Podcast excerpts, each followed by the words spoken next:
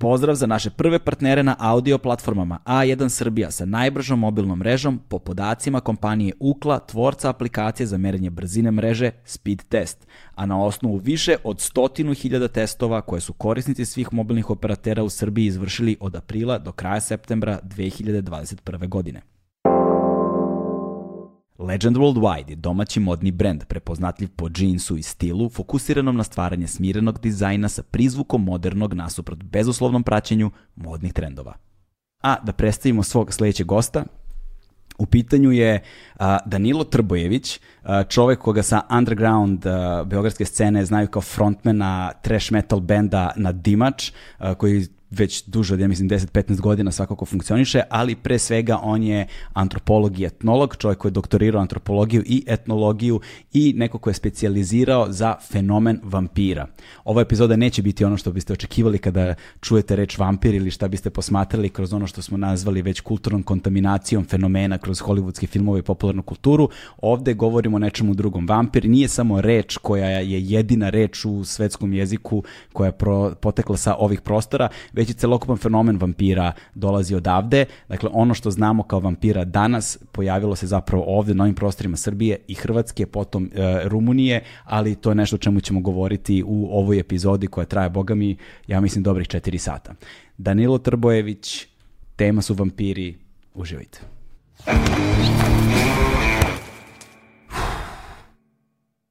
Hmm.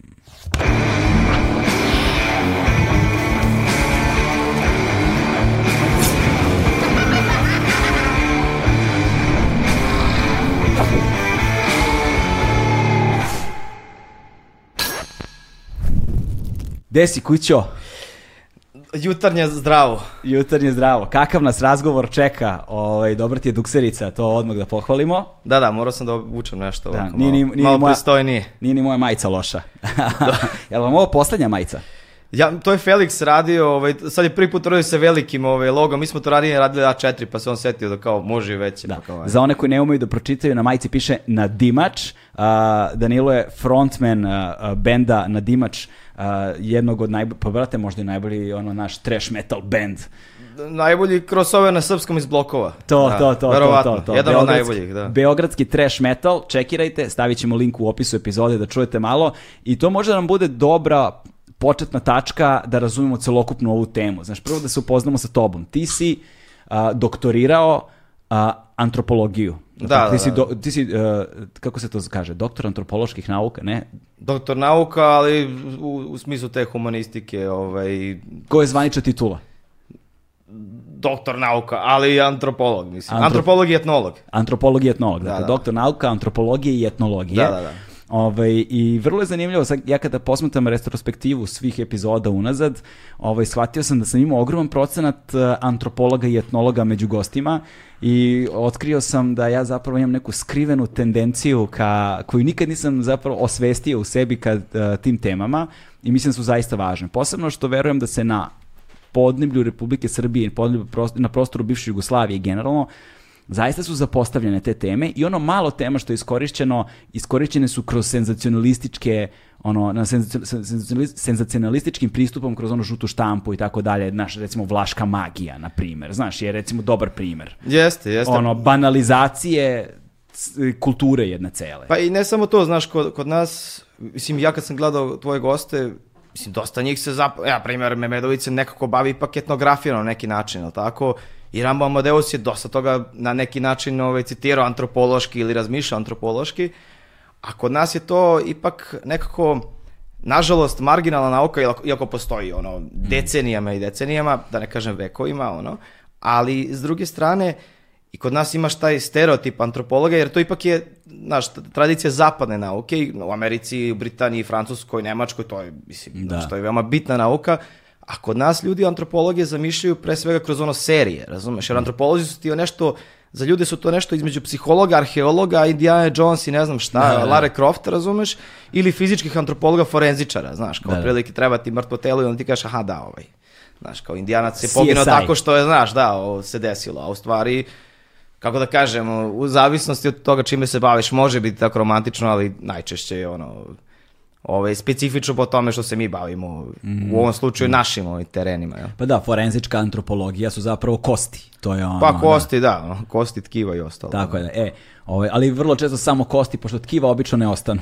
pa da, da, pa imali smo mi fizičku antropologiju i to je bilo strava moment, ali smo imali jedan izborni predmet, nabubali smo te kosti mm I onda sam bio jednom, jednom su kod Kališa otvarali, uh, neke šine su se popravljali i naravno čim otkopaju vide neke, neke rimske neke grobove. I ja došao i gledam, znaš, i sad tu arheolozi kopaju. Ja kao, šta gledate? Rekao, pa zanimljivo, kaže oni, a šta ste vi po struci? Rekao, antropolog, imao sam fizičku antropologiju. Kaže on, pa dobro, šta vidite ovde? Oko gledam, rekao, pa skelet, rekao bih, e, pelovi iz žbica, ulma, znaš, oni kao, super, brate, znaš, kao to je to, hvala ti. Ono. Da, da. Tako da ni, nis, znaš, kod nas fizička antropologija odeš ranije, bilo to master na arheologiji, sad ne znam kako je to, upit, mm. kako, kakva je situacija, ali mi se više bavimo sociokulturnom antropologijom. Da, naravno. E, na, o tome, to je ono što će nam biti fokus ovog razgovora, ali dok ne stignemo do ove naše opštine teme, volio bih da imamo taj uvodni put razvoja, kako neko stigne, samo da kažem ljudima uh, uh, u, u, ono, u javnosti naj uh, kako, tvoje naj zvučnije zvanje ovaj, koje ćemo demistifikovati jel te, kroz razgovor je vampirolog. Da, da, da. Ti se zapravo baviš vampirima i doktorirao si na vampirima, ovaj, ali ćemo stići do toga šta mi podrazumevamo ovde kada govorimo o vampirima. Vrlo je specifičan kontekst i jako je važno razumeti i istoriju i genezu i genealogiju i sve, svašta nešto, ali da počnemo mi od tebe. Ovaj, a, Kada i kako počinje to interesovanje? Pretpostavljam da su to motivi koji su ono koji se obsesivno pojavljaju u metalu, znaš. Pa mislim, svakako ovo je bila fora o tome, jer kad sam bio klinac bilo ono rock and roll i to i sad ta cela ono, ikonografija je bila od uvek, ono, mm. naš, lobanje, ovo, ono, to, odnosno mračna strana ljudske svesti, znaš, kao nije to bilo sad neke, neki nekromantik moment, razumeš? Ma mislim, gledali smo horore svi, naš, kao, kao što si ti, pretpostavljamo, ovaj, to je znam u stvari. ali uh, cijela ideja je bilo što sam ja pre svega uvijek crtao u životu. Kad sam bio klinac, onda mi je bilo to crtanje, ali kod mene je bilo uvijek fora o tome, ako me nešto zanima, onda me baš briga za ovo drugo, nisam bio pragmatičan u tom smislu, sad ću ja da crtam pa da učim matematiku i to. Mene zanimalo likovno, fizičko i ono, ne, istorija i to, to me zanimalo. I naravno uvijek sam teo da se bavim onim što sam tad zvao, ono, verske sekte, razumeš, da, da. kultovi, kanibalizam, ne znam, ovo ono. I kad, a naravno, teo sam dizajnersku, to sam naravno... Čekaj, čekaj, čekaj, dug je put, to, imam, imam jednu o, ozloglašenu knjigu ovde kad si pomenuo verske sekte, skroz donja polica, skroz desno, druga knjiga s desne strane, ali vidiš? E, ko je? Aha, priručnik za... E, e, ne taj, ovo je širo izdanje, ne priručnik. To, to, to, to, to, Marko, ta, to, to, ta, ta, ta, ta. Da, da, da, da, da, Ali to, ovo nije priručnik, ovo je ona, ona da, da, verzija. Da, pa kako, znam ovu knjigu na pamet, a, ali ova te knjiga, na primer, baš, ovaj, baš dobar primer toga. To ti ko vampirolog. Da, da, da. Znaš, kad neko kaže vampirolog, men, ja, meni umre jedna siva ćelija, razumeš? Pošto da. to, ono, kao fah idiot, razumeš? Da, kao, da, da. Jer ja, se, ja nisam vampirolog. Vampirolog ti kao neka subkultura nekih ljudi ima po svetu vampirologa, sad jedni se poistovećuju sa temom, mhm. mm. drugi se, znaš, naučno i to, ali, na primjer, ja se nisam bavio vampirom kao nisam imao metodološku, teorijski mm. koncept koji je bio vezan za vampira kao vampirolog, nego sam imao antropološki koji se bavio političkom antropologijom, identitetom, ne znam, narodnom religioznošću, pareligioznošću kao takvom i tako dalje. I kao i u ovom slučaju sektologija, da. to zapravo ne znači ništa, ništa razumeš, da, pošto da, da. kao šta znači sektolog, kao to imaš, znaš, nije ovo Hogwarts, razumeš, pa da. kao je, ja ću idem, na, ja idem sad na vampirologiju, a kasnije ću pređem sektologiju, znaš, jer to je kao, znaš, kao treba će mi Znaš, kad sam kupio ovu knjigu? Kao i svih, 90 neki. 97. 97 pa to ti kažem, to. ja sam kupio, bio sam zonu, wow, ono, i dolazim na faks s tom knjigom i oni me gledaju kao, tebe, Znaš, čovek je podelio naš ono, verske sekte po nekom svom nahođenom iz nekog pravoslavnog ugla Ovako, tipa... pseudo-hrišćanski, pseudo-hinduistički, sinkretistički i satanistički. Satanistički komercijalni kultovi. Tako to je, da. komercijalni kultovi je bilo najjače, razumeš, pošto kao... Šta to znači, kao, znaš, pošto kao katolici pravoslavi, oni ne zarađuju ništa od toga, znaš, kao, kao, čovjek, znaš, kao, imamo više para nego Jehovini sudoci sigurno, razumeš, da, ili da. mormo, dobro, mormone ne znam, ali, znaš, ono kao... Scientology Scientology e, oni su možda, znaš, tu, tu smo, nismo ne, da, tu još, razumeš? Ali mi to bilo i satanistički kultovi, razumeš? Jo, to mi bilo... Sa, onim, sa onim izvodima i suđenja om, i to. Da, da, Om Shirikio, ne znam, Davidova, Loza, ovo, ono. A imaš baš dobru knjigu, ja mislim da su Bromley... Crna Mel... ruža je tad bila aktualna. Crna ruža je bilo, to ti je bilo ona scapegoat, razumeš, ne. Da. u tom smislu, kao sve, znaš, neko se obi... Pazi, de, ima, zapravo najbolji deo te knjige, ja mm. mislim i tebi će sigurno taj deo ostati u sećanju, je onaj deo sa iskustvima sa terena. Znaš, ono, da, tipa da. onaj Pera Perić imao je 20 godina, obesio se u sobi i kao imao je papirić u ruci gde je pisalo kao život je tamnica, ja izlazim. I sad ti kao, o, i, znači ono kao odmah kao presuđena crna ruža, razumiješ, ili tako da. da. nešto, sekta, razumiješ. A onda pred ova kaže, brat mu poginuo na ratištu, roditelje nema, živi kao postane u Beogradu 94. na primer, nebitno. Da kao, brate, znaš, kao, pa mu to nije bilo, znaš, ti socijalni kontekst ne objašnjava malo bolje od toga, nije mu mm. trebala sekta se obesi, koliko su ljudi tad besili ili bežalo, razumiješ? Da, da, da, da. I zato imaš ovu knjigu. Pa ima, izvini, sa onog suđenja sa onim devojčicama, kao vudu lutkice su kao neki našli, ili ne znam, ili kao imao je, ne znam, krst na stopalu pa da gazi po njemu i stetoviran, znaš, i te, ali to su takve banalnosti da je to stvarno strašno. I ono, ali ajde, sad na stranu da li je banalno ili nije, znaš. Da, da, da. Uh, E, da stavimo to na stranu. Ono što je meni problematično u svemu tome jeste što se e, polazi, ima jednu vrlo određenu ideološku i kulturološku je. poziciju da. iz koje da. kreće i koja se uzima a priori kao aksiom neki, znaš, kao, znaš, ne dovodi su pitanje. To je prava e, pozicija. E, to je to, da. To je prava nenaučna. Tako Ili da ne kažeš da je prava pseudonaučna. A u kom smislu, pa znaš, imaš kao knjigu od Bromley Melton, oni su, mislim, mm. autoriteti baš u, u tom polju, Oni su imali knjigu koja se, i to odlična knjiga, i mislim da imaš na PDF-u, da se, to je u PDF-u da se skine, zove se Religion, Cults and Violence, gde ti oni objašnjavaju baš na primjer ono, ne znam, e, Davidove loze, e, rajskih vrata, ne znam, Om Širiki i tako dalje, da ti objašnjavaju kako teološki nijedna od tih sekti, odnosno novih religijskih zajednica. Sekta je ono, mm. kako da kažem, francuski termin više, a a kult je više zap, američki, znaš. A da, zato što ti u suštini u, u Sjedinim američkim državama u, u, u, u, savremenom jeziku se reč sekta ne upotrebljava toliko. Kult je više ne, reč koja da, se da. upotrebljava. Imaju reč sekta, Da, da. Ovaj, ali koristimo nešto drugačije. A to je obično dominacijska, vrednostna, znaš, kao, da. ovi, znaš, kao sekta kult, to je nešto opasno, znaš, da, kao, da, da, mislim, da, da. dakle, bilo koja ali religija dobro, počela. Šta, ali da. zahvaljujući toj knjizi sam ipak saznao za ono, Oto Rađvinić za Ošo. Jeste, pazi, ja saznao sam. Saznao sam za Antona Šandora Laveja, razumeš, da tako neke stvari bizarne koje su me posle uputile na Romana Polanskog i ostalo. Tako je, zato je ta knjiga meni i gotivna bila jer tu pročitaš, ali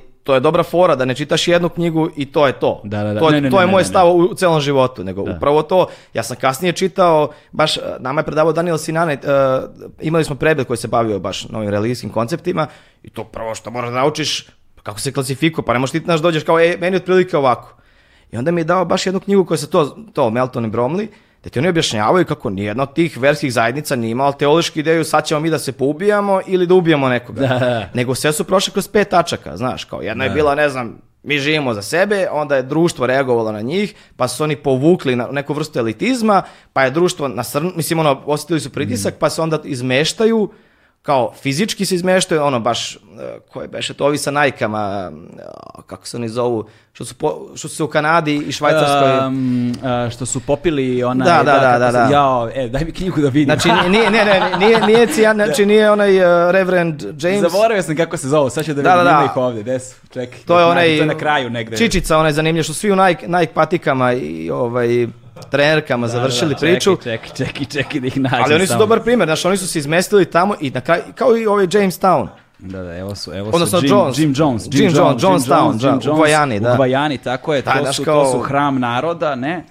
Uh, ovo je detalj se uviđa Romana Polanskog, čekaj Belo bratstvo, vrata Raja, Loza Davidova, red solarnog hrama. To, to, to, red to, solarnog to, hrama, to, brate, to, je. To, s tim ne možeš da pogrešiš. Da, da. Mislim, ono, znaš kao, Nike i ono, rokaj, razumeš? Da. Ali recimo, baš kod tih da. svih da. tih zajednica, dolaze sve do dolaze do ko ono što je bilo u Teksasu u Vaku. Znači, uh, upravo je bilo to poenta što Weko, Weko, da. Weko. I onda je baš bilo tome poenta što uh, država kreće na tebe i oni kreću ili da se pobijaju, mislim, mislim da. samo samoubistvo, ili kreću u kontranapad i onda ludili. I onda mm. završe mm. u istoriji, razumiješ? Da, da, da. Za, da ne skrećemo mnogo s teme, da. ovaj, eto, znaš, samo mali omaž šta smo čitali 97. Ovaj, mnogo su, mno, vreme i okolnosti su se promenile radikalno tada, ali eto, znaš, vidiš kako svi imamo neke čudne ulazne tačke u određene svetove. Ček, ali ne, ne, samo to, evo, da. ti, ti si novinar. Da.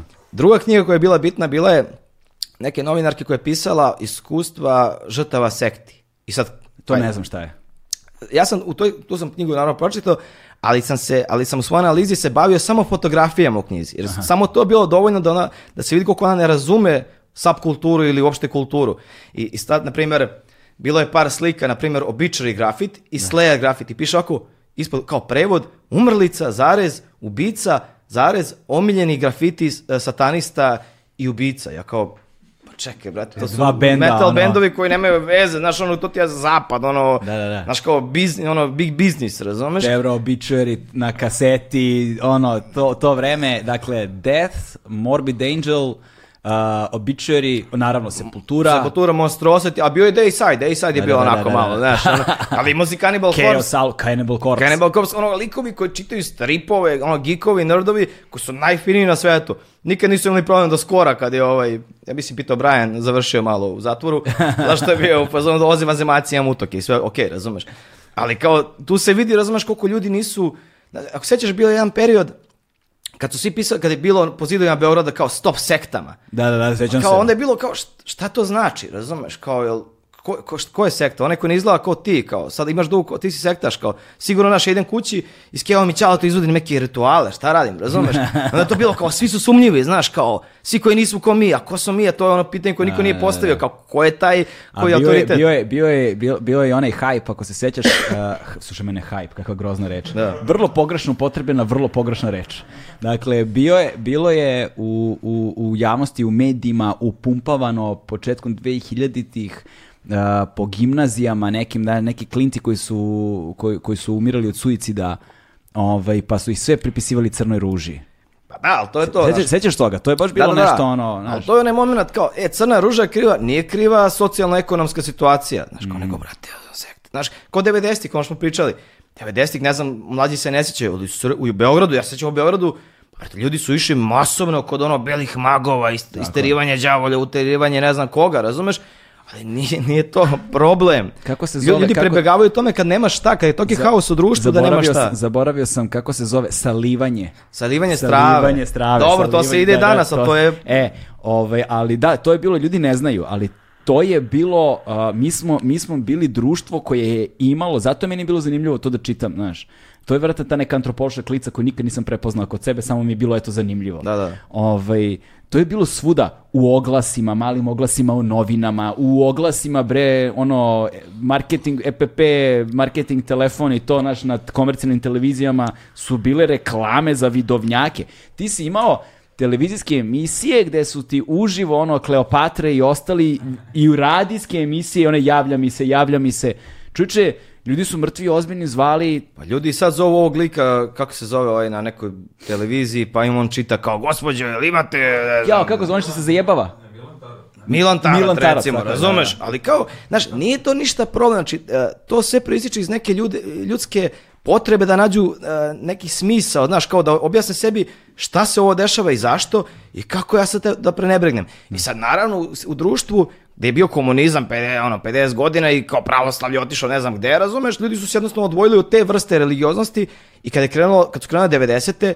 Onda je to krenulo u, u ono maksimalno hajpu, razumeš? Da, da. Sad sve, Srbi, da, da, zato, što, zato što se veštački upumpavao taj nacionalizam da, da, da, ali i to gradio nekako... se, izvini, gradio se na antikomunizmu. Pa jeste, jeste, jer kao, da bi mi bili Srbi, moramo biti ono što obi nisu, a to je najvažnije. Da. I to je normalna stvar, mislim, znaš, kao jednostavno tako funkcioniše koncept nacije, to je u redu, razumeš? Nema čak ništa ni protiv religioznosti kao, ili ono, spiritualnosti čoveka, to je ljudska potreba ili stvar kad ne može nauka da ti sve odgovori ili kad se nešto desi ti razmišljaš kako, zašto meni i tako dalje.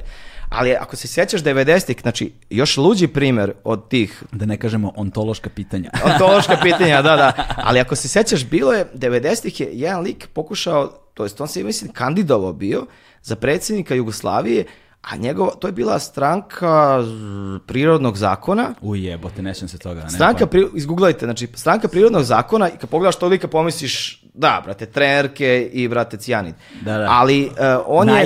Nike, e, da, da, Nike, robe di kapa i cijanid. Da, da, da, da, da. Sad bi bilo možda druga, sad možda ne bi bile Nike, ne znam, zavisi. Ali Nike su uvek aktualna, možda ne bi bilo robe di kapa. U stvari Dikapa. Nike su za sve, da, da, ne može za sve, znaš, kao ipak Nike mogu u principu svi. Da. E, sad u fazonu, on je imao moment gdje je tvrdio na televizijskoj nekoj emisiji, rekao je, Eh, pustite me da idem na Kosovo ili Krajinu i eh, pošaljite samo 300 jogi letača i kao ovako, brate. I ja sam bio u fazonu, ovaj lik, to da, je, ta, to, da. je to, razumeš, to, to je to. 300 znaš. jogi letača, da. Pa to ti kažem. E, ove... zvuči kao narodna pesma, ali iz Indije. da, ok, da se vratimo na temu. Dakle, i ti se kao klinac, ono, znaš, eh, osnovno štenjoškolsko obrazovanje, interesuješ za te teme, svuda su bile verske sekte oko nas i tako dalje. Upoznaješ se, kad si počeo da se upoznaš ono sa mjetalom? A1 je prvi prijatelj audio izdanja Agelast podcasta. Pa, Kević, ali imao sam sreću da su slušali, ono, evo kažem metal, ali ono, pošto su oni... Black Sabbath. Da, Čala je slušao Black Sabbath, ono, to me, to me začudilo, jer on je uvijek voleo, znaš, ono, Led Zeppelin, Deep Purple, mada mu i to je bilo onako, znaš, nije baš, gledao je Deep Purple u Zemunu, ja mislim da je bilo u Zemunu, Pinky u 74. Da, da i nije bio oduševljen zato što su, tad, tad su lju, oni polivali valjda vodom publiku, pa oni zemunci nisu bili oduševljeni, kao šta vi rade, razumeš, kao što to mm. rade, nismo stoka. Ali recimo, on je baš volao Scott Walkera i mm. Jacques Brela i tako neke, što meni iz prva, mislim, znaš, kad znaš neke pesme ceo život, onda kao navikneš se. I Kasnije sam tek prepoznao zašto su oni kao zapravo možda i gotivniji nego ovi, Uh, ali recimo Black Sabbath kada je Čale pustio prvi put, to je bila pozitivna demistifikacija, kao, jer ipak Deep Purple, znaš, to je klasika, Evergreen, A kad je Ćale odvrno, a on kad sluša muziku, sluša gore nego ja. Ja slušam da mogu da čujem, a on odvrne, razumeš, bilo kakav snimak da je u pitanju i kao dobro je, razumeš. Tako da ovaj, e, niko mi nije tu sprečavao, razumeš, niko mi nije ni tero niko, razumeš, niko, mogu se kažem, hoću da slušam narodnjaki ili rep, briga ih, razumeš. Ali ovaj, kad se krenu u srednju školu, a to je najvažniji moment često u adolescenciji, kad ti odlaziš od kuće, ideš, od, ideš na, na Dorču u drvno prerađivačku. Drvno, kako kaže Mikri. E, da, o, kako već, škola mi je drvna, osveta mi krvna. Ili, to. Tako, da, da, da, to je taj rad. Kakav punchline, brate. Pa, pazi, škola ovo je... mi je drvna, osveta mi krvna. Pazi, ovo je drvna 2000-te. Ja najgore, dolazim, najgore. ono, dolazim prvi dan škole, imao sam dugu kosicu i exploited majicu. Ja gledam, ima, ima nas stroje sa nekim, ono, ortak imao kud idioti, to je bio Pegan iz Birti, on imao neku NoFX majicu, ne znam, ovo je onaj, ja sam bio uzman... O, do... melodika, a? Da, da, da, I meni te kasnije mnogo došlo to, na početku sam bio uzman, ne, brate, daj ono Sham 69, daj Exploited to, to, i to, Da. ali ovaj, ta kombinacija metala i punka mi je uvijek ostalo, jer kao, ja sam uvijek delio muziku na kao, volim, volim ja i power metal, i dead metal, black metal, grindcore, ali ja volim brzu muziku, kao čak i ono, teško osporio može da bude, ali ja volim neke autore koji su onako, znaš, kojima veruješ. Da, da. I onda zato, na primjer, Jacques Brel se ne uklapao ni u šta, ali kad poslušaš Amsterdam od Jacques Brela uživo, ti pomisliš, brate, ovaj ne mora da ima bubnjara sa 200 na sat blast bitom ili ne mora da ima, brate, pojačala, ne znam šta. On samo kako peva, a ti ga ne razumeš ništa na francuskom, pomisliš, brate, ovaj čovjek, ovaj čovjek je umro sad na bini, razumeš? Jedna pesma lik je umro i ja ne moram više da gledaš kao, to je to, gotov koncert. Onda pa nemaš Scott Walkera, da. koji je bio u Walker Brothersima, Čali ima ploču da piše ovako na ploči, u ovom trenutku uh, Walker Brothers imaju više ljudi u fan klubu nego Beatlesi. I to je bila ona pesma Sun and Gonna, Shine Anymore i tako dalje. Ali lik je bio u fazonu, ma brate, ja ne mogu pevam ovo ceo život i otišao u neku avangardu. Mm. I bez njega ni David Bowie ne bi bio to što jeste. Da. Jer imaš intervju gde kao David Bowie na radiju i oni kažu, Davide, imamo da ti pustimo nešto. Kao, znaš, kao imaš snima, kao Scott Walker kaže, ha, čao da-, Davide, kao ovde Scott Walker, samo da ti kažem da super radiš to što radiš, e da, kao i sad će rođendan, znam da ti je rođendan dva dana posle mene, kao sve najbolje. I onda imaš 30 sekundi, David Bowie, pazi, David Bowie, ono, Kristijana F, pa onda, znaš, ono, ne. Da. i kao, on čuti i kaže, te ne mogu da verujem, ovaj čovjek mi je bio idol. Znači, nije rekao, ovaj super kolega, dobro radi, rekao je, ovaj, ovaj čovjek mi je bio idol. Tako da u tom smislu, znaš, dolazim u drvnu, Naravno, ništa nisam opisao nikad kad sam hteo, šta sam hteo. Znači, u dizajnersku sam položio primni, ali sam pao, da što je zbir poena bio ono, pa kao, razumeš, ali su mi dali, položio sidi u drvnu. Išli smo na ekskluzivni smer, ono, duboreza, to se, da, to se danas zove nešto ruko art ili tako nešto se zove e, škola. E, drvo art. Drvo art, drvo da, art da. se zove, ja mislim. Mislim, i to je u redu škola. Ima neki hipsterski naziv, znaš, ne, je to pazi, umetnička škola fina. Pa je, mislim, pazi. Prate, da se razumemo, u naše vreme saobraćajna, moc, drvna i brodarska Brate, hardcore, ono, ozbiljan hardcore. Koji si ti baš išao? ja sam u saobraćajnu. Kako se zove? GSP college, brate, razumeš, mislim, znaš. Pa to je to, razumeš. Ali pazi, u krajnjem slučaju, problem te škole nije da ona, da ona loša sama po sebi, jer ti profesori se stvarno trude, ali mislim, postoji granica dokle oni mogu, a i dokle su motivisani, jer jednostavno, kad ti dođeš u tu školu, ti kao da si došao u neki zatvor, jer niko ne očekuje više ništa od tebe u životu, znaš, da. kao nije, znaš, kao matematiku radiš tri zadatka za pet i ona se okrene i budu fazono, aj, likovi, ono, samo, znaš, kao, ne, ne, prete, ne mora baš za pet da bude, ajde, radi za četiri teraj, razumeš, ono, još smo imali dosta tih umetničkih smerova, ono, teorija forme, ono, šta je već bilo, slikanja, ono, vajanje, I, kao, I čak ni tu nismo hteli da radimo to što treba i tad sam omrzao crtanje, zato što me neko terao, znaš, da. kao, ne, ti moraš da radiš e, kao, ne znam, ono, gogen, zato što je to genijalno. Ja sam bio uzmano, ali ja, to nije moj izraz, ja, mene to ne zanima. I bila je naša razredna, ovaj, sada pokojna, koja je bila onako gotivna, u tom smislu e, bila je vernica, ali kad, kad god nešto pitaš, možda razgovaraš njom, znači, razum, volela i rock and roll i to. Ja sam nju jednom pitao kao, kao šta ja dopisujem, šta mislite? Ona kaže, pa šta tebe zanima? Ja rekao, kao religioznost, verske sekte, kanibalizam, ne, znaš to ovo, ono. Demonologija. Demonologija. I to je ona rekla, pa pojma, gde, tu na sociologiji ima. Ja rekao, gde sociologija? Ako učiš u drmnicu, mislim u bilo koje srednje sociologiju, možda bude gotivno, ali u principu je suvoparno, znaš, kao, ne. Da. mislim, i sad čitam dosta sociologije, ali, kao, znaš, kao, dobro, i kao, ajde ti, ajde istoriju umetnosti, znaš, naravno, odem iste godine na prijemni iz istorije umetnosti i likovnu akademiju i padnem oba prijemna, jer u oba slučaja opet imam ono, jadan zbir bodova iz drvne, razumer, pa to onda stvarno si ono da. specijalac. I otvori se mesto na etnologiji antropologiji, ja kao etnologija antropologija, ja sam to zamišljao kao narodnu nošnju versus ono narodno neimarstvo i kao ne, razumeš.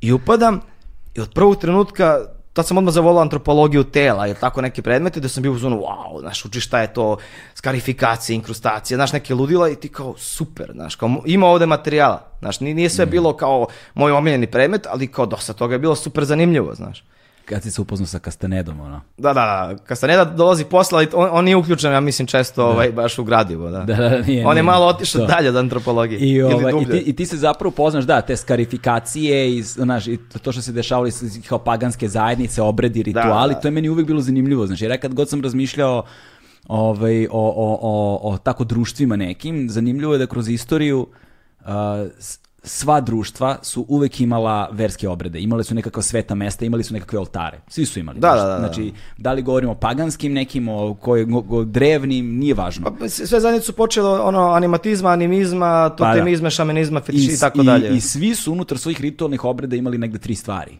Imali su ritam ili melodiju, imali su dim ili vatru i imali su maske. Znači, na neki način. I sada svašta nešto tu bude dodatno ili ne, ali kao to je, to je neki najmanji zajednički sadržalac bio svima njima. Ovaj, I sad ka, kako ti dolaziš u kontakt sa onime što će nam biti zapravo predmet tog razgovora, što je jedan uzak, specifičan eh, deo šire konteksta demonologije, ta, mm. Mhm. kon, kon, specifično vampir, ali kako dolaziš uopšte u kontakt sa kao tim demonološkim motivima, slikama, prikazama, ovaj, koje se povezuju negde zapravo i sa tim motivima koji se nalaze u subkulturi iz koje smo obojica, ono, negde. Ne? Pa da, da, da. Pa pazi, u principu, uh, fora je bilo u tome što smo mi imali te predmete narodna religija i to, koja je bila ono, ubedljivo najomiljeniji predmet, jer je to bilo to kao, znaš, kao učiš o nečemu egzotičnom, što ti nije zapravo daleko, jer moji su ličani, sa, ja, znaš, mhm. kao zapravo ne znam mnogo toga o lici, zašto nemaš toliko knjiga o kulturi mhm. like, mm -hmm. a sad teš, teško ćeš moći da, znaš, kao, da. da zabeležiš, pogotovo na terenu, ali sa druge strane, opet nemaš pojma o tome, znaš, da. kao, I u tom smislu sećam se kada je baba jednom, kad smo bili u Crvenki, pošto ona iz Like, jedan deo porodice je došao 50. godine, kada je bila kolonizacija, došli su u, u Crvenku i mi sad sedimo na tremu, ja sam imao 10 godina i, znaš, sedimo mrak, kad, kad tamo padne mrak, mrak je, znaš, i neka ptica nešto na, na kući pored, pošto to ono vojvođanski tip, znaš, kuća odmah pored nas, i neka ptica nešto. I kaže baba, a, evo ptica peva, neko će da umre. I ja kao, ko će bre da umre baba? On kao, ne ne, kad ova ptica peva, neko umire. I ja gledam Čale, te Čale kao, super, Keva i Čale moji su hemičari. Ne. I da. kao, super, brate, nema problema, znaš. A ja si isekao. Isto tako kad sam i kod iste babe bio, bile su neke vrste... Kako se godine imaš, da si rekao? Desetak. Da, da, to ludilo. A, mislim, možda zamisliš, da, da. razumeš, ono kao, pre toga sam gledao leptiricu i bio sam zonom, loša priča, razumeš? Leptirica, vrate. Da, mislim, pričat ćemo o leptirici obavezno, razumeš, ali, ali drugi primer koji je bio bizaran, bilo je kad su bila neka vrsta poklade, su, nešto je bilo tako, i neko kuca na vrat, našušao neko dvorište, kuca, znaš, ja sad, domaćine, domaćine, okej, okay, brate, ja otvaram, pošto su ovi tamo negdje u sobi, ja otvaram, ovako, dvoje, dvoje dece, znači, po faci neko, neko čudo, crno, belo, sivo, u nečemu, ja gledam, rekao, šta je ovo, brat, i krenem da urlam, baba, ono, čale, razumeš? Koliko si im godinima, to je sve da, isto Recimo devet, recimo. Aha. Ali bilo je neka zim, baš je bilo ono kao mrtvi dolaze, razumeš, ono. Da, da. I ono, baba dolazi, a oni u stvari idu od kuće do kuće i pitaju ko će kupi prasiće, razumeš? Da. Nego, znaš, kao u tom pokladnom, ono, da, znaš... Da, maniru. Da, da, da, razumeš, ja sam bio u fazonu, da, teška priča, razumeš? Da. Ali kasnije mi je to bilo zanimljivo, znaš, kao kasnije sam tražio da vidim to, jer kao tad nisam mogao da razumem i pa, bukvalno je bilo jezivo. Mm. Ali kad sam učio narodnu religiju, to je bilo strava, zato što, znaš, etnografija ti kad ono popisuješ i beležiš i ne znam, ono, praviš neke sklopove modele, otprilike to su poklade, ovo je ono.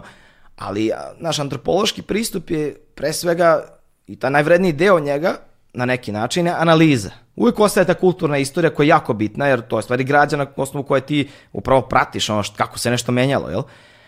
Ali mi smo predmetima učili to, znaš, šta je vampir, šta je ovo, šta je ono, kako ovo, kako ono radi. I ja sam upravo imao ideju da to je kao prošlost, kao nema toga, razumeš, više samo kao super je bilo, znaš. Mislim, i mene kad, i kad se imaju za neke emisije, nešto, oni me uvijek pitaju da li bi došli da pričate o nekim starim srpskim običajima koji su do skoro postojali. Znaš, kao šta to sad znači, razumeš, kako ti znaš šta ne postoji, znaš. Ali s druge strane, tad smo krenuli prvi put da idemo, idemo na terenska istraživanja. Mm. I prvi put smo 2006. išli sa profesorom Naumovićem u Grebenac, tad smo gledali rumunske poklade. Uh, oni to zovu uh, kaleštari kod njih se to tako zove. Ali nije bilo to kao na onim fotografijama iz Bugarske da imaš etno, nego baš je upravo bilo zanimljivo zbog toga što oni svaki put se oblače u neke e, simbole duh, u duhu vremena, znaš, kao ove godine bi bilo sigurno korona i to, ranije je bilo to ptiči i grip i ostalo, razumeš, kao mhm. to je zanimljivo.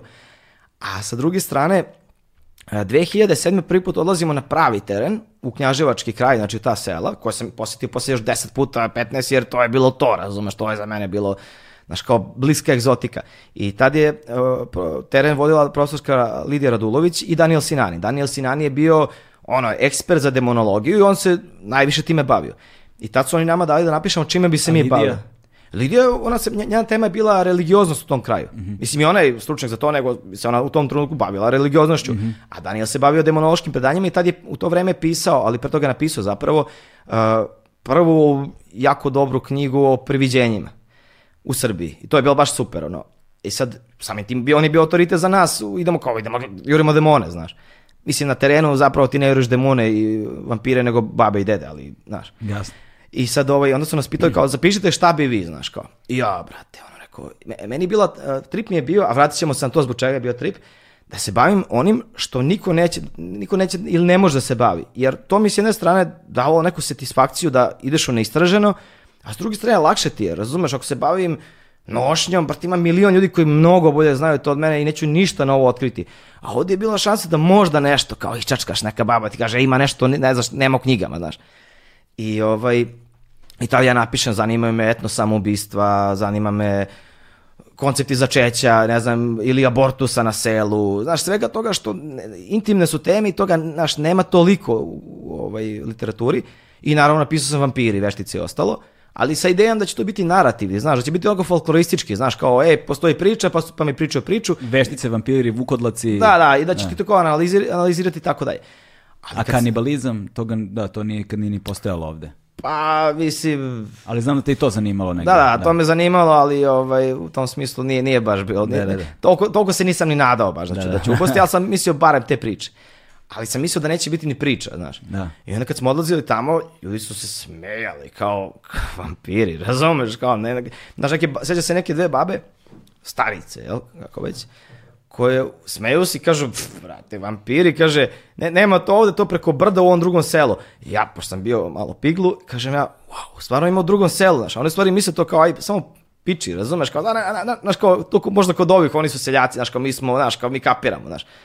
I onda kao, ali stvari kad dođeš... Liferovala te babe, brate. Da, da, bukvalno, znači, cela je pojenta kad dođeš u drugo selo, oni ti kažu, pa ne, ne, mi, brate, to ovi drugi, što kaže jedna baba, idi, brate, ovo drugo selo, a to ko da je rekla da ideš ne znam gde, a to kilometar odatle, kaže, oni su druga pasmina, oni veruju u to, ja kao, znaš, i onda si, ja sam tad bio, imao sam ideju kao da toga nema, razumeš, kao, da. ne, ne, kaki vam, nema ni u pričama, niko ne zna ništa o tome. E, te kasnije, kada sam upisao, ja sam u krajnjem slučaju upisao e, doktorat sa tom idejom da se bavim time čime ću se baviti, ali prva ideja je bila o tome da ja odem, da, brate, skapiram kako nestaju demoni, kako jedna stvarno se gasi, jer je cijela ideja bila da se ta stvarnost gasi, da selo umire i zdravo. Jer u tom trenutku je po prvi put u istoriji sveta bilo više stanovnika u gradovima nego u selima, a takođe u Srbiji je bilo više ljudi u gradovima nego u selima, što je specifično, jer naša kultura, bez obzira na tradicije koje su ono hijerarhijski postavljene na ne znam ono visoku kulturu elita stranu pa onda ne znam vojnu tradiciju pa onda pravoslavnu imaš ti kulturu seljaštva ali ona je nekako tu gotivna samo dok je muzealizovana znaš kao super je kad se to odigrava negde u kudu nekom razumeš ili super su ono naš e, poklade kada to fotogra fotografišu ono za, za nacionalnu geografiju. Da, na nacionalnu da. geografiju, tako je, znaš, kao to je cool, znaš, da imamo tu sliku, ali, ali kao da se podrazumeva da to nije stvarno i da ti ljudi stvarno ne doživljavaju to kao jako bitno, osim kao, eto, baština i tradicija, običaj, znaš, kao. Ej, u tom trenutku ovaj, upisujem doktorat i skapiram da ti ne možeš da pišeš ako ne ideš na teren. A teren je problematičan zbog toga što, znaš, ti kao, zamisli sad odeš Kao, ljudi se spremaju, brate, pola godine da idu na more, razumeš, da imaš hotel i, i plažu, razumeš. A sam misli kako je kad ideš negde da nikad nisi bio u životu, da možda etnolozi nisu nikad ni bili, a možda se desi, a ti ne znaš ništa o tom selu sad. Imaš na Wikipediji živi 800 stanovnika, u stvari živi 14, razumeš? I ti moraš da nađeš mesto, to je ravno obično u kraju bila. To je neka stara škola koja ne radi više odavno, to je bio nekada arheološki centar, sad je etnološki već godinama tad nije bilo ni WC-a tu i ne znam šta već, nego kao tu spavaš i pičeš. I kad smo išli sa, sa fakultetom, ti imaš prevoz po selima i sve to cool, ali kad ideš sam, nemaš ni kontakt, nemaš ništa, nego ti dođeš tamo, dobar dan, jel može negde, oni kao, ajde, razumeš, ono, kao, u redu, prespavaj tu, ali ti do sledećeg sela imaš 10 km, razumeš, da, ili 5, da. zuniče ti je na 3 km 4, potrkanje na 2, znaš, i to sa sve ne zvuči strašno, ali kad ideš potrkanje, onda ideš posle ne znam gde je već, znaš, vamo ti debelice, potrkanje, ne znam, zuniče, lokva i ostalo, ti moraš dobićeš krug od 20 km ili tako nešto, ili odeš do Radoše, Radičevca i Šarbanovca, Šarbanovca, Znaš ti, gde je to, razumeš, upla, kroz neke šume ideš tamo. i mora... Da, ja, to je fora što ti tu moraš zapravo jasno da planiraš putovanja, posebno ukoliko ne ideš leti na primjer, jer tebe onda na pola puta uvati mrak i onda si u problemu.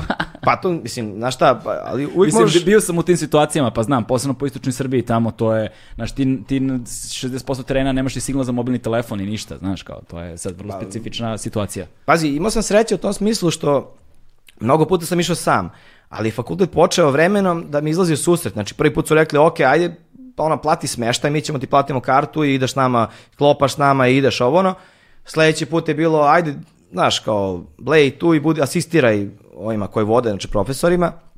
I vremenom sam krenuo da idem stalno na terene već deseta godina, što je super, jer mogu sam se bavim mojom temom, studenti su mi pomagali nekad u tim, ono, ajde kao jedna grupa se bavi vampirima ili čime god, narodnim religijom, i znaš, ovi drugi se bave drugim temama, ali većinom bio slučaj, na primjer, uh, Sonja Žakula me pozove u petnicu, mm -hmm. ja odem tamo, održim predavanje ili dva, pitam jel mogu da prespavam još jednu noć, može, brate i ja onda kao odem u okolna sela pešaka, uzem taj, on, to što sam zaradio, to nisu neke pare, nego kao mhm. dovoljno da imaš za bus od Petnice pa vamo, od Valjeva prema Zaroškom kraju, ti mhm. dođeš tamo, misliš se selo, sad ću ja da obiđem selo pa se vratim. Ti da skapiraš da je to jedna kotlina ogromna, da ti treba tipa dva dana peške samo da obiđeš ovako krug. Ne, ne da razgovaraš, samo da obiđeš. I onda je tu bio problem, Isto što je zapadna Srbija, mnogo je, kako kažem, mnogo više ljudi ima, mnogo je bogatija, mnogo je sigurnija nego istočna. Da, da, da. U istočnoj, znaš, da. ono, to su sela, imaš sela ima četiri stanovnika i niko ne piče jedan s drugim. Da, da ne znam. mrze se svi, znaš, ima i četiri, četiri kad, kad, kažeš, znaš, obično je metodološka stvar da kažeš bio sam kod Pere, on mi je rekao da idem kod Mića, a Mića je kum od ovog, pa oni kažu, a, okej. Okay. A ovdje je bilo, ko ti je rekao da dođeš? A Pera, e, idi kod Pere, razumeš? Da, da, da. Taj rad. A u zapadnoj Srbiji nekako je bilo, jer kažete opet, sigurniji su, razumeš, ono, više ljudi, nije im problem i gostoprimljivost je, mislim, svuda je, znaš, on svako će dati šta ima. Ne, nema smokija i ne znam čega, ali imaju domaću rakiju, ima domaći sir i tako to i oni ti daju sve što imaju, zato, zato to neki, kako kažem, divan ljudski osjećaj procesa, razumeš.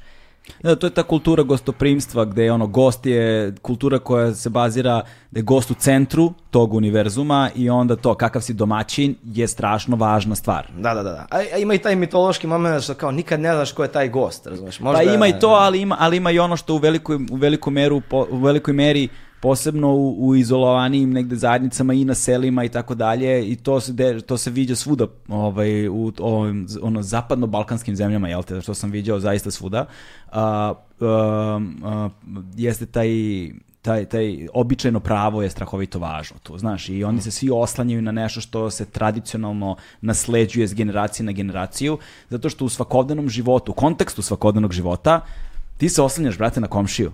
Znaš, šta god da ti zatreba, šta naravno, god ti frka naravno. i zdravstveno i finansijski i ne znam, naš, sa namirnicama i svojim i s onime i u teškim uslovima i u zimi i kada je, ne znam, poplava ili šta god, brate, neće tebi doći tu ne znam koja služba državna institucionalizovana nešto jeste, nego će ti komšija jeste. taj će njemu ga pa, zoveš nekad je bila i ono moba znaš ono pa da. neko pravi kuću dođu svi da pomognu razumiješ tako je, ono, tako nekad je bio prelo i to znaš i to kao pravi se kuće na kad si u brdima pravi se kuće tako da ti sa, svoj, sa svog brda vidiš kuću komšije preko brda i da može se dovikuje tako, tako je, neka da. frka i šta ti ja znam i onda to se ne iskorenjuje tako lako pa i, to je onaj romantičarski momenat kad si na selu ti stvarno misliš mislim ti kad si na selu ti imaš osjećaj da si došao kod svoje babe i dede, razumeš? I da su da. svi ti ljudi savršeni, razumeš? Jer kao oni ceo dan rade, u principu svi, znaš, svi daju najbolje što imaju, svi pokušavaju. Redki su primjeri da neko rekao ajde pali samo, mm. razumeš? Nisam skoro nikad imao nikih problema, ali kao ja sam to potpuno romantizovao, Te kad pričaš s ljudima, oni ti kažu, ma selo ti je pakao, beže odavde. Rekao, što pakao, vidiš da se svi, znaš, preporučujete jedni drugi. Oni kažu,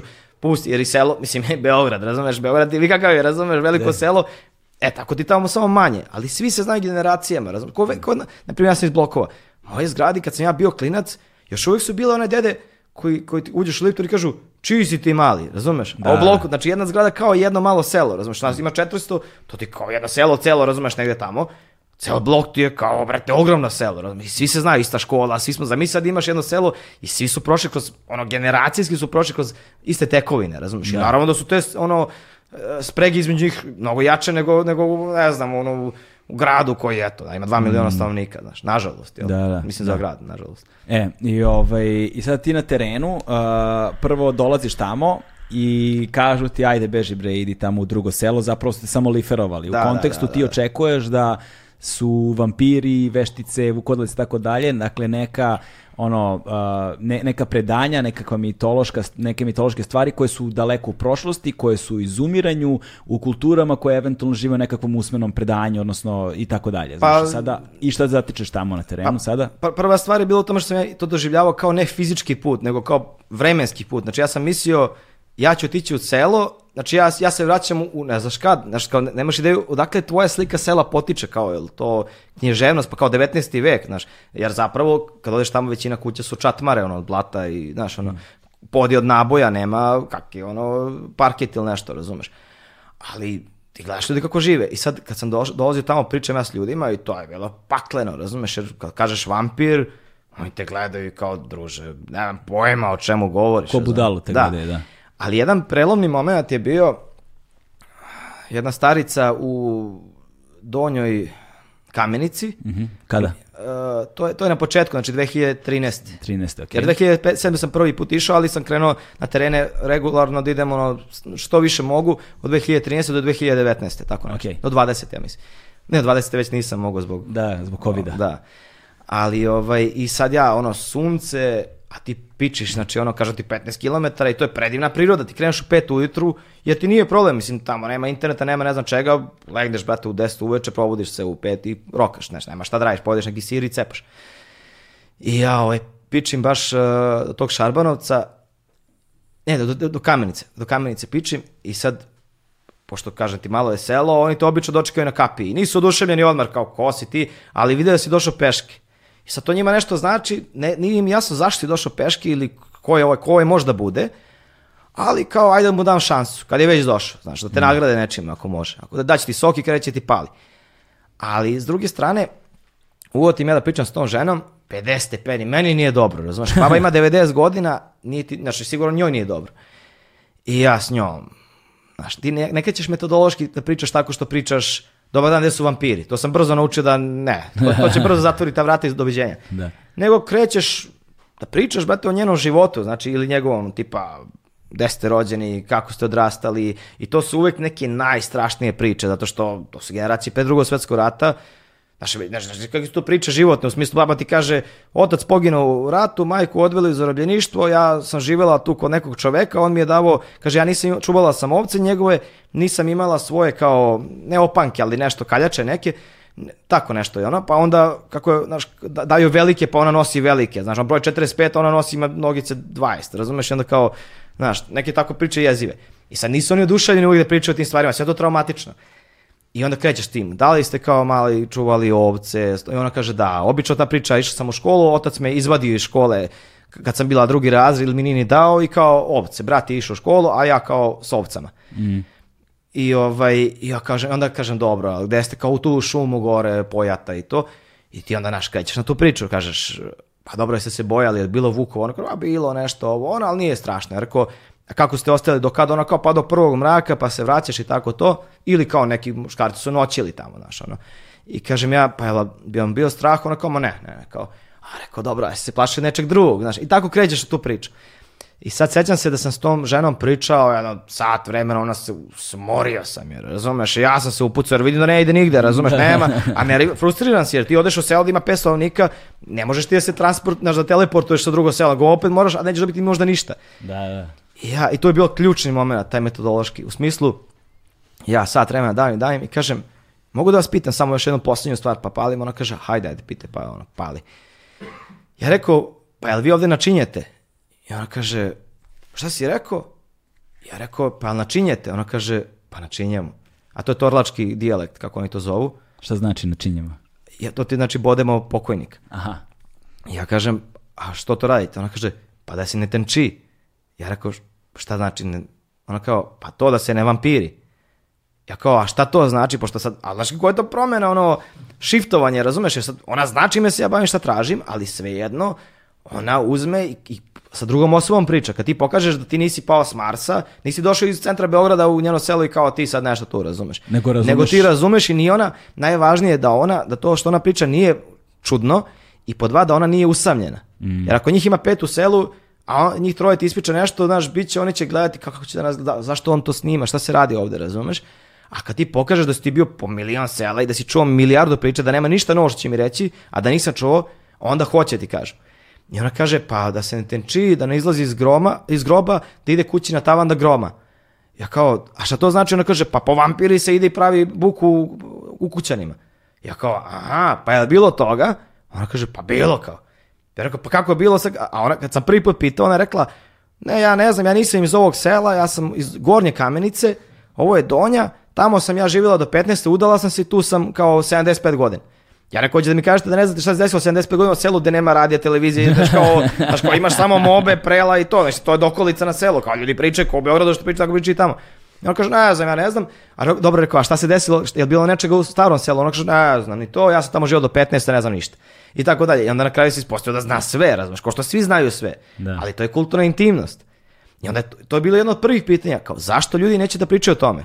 Bez obzira da li to postoji kao priča ili iskustvo, za koje sam bio siguran da neću naći, meni je to prvo interesovalo. Zašto neko neće da priča o vampirima i tim stvarima, po znacima navoda. Znaš. A druga stvar koja je bila bitna za razvoj moje ideje čime se bavim, je što sam ja napravio ne grešku, ali znaš, ti krećeš od neke teorije, etno, etnografije i to. I znaš, uzeo sam tipa Tihomira Đorđevića, Jakima Vujića, Vuka Karadžića i tako, sve te neke stare defini, ono, zapise o vampirima, da je Tihomir Đorđević bio najvažniji, jer on je do ono, prvi decenija 90, eh, 20. Eh, veka sakupio ovaj, veliku etnografiju na, ne, na neki način izvora u stvari mm. o vampirima i to je podelio tipa šta je vampir, kako se pojavljuje, gde se pojavljuje i tako dalje i tako dalje. A Vuk Karadžić je dao neku vrstu ne definicije, ali opisa. Mm. I sad kad ti pogledaš to što je ovaj Tihomir Đorđević sakupio od ono izvora od srednjeg veka do ne znam kada, ti si u fazonu, pa brate, vampir je sve, razumeš, po ovim pričama imaš milion primera, iz različitih izvora i ti si uzman, pa, pa, ludilo, razumeš? Moje, samo da odem na teren i samo da popišem te priče, da kažem, evo ima, evo baš je ovako. Mm -hmm. U stvari, ja odlazim na selo i kad krenu da mi pričaju priče o vampirima, ti misliš se, pa brate, ovo je gotovo, brate, ovo umire, zato što ako i pričaju o vampirima, oni pričaju, znaš, niko ne pominje kropistvo, niko ne, ne pominje seksualnost, niko ne pominje, ne znam, ovo ili ono što bi očekivao da mora da se pominje, znaš, kao probadanje, ne znam šta. Ne, niko to ne pominje. Ja sam pomislio, pa dobro, ovo je bledi i gotovo, u stvari gotovo je. Tek sam onda skapirao posle nekog vremena da postoje primeri kad sam došao do ljudi koji imaju iskustvo s vampirima. To je bilo kao moment, to je, to je bilo strava moment. Da si ispostavio da ima ljudi koji na kraju hoće da ti kažu o vampirima, jer imaš mnogo više koji hoće da pričaju o osenji o čemu ćemo pričati posle, ali kao vampir ima mnogo da, manje. Samo da pomenemo šta je Osenja. Osenja je devojka u belom u šumi. Recimo devojka u belom, ali može biti i neka životinja, može biti, na primjer, pored noću deca koja se kupuju pored potoka. Mis, mislim da je tu važno da sad razdvojimo samo dve stvari, ovaj, odmah da ljudi razumeju da, uh, koje, znači osenja, ali da bismo objasnili, da bi razumeli kontekst osenje, da bi razumeli kontekst vampira i da bi razumeli kontekst onoga o čemu, o čemu ćemo govoriti, moramo da razumemo liminalne prostore. E, tako je, tako je. Liminal, liminalnost je večeras, da večeras, večeras da. ne, znaš šta večeras, ako gledate več, uveče, večeras smo u etru. E, ako zamislimo selo, na primjer, kao ovu čašu. Da.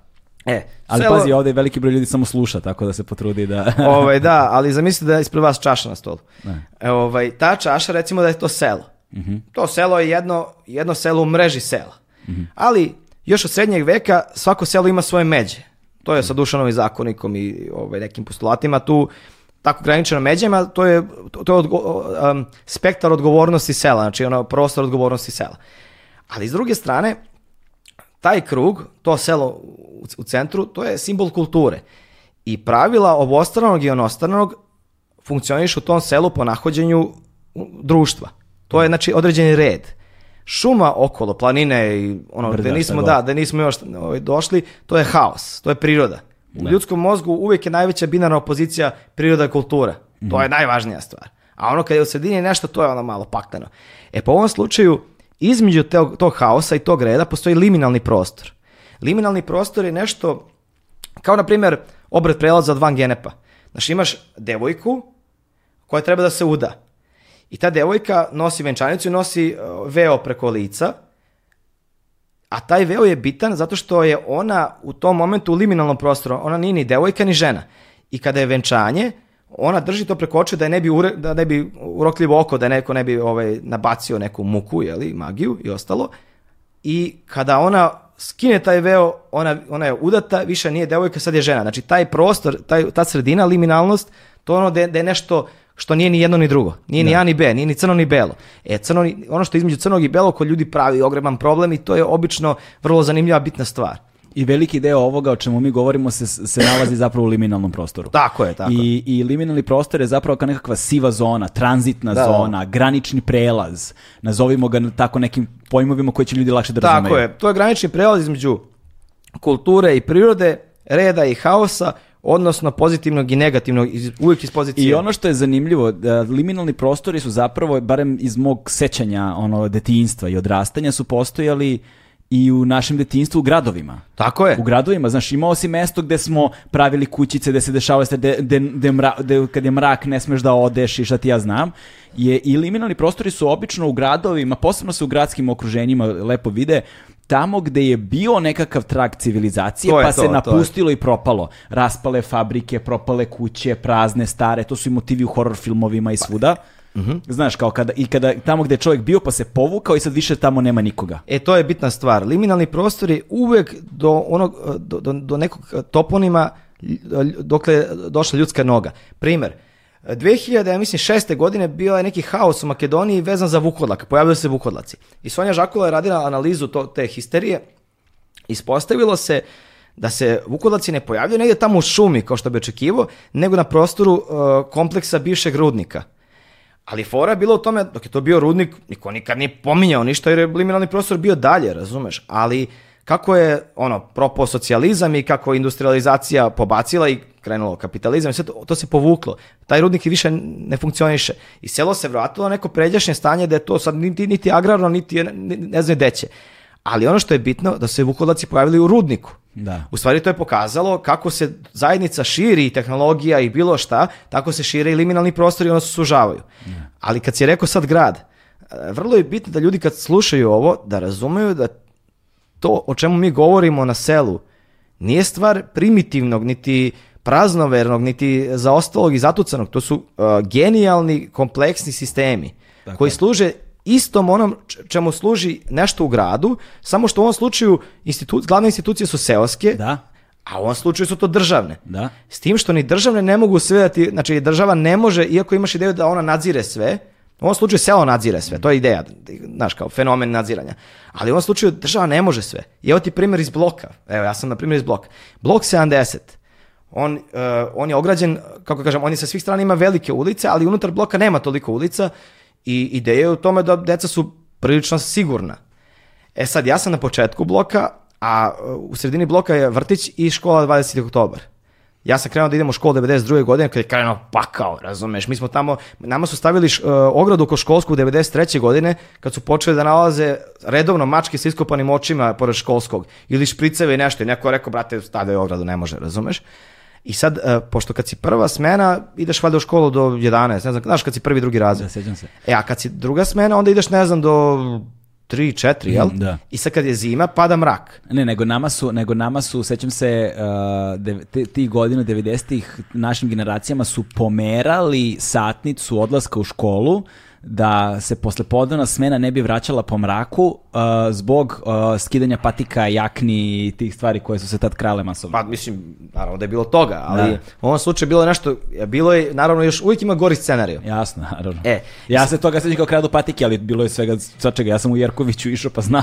e, pa dobro, da, da. Znaš kao. Pazi, u blogu se 70 nisi ni neke naručiti patike, mislim svi, da, da, svi, Pa nismo ni ja nisam imao, da, naravno. Da, razumeš, ono, nije, nije bio na, toliki problem. Uvijek, naravno, uvijek bio neki mental, razumeš, ali hoću da kažem, A sad ako gledaš to... U najkama spreman za cijani da. da, da, da, da, to je to, to e da je bar, razumeš. E, sad imaš kako je ovako, znači blok, ti, ja živim na početku, ja moram ići do škole ovako i vraćam se, da. jel, suprotnom pravcu, logično, jel? Ali, uh, taj, ta škola se nalazi tačno negde na polovini bloka. Aha. Nakon toga, ako nastaviš pravo, ti dolaziš do Save. Uh, Savski kej nije bio kao sad uh, nakrcan s plavovima, jedan deo od kotoplane još uvijek bila šuma, Eh, bilo je mnogo manje splavova i mnogo više eh, prilaza reci, razumeš, mm. koji su, znači, gde si mogao lepo da upadneš i to. I sad, učiteljica naša u osnovnoj školi ispričala nama priču od koje se nama digla kosa na glavi, koja je bila bukvalno po matrici seosko, seoski ideje liminalnosti. Da, da. Zašto ona je bila u pozonu uh, eh, kad se završi škola, idite brzo kući i gledajte uveče u 8 Batmana, ili koja je već serija bila, i kao spavanje. A kao nemojte slučajno da idete do Save mi smo bili u fazonu, brate, naravno ću da idem do Save, zato što nema roditelja, i hoću da idem, brate, sam s drugarima do Save, razumeš, kao, brate, baš zato što ne sme. A Sava ti je bilo ono nepoznato gde je pravila, ne, znaš, kao, ipak je tu rek, nema tu uvek nekog ko sad. Mm I uh, ona je nama rekla, ne, ne smete. Zašto? Zato što je bukvalno posle naše škole, što ti je ono kao kraj poznatog, imao si oko liniju jednu, uh, koja deli bukvalno ono kao dve trećine bloka do ovde i onda kreće. E, u tom liminalnom prostoru bila je jedna klupa pored koje smo uvijek malo da prođemo, smo išli na Savu. I ona je nama rekla, kaže, ne, nemojte slučajno, zato što tamo je jedan dečko jednom seo kad je već padao mrak i kao nestao je i posle mjesec dana probudio se na toj klupi bez bubrega. I mi kao, razumeš kao, niko nije išao na Savu, razumeš, ti godinu dana, razumeš, nije nam palo na pamet, do leta, razumeš. Da. Ali kao tad je, ali to isto je bitna stvar, upravo to što sam rekao vremenski liminalni prostor. I sad to sad moram da objasnim ovo. Vampir, ono što smo pričali, znači selo, okolo toga priroda i između liminalni prostor. U selu je uvek vampir. Vampir nikad nije tamo negde na ono vrhu brda, zato što, mislim, šta će on tu, razumeš? O, on je uvek u selu i objasnit ću poslije zašto, kroz koncept aberacije. A, spolja u šumi često su ono vile ili neka tako bića koje su onako malo dalja, znaš, kao vremenom se pokazalo da vile se malo odaljavaju ili približavaju, ali one su sad sve više marginalizovane, jako ih malo pominju. Ali liminalni prostor, to je prosto dešavanje u selu. I to se i danas dešava, vampiri manje i više, ali doćemo i do toga, ali e, osenja ili priviđenja u zapadnoj Srbiji, ne zovu ih svuda isto, ovde je to osenja, ovde su priviđenja ili kako omaje ili kako god hoćeš da zoveš, različito se prikazuju. Negde je to ono eh, đavoljska svadba, negde je to plasena koji te prati, negde je to jare koji ti odgovara na srpskom, razumeš? Eh, negde je to ta mlada nevesta i tako dalje. Ali ono što je matrica i to te priče sam skupio znači od pre rata pa do skora. I uvek je isti princip moj deda ili ja sam išao, ne znam, traktorom, a deda ono, volovskim kolima i sad negde u sred noći, a to u sred noći ti je 11 uveče. Da. Jer u stvari to je između dana i noći i ono, ono kako se to kaže, praskozor je i, i, ovaj, i veče, jel? Sumrak, jel? I uvek ide slično. Znači, ide i sad volovi stanu ili, ili auto stane. I bez razloga, očiglednog. I kao sad ti ne možeš da poteraš i šta iz ispred tebe izlazi, na primer, jare. Mm. I sad ovaj čovek kaže ovako, Ja sam vidio Jare i rekao sam mu siko, siko, siko. To znači pozvao Jare. I meni Jare odgovorilo ljudskim glasom siko, siko, siko. I ja sam njega pogledao, ono mi je video krst na čelu jer nije imao kapu, moraš da navučeš kapu.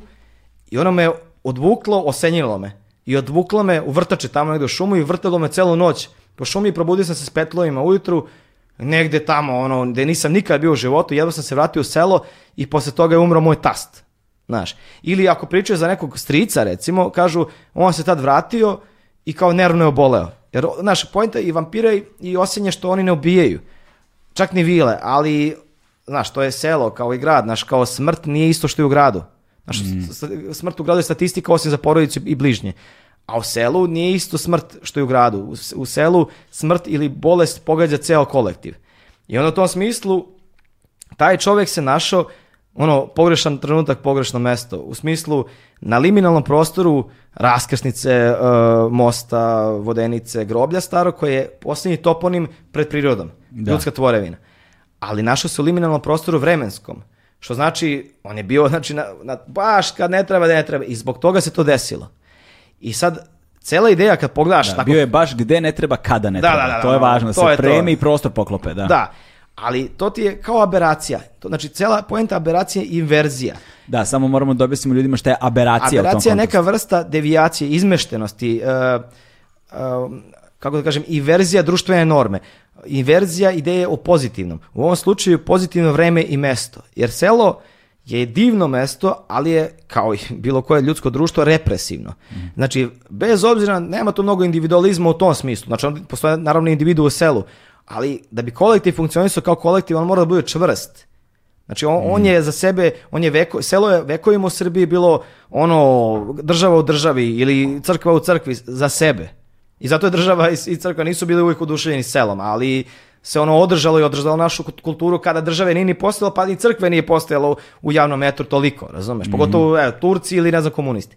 E sad u ovom slučaju ideja je dakle bila da na osnovu tih stvarnih događaja i posledica koje si video kroz magijski princip razmišljanja. Pričali smo o tome da magijski princip razmišljanja, ono, homopatski kontagiozna magija, po sličnosti i poreklu. Znaš kao, neko, neko je oboleo, ne znam, ima rak mozga i sad ti nešto uzmeš paradajz koji po tebi simboliše mozak ili ne znam, neko ne može da trudni pa ti jaje koristiš kao simbol plodnosti, da, znači to je homepatska po sličnosti. Ili, na primjer, nekom uzmeš pramen kose i onda nešto uradiš time i onda njega zamađijaš i ako nisi ti u kontaktu, ali ono što je bilo u jednom kontaktu uvijek će biti u kontaktu. To je ta magija, kako kažem, unapred. Da. Ali obično je cijela ideja o tome što nikad nisi razgovarao s nekim koji kaže e pa evo ja sam bacio magiju novog. To je uvek neko tamo. Da, da, daleki ali bliski. Uvek neko baca magiju iz tvog sela. E šta će tebi sada da baci magiju neko iz Niša ako ti živiš u Knjaževcu, a ne znaš ga. Mislim, to, da. uvek, to, to uvijek bude tašta ili ne znam, brat ili veruj mi, to su najbizarnije priče jer su ljudske priče, to je poenta. Ali u ovom slučaju magijskog razmišljenja to znači da razumeš kauzalne odnose, znači uzrok i posledicu. Desi se posledica, neko nervno oboli ili umre, i onda ti se vraćaš se skroz nazad. Da, hodom u nazad. Da, da bi vidio, e šta, e sad, u slučaju osenje, ta aberacija se ogleda u tome, ti si bio na pogrešnom mestu u pogrešno vreme, a da nisi, ti bi bio na pozitivnom mestu u pozitivno vreme, što znači, Noću bi spavao, u svojoj kući ujutro išao da radiš i čao. Nema ti šta da tražiš tamo da ne treba. Drugim rečima, samim tim što si ti bio izmešten, znači bio prljav i ovaj, opasan, to je prljav, posao si opasan. Mm. To ti mm. kao primer, na primer, cipele. Cipele iz fabrike dođe, to je, brate, ono, sterilno, znači čisto je, ali stavi je na sto. I onda će ti neko reći, skloni tu cipelu Ona je kao prljava, nije za sto, ovde se jede, a cipela je vezana za zemlju, zemlja opet ima neku prljavu negativnu konotaciju, izmeštena je. Tako i ti si izmešten i sami ti si opasan. Hmm. E, a slučaj vampira, takođe se radi o devijaciji, odnosno aberaciji, u tom funkcionalističkom smislu, Uh, jer vampir kad malo pogledaš i to je Dušan Bandić, on je tu postavio najjaču, razumeš, ono, naj, najjači teorijski model koji vidjet ćemo nije univerzalan, ali, ali je genijalan Zato što ti on objašnjava da je aberantni pokojnik, odnosno vampir, bilo ko koji je začet, rođen, od, odrastao, odrastao, živeo, poginuo ili ubio ili umirao ili pripremljen za sahranu ili sahranjen na, ne, na neki način koji odstupa od, nor, od, norme. I samim tim on ima potencijal da se povampiri. Mm -hmm. E, i sad tebe u stvari zajednica uči da je vampirska egzistencija poskumna, znači taj, to, to prokledstvo i problem za zajednicu proističe iz tvoje nepozitivne, odnosno negativne uh, pozicije u društvu, odnosno načina života. Uslovno rečeno neposlušnosti. Neposlušnosti na, na neki tako način. Drugim rečima, to znači, ako ja želim pozitivan život, odnosno pozitivan poskumni život, koji je jako bitan u našem folkloru i kulturi, a ja moram živjeti pozitivno na ovom svetu, Jer tu je zajednica u stvari Bog i država i sud i sve. Zato što oni vrlo dobro znaju jedni druge, to je društvo međusobnog nadziranja i mhm. međusobnog poznavanja dubinskog. Da. I tu svako zna ko je šta uradio kad nije trebao, znači veruj mi, zna se ono od čukundede. E, sad još jednu stvar hoću samo da a, sa o, u, ovoj, u, ovom, u ovom ekskursu nekom kom smo napravili, dakle ovom skretanju malom sa teme, ovaj, pre nego što se vratimo dakle, na tvoj teren, na tvoje iskustva, tvoje prve susrete zapravo sa vampirskim pričama, dakle sa ovom bakom si imao prvi susret da ti neko potvrdio priču, ali si onda došao do, da ne zaboravimo samo, došao si do prvih svedočanstava ljudi koji su imali susret sa vampirima. Tako je, da. da bi, ta, I tu smo morali da stanemo da objasnimo liminalni prostore i da razumemo koncept aberacije i samo još jednu stvar u kontekstu tog magijskog razmišljanja, u kontekstu stvarnosti, ovaj, bi pročitao ovaj jedan pasus koji sam izdvojio iz tvog doktorata, um, koji mi je bio strahovito zanimljiv zato što uh, se bavi pitanjem racionalnog i iracionalnog i zato što se bavi problematikom a, to, je, to je ono što je meni uvek zanimljivo kod otkrivanja novih stvari otkrivanje novih stvari je zapravo jedna dvosmerna ulica promene. Jer ti ne otkrivaš samo da priroda onoga sa čime si se susreo za, nije onakav kakvom si očekivao da bude, zato što ti dolaziš iz jedne pozicije i ti imaš sliku i o nečemu i onda se ta slika destabilizuje, nego destabilizacijom te slike se zapravo dešava i taj hod unazad dru, drugom smeru, jel te? Gde se onda destabilizuje tvoja sobstvena pozicija. Da, da, da. I to, to si ti ovde lepo napisao, kaže, a, dakle, e, i baš zato pominjem sada, jer u ovoj trenutak kada si ti e, došao sa sagovornicima, jel te? Mm -hmm. E, I kada si se susreo sa njima. I kaže ovako, a, nisam imao negativan stav o sagovornicima, niti ih smatrao manje pametnim od sebe, ali samo ponekad, ali sam ponekad preispitivao po znacima navoda racionalnost sagovornika. Ovakav stav o predstavama isprva počivao je na ideji po znacima navoda o sebi, pa opet znacima navoda kao modernom, savremenom, mladom ili obrazovanom, kraj navodnika, već racionalnom, opet u, pod navodnicima, dok su, sad opet navodnici, oni kao opozicija delovali iracionalno, kraj navoda. Godinama kasnije počeo sam da preispitujem ne uzroke njihove iracionalnosti, već ideju moje racionalnosti. Naime, počeo sam da se zanimam za ideju socijalnih kulturnih multiverzuma kao koncepata bliskih ne samo ideji da je čovekova svest kolaž različitih kulturnih stvarnosti i identiteta, već i stvarnosti pod znacima navoda.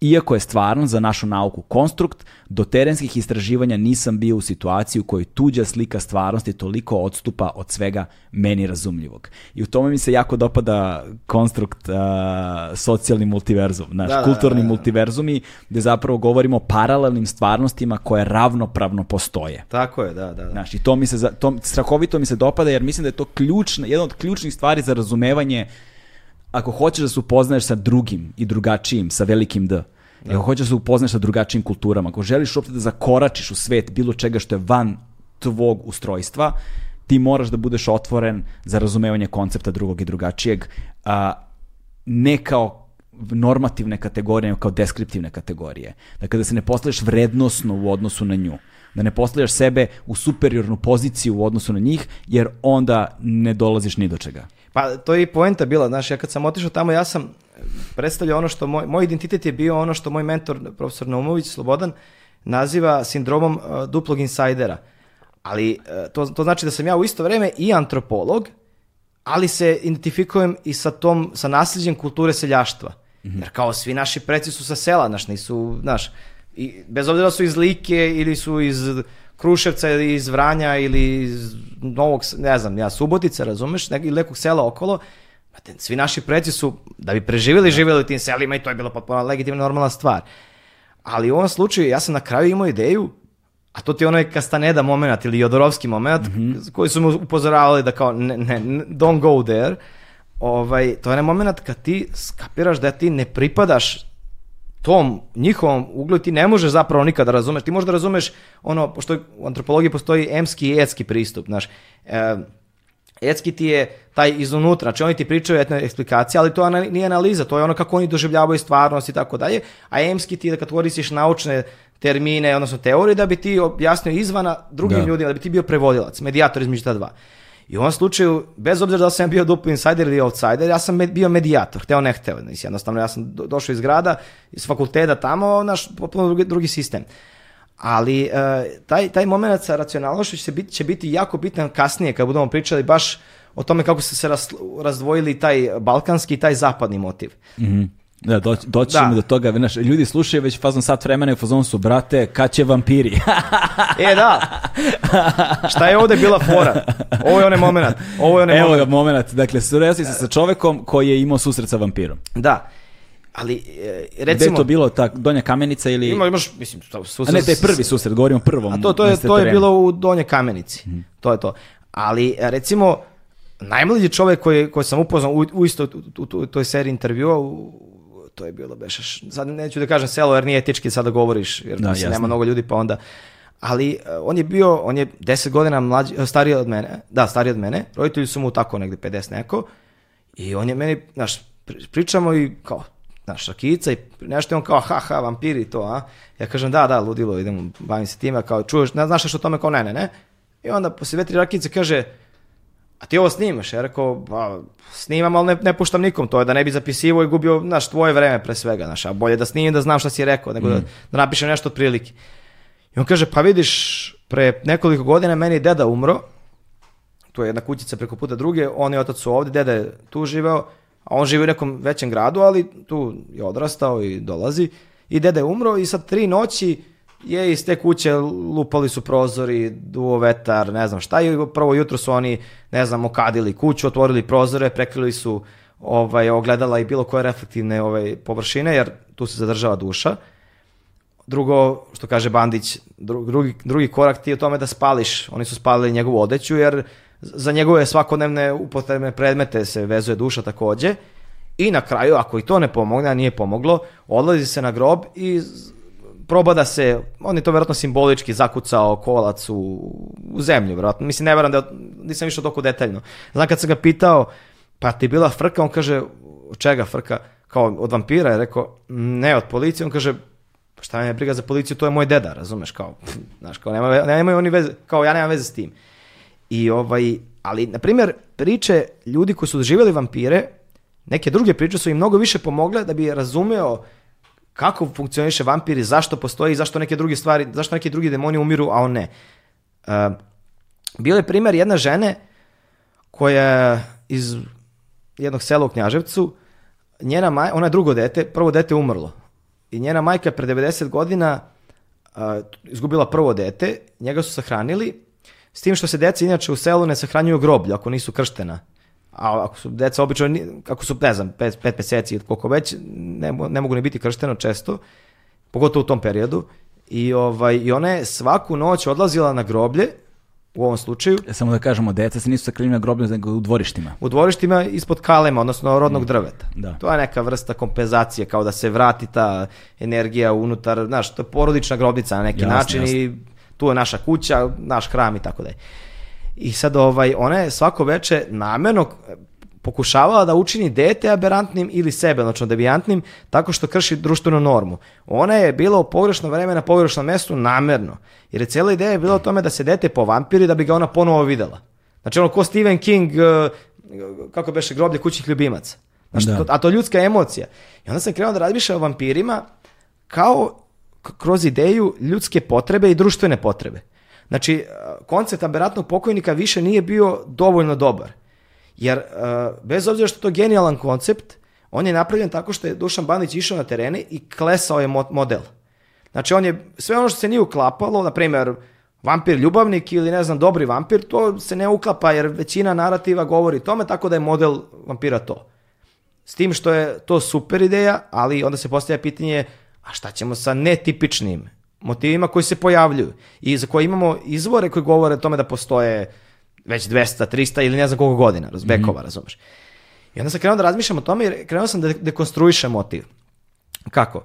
Tako što sam rekao sebi, ok, ali mi imamo pogrešnu predstavu da je vampir oduvek i zauvek isti model. Kao veštica, kao ne znam šta. Da, da, imaš ideju da je to hiljadama godina prvo mi ne znamo ono što smo pričali da, ranije. poreklo vampira. Da, poreklo vampira, to, mislim, ne može niko da ti kaže ništa o tome, a da stvarno stoji iza toga. Možete kaže, možda neko da nađe prvi e, pomen istorijski e, termina vampir, ali možda bude i lampijer, možda bude i, ne znam, tenac, možda bude, naš bilo šta, ali e, bitan je koncept.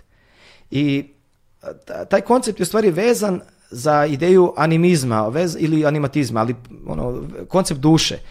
A sad smo, sad smo, izvini, sad smo tu došli do tog istorijskog, isto, isto, istorijskog, istorijskog razumevanja vampira i ovaj, tu ćemo da pomenemo uh, da, je, da je Edgara Morena, je li tako? Edgar Moren, da. da. On je tanatolog, genijalac koji je napisao Čovjek i smrt. To je vrhunska knjiga, tanatološka. Tanatološke knjige su inače pakao za čitanje jer su onako, to su najmučnije teme. Da, da. Pa pazi, ovo s vampirima, ljudi misle da ja odem na teren i ljudi jedva čekaju da mi pričaju kako im je dete umrlo. Ili kako mu je majka umrla, ili kako, mu je, kako je muž umro sa 18 godina poginuo i on ostao zeta. Znači, niko nije oduševljen da priča o tome. Da. To su najteže ljudske teme. Ali to je ono o čemu smo pričali na početku. Ja sam odabrao da se bavim onim što mnogo ljudi ne želi da sluša i ne može da podnese da sluša, a to ne znači da me ne dotiče, samo što mora neko to da uradi, razumeš? Da. A mene u ovom slučaju su zanimali vampiri i ja, mislim, naš, ti ljudi meni mnogo daju i ja gledam njima nekako da vratim, pričat ćemo poslije kako.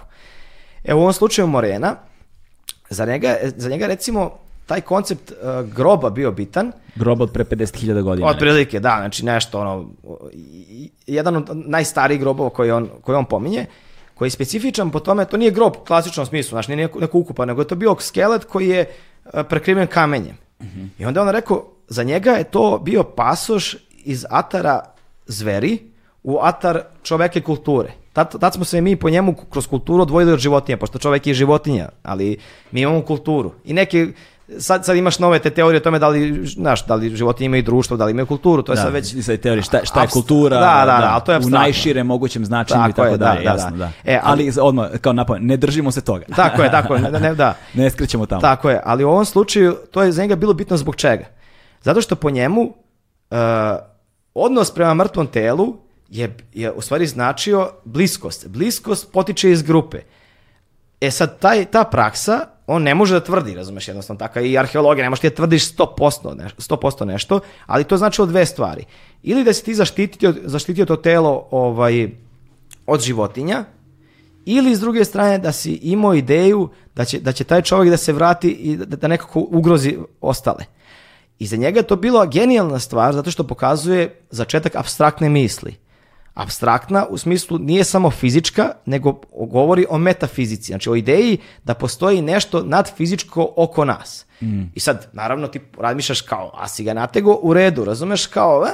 ali onda imaš Dirkema koji kad, pošto razmišljaš kako, kako li je izgledalo, mm -hmm. je prvi čovek, kako su došli od toga da ono, znaš, da ima nešto dalje od vatre ili kiše ili ne znam, znaš, kako, dakle im ideja da, da mora biti nečega. Mm -hmm. I onda je baš Dirkem rekao, kaže, aha, pa i abstraktna ideja o duši i smrti a, došla je iz sna. Kao zašto iz sna? Zato što kao ta psihologija kaže da mi u snu, iako nismo svesni, često stva, sanjamo segmente i slike iz iskustva našeg života.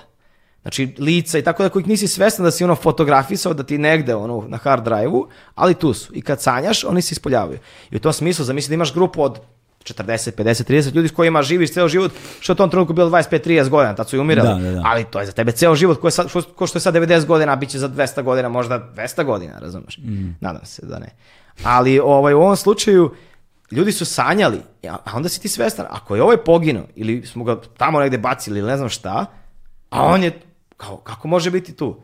I sad baš... A sanjo si ga. Da, a sanjo si ga, znači on je tu, ali kao, nije tu na, javi, kao, onda, šta zešava?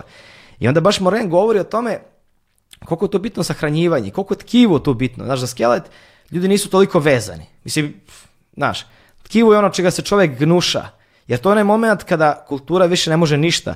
Priroda pobeđuje, biologija pobeđuje, hemija pobeđuje, fizika da, pobeđuje. Tu govorimo zapravo o jednom odnosu ne samo prema smrti, nego i prema prepadljivosti tkiva. Tkiva, znaš, kao kad... To kada, je ono što nam je gadno. Kada, da, kada smrt... E, i sad i postoji nekoliko načina da, da se ovaj odnosi prema tkivu i po Morenu to, on, on smatra da postoje samo dve revolucionarne ideje o smrti, s znači, se ne bi složio, ali revolucionarni su ti udvajanje ili ponovno rađanje. I sve dolazi iz prirode. Znaš, pa ono, postoji drvo 500 godina, pored njega nikne drugo, ovo se sasuši, umre, a ro, tako isto se rodi tu. Mislim, na, da. na, znači, isto, drvo je, drvo je, čovjek je čovjek, znaš. Ja, izvini, ja bih samo, da, e, pre nego što nasiš, dodao tu još jednu stvar. A to je, a, a, taj odnos prema snu. U stvari završi, pa ću da dodam onda okay, na kraju. Okay, okay. Da Reci. A u ovom slučaju, znači, to je, to je analogija sa biološkim, sa onim što vidiš oko sebe, sa prirodom. Bez prirode čovjek nema, nema tu maštu, nema tog abstraktnog razmišljenja. U razumevanju i nerazumevanju prirode. Prema telu, odnos je vrlo specifičan, zato što je tkivo to što je u stvari ono što pravi problem čoveku. I sad imaš tri načina. Jedno je da se ubrza propadanje tkiva, to je spaljivanje. Drugo je da se a, a, prekine truljenje, a to je ono balzamovanje i to, a treće je izmeštanje, odnošenje u šumu i to, vraćanje prirodi. Mm -hmm. Ma, materiju u antimateriju koja postaje deo prirode. I u tom smislu to ćemo vidjeti posle kod vampira. Jer u ovom mom slučaju, znaš kao, a, a pitanje je u stvari vampira i zašto vampir nije univerzalan, mm -hmm. pa zato što postoji kulturni relativizam. Znači, nemaju sva društva isti odnos prema, ne znam, tkivu ili pokojniku ili ne. Znači, neki, neki, postoji endo i egzokanibalizam, znači, kao to nije ista stvar, znači, kao tkivo njima nije gadno dok je još kako da. kažem, e, friško. Posle jeste, znaš. Da, tu je odnos između kulturnog i kulturno relevantnog, univerzalnog i kulturno relevantnog. To su dva e, sukoba. Relativnog, relativnog, relativnog da da, da, da, da, kulturno relativnog, jer na primjer u Indiji nemamo vampira. Deba, tamo se spaljuje telo. Da. Jer recimo kod Slovena je bilo to spaljivanje. Kod nas postoji ta romantična slika da su se svi Sloveni ili svi pagani po znacima navoda spaljivali. I dobar deo jeste, ali kod Slovena to su često bile određene klase ratnika i tako dalje. Ali ono što je bilo zanimljivo, ako je neko bio bolestan ili dugo umiro ili je bio negativno percipiran, on se sahranjivo u zemlju kao kazna. I onda kada je došlo hrišćanstvo, pa ne znam, Karlo Veliki, ne znam, ono, on je spaljivo pagane, razumeš, kada je primio hrišćanstvo. Tako i ovde, znači mi smo se prešaltali na sahranjivanje u zemlji, a ne spaljivanje hrišćanizacijom. Pa crkva je tek do, do skora ono, ona je do skora bila protiv spaljivanja, jer to je bilo paganski, kao uništavaš telo, kako ćeš na drugi svet. Tek su skoro krenuli ovaj, da pričaju, da, da prihvataju krem, kremaciju kao takvu. I sad u tom smislu, znači kao, po tome razumemo možda korene vampirizma u slovenskom, slovenskom mitologiji. Mm-hmm. Recimo mitologiji, ali e, ima jedan primjer u Belorusiji iz 19. veka da je jedan čovjek je umro i on se vraća svojoj ženi i rekao je da on želi da ga spale, a ne sahrane, jer je to bio običaj njegovih predaka, a ne ovaj novi. Mm-hmm. Znaš, jer kao ipak i naš narod, kao i ruski, znaš, nama je jako bitno pravoslavlje. Mi, mi kad odeš na selo, svi su Srbi pravoslavci, odnosno Srbi su jer su pravoslavci. To samo pojačava, to si Srbin. Ali s druge strane, što kaže Dušan Bandić, koji je najveći autoritet za našu religioznost, kaže, kad ti zagrebeš to pravoslavlje, a ispod toga ti ono full blown paganizam, razumiješ? Da, znači da, da. nema tu ono agravni kultovi, kult smrti, o ono hristijanizovani e, idoli, razumeš? Nema tu, znaš, hrišćanstvo tu, na, na, to je normalno, mislim, znaš, sva društva su imale taj neki moment preklapanja dominantne i one prošle religioznosti, ali kod nas je to ne toliko daleko. Da. I ti kad si na selu ti onda jako dobro vidiš kako to izgleda. A kad mm. dođeš u grad, ti onda u gradu vidiš da grad nije homogen i da je dovoljno da se desi nešto da će ljudi vrlo lako da pribegnu tome. Jer im nauka i religija ne daju dovoljno odgovora da bi oni bili zadovoljni s tim. E, e. vampir. Aj, a ti reci sad da, to, to, to, to, sam hteo, zato što si ti pominjao u kontekstu tog groba starog 50.000 godina i Edgara Morena, a, a, govorili smo o tome, znaš, kao tom, o, o, o pojavljivanjima u snu znaš, i o odnosu sna i jave. A, mislim da je važno za ljude da razumeju s jedne strane i da savremeni kontekst razumevanja sna je relativno nov pojam, negde Tako od 18. veka, kraja 18. Je. veka, početak 20. tamo negde posle buržovske revolucije sa razvojem prirodnih nauka, sa psihologijom i tako dalje. Mi smo razdvojili uh, s, svet snova od sveta u stvarnosti sa modernim čovekom rođenjem građanskog društva. A dugo je kada čitamo književnost, kada čitamo mitologiju, kada čitamo sve, koliko, koliko ono, kada čitaš Šekspira, znaš, sanjao je pa da, se ostvarilo komunicirao, da, snoviđenje. Da, predskazanje, da, predskazna, predskazanje, da, snoviđenje. Da. I kada posmatramo indogene narode, na primjer, ne znam, ono, Amazonu ili, naš, l, u, u, u, u Latinskoj Americi, u Africi, u Sibiru i tako dalje, ti vidiš zapravo na Novom Zelandu ili šta god, ti vidiš zapravo da svet snova i dalje nije odvojen od sveta stvarnosti. Znaš, da oni samo nisu imali tu tranziciju, nije se desila ta tranzicija i kod njih je ono što se dešava u snovima re, jednako stvarno kao ono što se dešava, a mi danas, zato što smo se odvojili, znaš, ti ideš na psihoanalizu, na psihoterapiju, pa pričamo o tome šta smo sanjali. Tako znaš, je, jer je relevantno je. za ono što, je, što se dešava nam u, u tom po znacima navoda stvarnom životu. Aj, ali evo ti jedan primjer, znači, opet mala digresija, ali da. mislim da je zanimljiva. Pomenuli smo danas salivanje strave. Da. I sad, ako neko dođe, znači, prvo, o tim stvarima se ne govori strancu. Znači, ne znam ja ništa o salivima, nemam niko ne saliva, to je nekad bilo i zdravo. Mm -hmm. Znači, to je moment muzealizacije koju sam ti pominjao. Da, da. Oni znaju šta je pozitivan uh, identitet, u, to jest imaju ideju pozitivnog identiteta u mm -hmm. odnosu na grad, na, na dominantnu da, kulturu, da. u, ono, pink i ostalo, razumeš. E sad, uh, Ali kad malo uđeš među, među te ljude i malo im pokažeš da, kao, mislim, učestvovao sam u tome, antropolog si, observacija sa participacijom, ti moraš prihvatiti da nisi ti ono kralj racionalnosti svemira, nego ajde da vidimo čemu se radi. I to je jedan genijalan terapeutski u stvari proces. Domaći brand garderobe Legend Worldwide je prijatelj Agelast podcasta na audio platformama. Mm. Znaš, to ti je vrlo slično recimo uh, ispovesti u crkvi, mislim, na primjer kod katolika recimo, i, i ovaj, psihoterapije kod nas. Mislim, u gradovima ljudi idu na psihoterapiju. Ali recimo, kad sam bio, kad sam, jedno, jedno su radili na meni a, taj dan, a onda smo čekali neko dete su doveli roditelji. I ta žena rekla, ja sam, ja sam pravoslavac, ovo radim iz hrišćanskih pobuda, želim da pomognem ljudima, nema potrebe za parama, niti bilo čime ja želim da pomognem. I sad najčešće dovode decu i što, u selima kažu, sva deca su iz ovog kraja dolazila tu, znači mala deca. O čemu se radi? A čak su i stariji dolazili, ali čemu se radi? Dete plače ili neće da jede ili ne znam šta već danima. I sad roditelji ne znaju šta će, odvedu do te žene i žena prebaci preko tebe crvenu tkaninu, uzme se taj neki lavor gvozdeni s vodom, istopi se olovo i prvo nad glavom, pa onda se čita šta je taj oblik, pa onda nad stomak, pa onda no, i tako tri puta tri.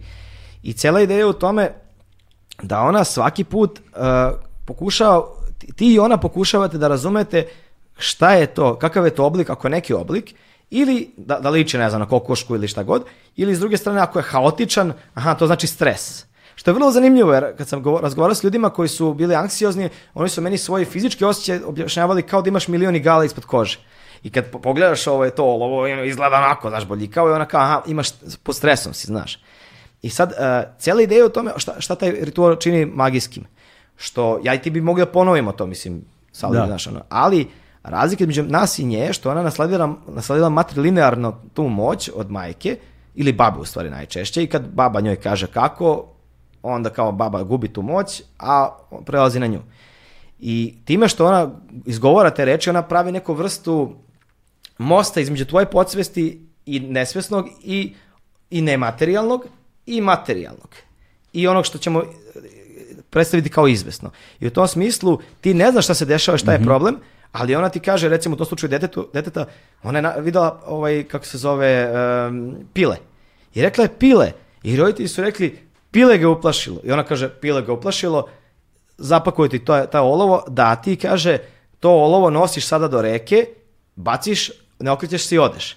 Drugim rečima, ona je nematerijalno i, i, i e, nesvesno pretvorila u svesno i dala ti neku vrstu moći da ovladaš tim strahom ili e, kao ne, bukvalno kao psihoterapija, znaš, kao u nekim slučajevima pomaže ti ono što ti neko kaže, ali u naj, naj, najčešćim slučajevima ti kad izađeš sa psihoterapije ti imaš one pozitivne osjećaj da si uradio nešto sa, sa sobom, mm. da si se borio protiv nekog problema koji imaš. E, tako i ovo funkcioniš. E da, ja sam, e, evo, baš da se nadovežem na to, učestvovao u nekoliko rituala ovaj, i, na primjer, uh, eh, više puta sam bio po Istočnoj Srbiji sa svojim dra dragim prijateljem Aleksandrom Repeđićem, pozdrav za Repketa. E, Repke, ako, da. ako, ako, Studirali smo zajedno. E, to, ako sluša, on je u to vreme bio kustos eh, muzeja u Majdanpeku i um, kada smo obilazili teren, uh, ja sam pokušavao da saznam jel te više o vlaškoj, o vlaškoj magiji uh, uh, i došao sam, bili smo, ne, zaboravio sam kako se zove to selo, došli smo kod jedne starice Uh, i, ovaj, i, onda se, I onda ona meni kao bajala, znaš. I sad vrlo je zanimljivo, uh, prvo, pošto sam prošao lično kroz to iskustvo, uh, jeste šta se tu dešava. Znaš, mi se nalazimo duboko u šumi, Znaš, to je neko, obično su te starice u nekim selim, kućama na kraju sela. Da, da, da. Znaš, one su zapravo jako blizu ili čak u liminalnim prostorima. Da, da, da. Znaš, ti, za, ti do nje moraš da ideš... Ona je posljednja veza između prirode i ona... Tako je, znaš, nije ona u centru sela, ona je na kraju, na ivici sela, što je vrlo simptomatično i obično to uvek tako biva i onda odemo, odemo kod nje, dolazimo, ona zamrači celu prostoriju, ona zapali da li tamjan ili ne znam ti nema šta, nešto zapalila što onako ka, naš, miriše i, i, i, i kadi onako ovaj, ispuni prostoriju dimom na neki način. I onda ona tiho brzalice, bajalice, znaš, ne, nešto sipa neku vodu, pa ona meni nešto meša, pa baja, baja, baja, baja, tiho i gleda me u oči, znaš, i to traje, ima, to ima strahovit hipnotički efekat u kontekstu, um, kako bih rekao, uh, uh, E, disocijacije. Znaš, ona mene odvaja zapravo od stvarnosti u kojoj sam ja bio. Znaš, ti da, da. ako da. sad sediš dovoljno dugo i fokusiraš se nju i slušaš je taj miris i taj dim i zatvorena prostorija, ti zaboraviš desi. Znaš, na, na neki način, ne bukvalno, ali te malo emocionalno, te malo te odvoji od toga. I ovaj i ja sam i, i s druge strane nije, nije imalo na mene naravno nikakav efekat, ali sam razmišljao u kontekstu recimo pominjali smo i primere iz sela. Malo je selo, nema puno ljudi. Znaš, ti imaš svoj život sa svojim emocionalnim problemima, sa svojim psihičkim problemima, sa svojim socijalnim problemima, sa svojim ekonomskim problemima i šta ti ja znam. Ti bre treba ti neko da se ispovediš. U selu svako zna sve o svima. Znaš, tebi je neophodno da stvoriš intiman prostor poverenja, kao sa psihologom ili psihijatrom. Razumeš? te starice tome služe. Ti dođeš, ti se bre, izjadaš se Tako njoj, je, da. kažeš je bre šta ti je, pal, padne ti kamen sa srca bre, skine ti vreme, razumiješ, bolje se osjećaš. Vidiš da si antropolog. To, a s druge strane, na primjer, za, uh, nema puno žena recimo u selu, znači to je primjer o kojem su mi govorili. Treba neka igranka da se desi u nekom domu. Nema mlađih, nema, nema mlađih. mlađih. nema to i treba se desiti da će doći iz okolnih sela svi zajedno da budu i ne znam šta, neka proslava, slava nek doći će iz gradove šta već i sad dečko treba tu, znaš, sviđa mu se neka devojka, al njega strah strah, jel te, znaš, nema ni razvijene, ne znam kakve, uh, jer nema ni istoriju socijalnih kontakata i odno, osnova, odnosa zato što je, žive tu selo četiri stanovnika jebi ga, znaš. Da, da, da. I njemu baba kaže, znaš, sad prođe oni ceo taj ritualni deo i baba njemu kaže, evo ti, ne znam, ovaj baci preko ramena u reku, uh, svako jutro ustani i drži ispod jastuka, ne znam, i to radi tri nedelje i posle tri nedelje, ne znam, bit će tvoja, ali šta ti ja znam. Znaš, sad on to radi, pošto on dolazi iz to je kulture, znači njegov identitet je ne, neraskidiv sa kulturom iz koje dolazi, što znači da je njegova psihološka konstitucija duboko urezana tu, što znači da taj ritual deluje na njegovo podsvesno. Ovaj, a, on kada obavlja taj ritual tri nedelje svakoga dana, znaš, on dolazi na igranku pun samopouzdanja. Sa tim samopouzdanjem je, njegova tako. verovatnoća da će da se smosta devojkom značajno... Pa mislim, to, to, ti je life coach pre life coacha. Tako je, suvi psihoterapeutski life coach, ono, na šta god, tako da...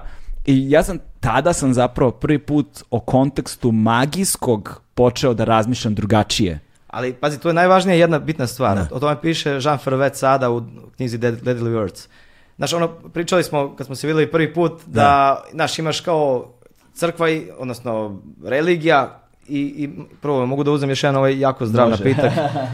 Kao, naravno, naravno, brate. kao da. Hoćeš sa ukusom lubenice? U, može. Evo ga, brate, vidi ovaj. Jel, do, jel to domaća lubenica? Da. Jel ceđena? Ceđena, ceđena, da, ceđena. Da, da, da. Da, ovo je potpuno lubenica. Da. Ali, ovaj, e, recimo, fora je tome što, eto, imaš, na primjer, kosmičku, ono, evo, imaš, imaš sile kosmosa, imaš Boga i tako dalje, i onda imaš narod, zemlju i sve što se dešava tu, i sad u religiji obično je tu crkva. ne mislim samo na pravosno, mislim inače kao, jel? Oni su medijatori, znaš, ti sveštenici i tako dalje. Ali u slučaju e, magije, znaš, ideja je da u stvari imaš taj haos, tu prirodu i tako dalje, i onda imaš selo, zajednicu, i imaš u stvari takođe medijatora, a to je vrač recimo. Ali u oba slučaja jako je bitna, znači to je bitna stvar konteksta a, zajednice.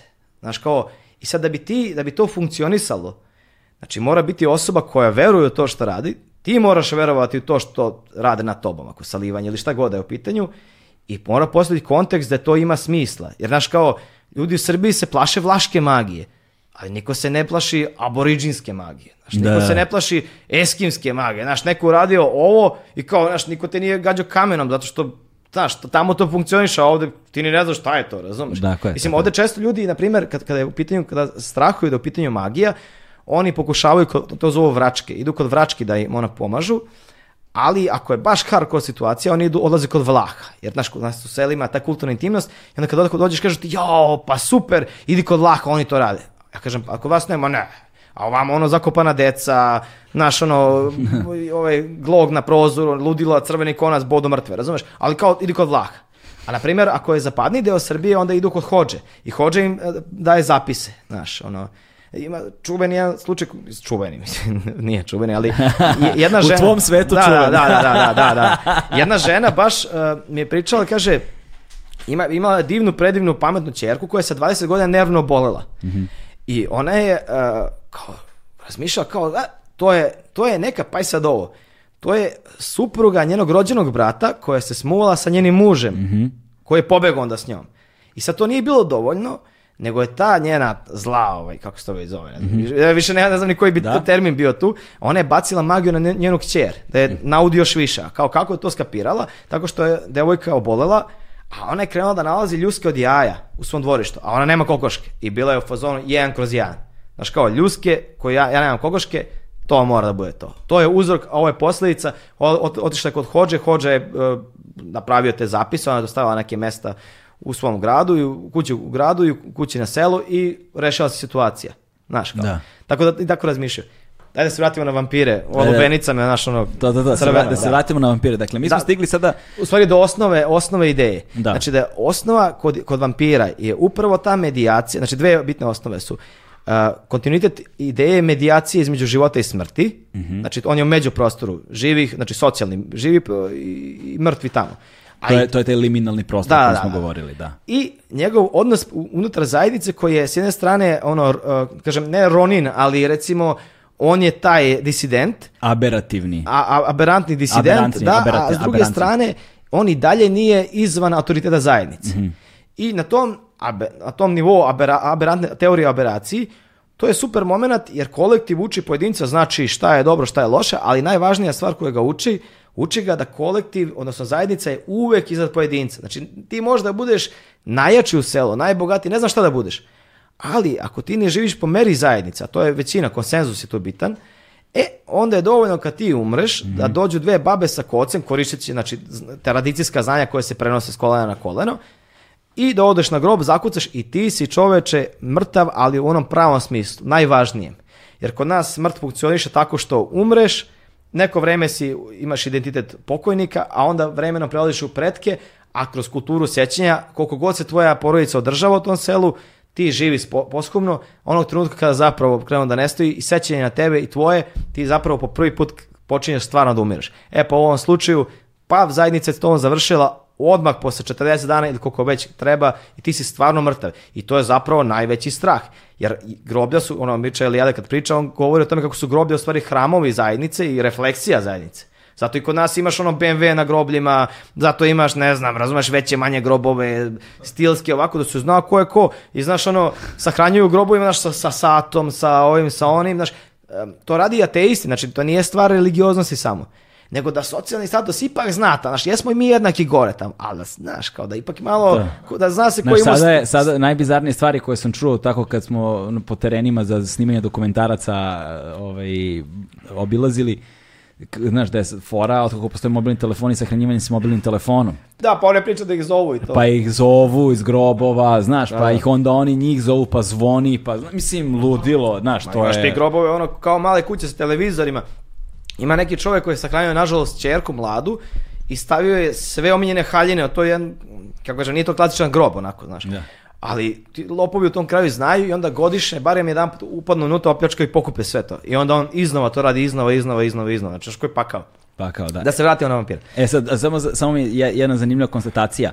Da je uloga vampira na... Uh eh, vrlo zanimljivo, politički posmatrano, da je uloga vampira u kontekstu... Uh, Ideološko represivno. I da, to, i da je on na jedan način, da, s jedne strane može da se postavlja kao ideološko represivni, da znači nametanje, nametanje, nametanje volje uh, većine u selu. I strah od nadziranja. Tako, strah od nadziranja. Svi gledaju. Da, oduzimanje individualizacije u tom slučaju, ali na jedan način politički posmatrano isprovođenje demokratizacije.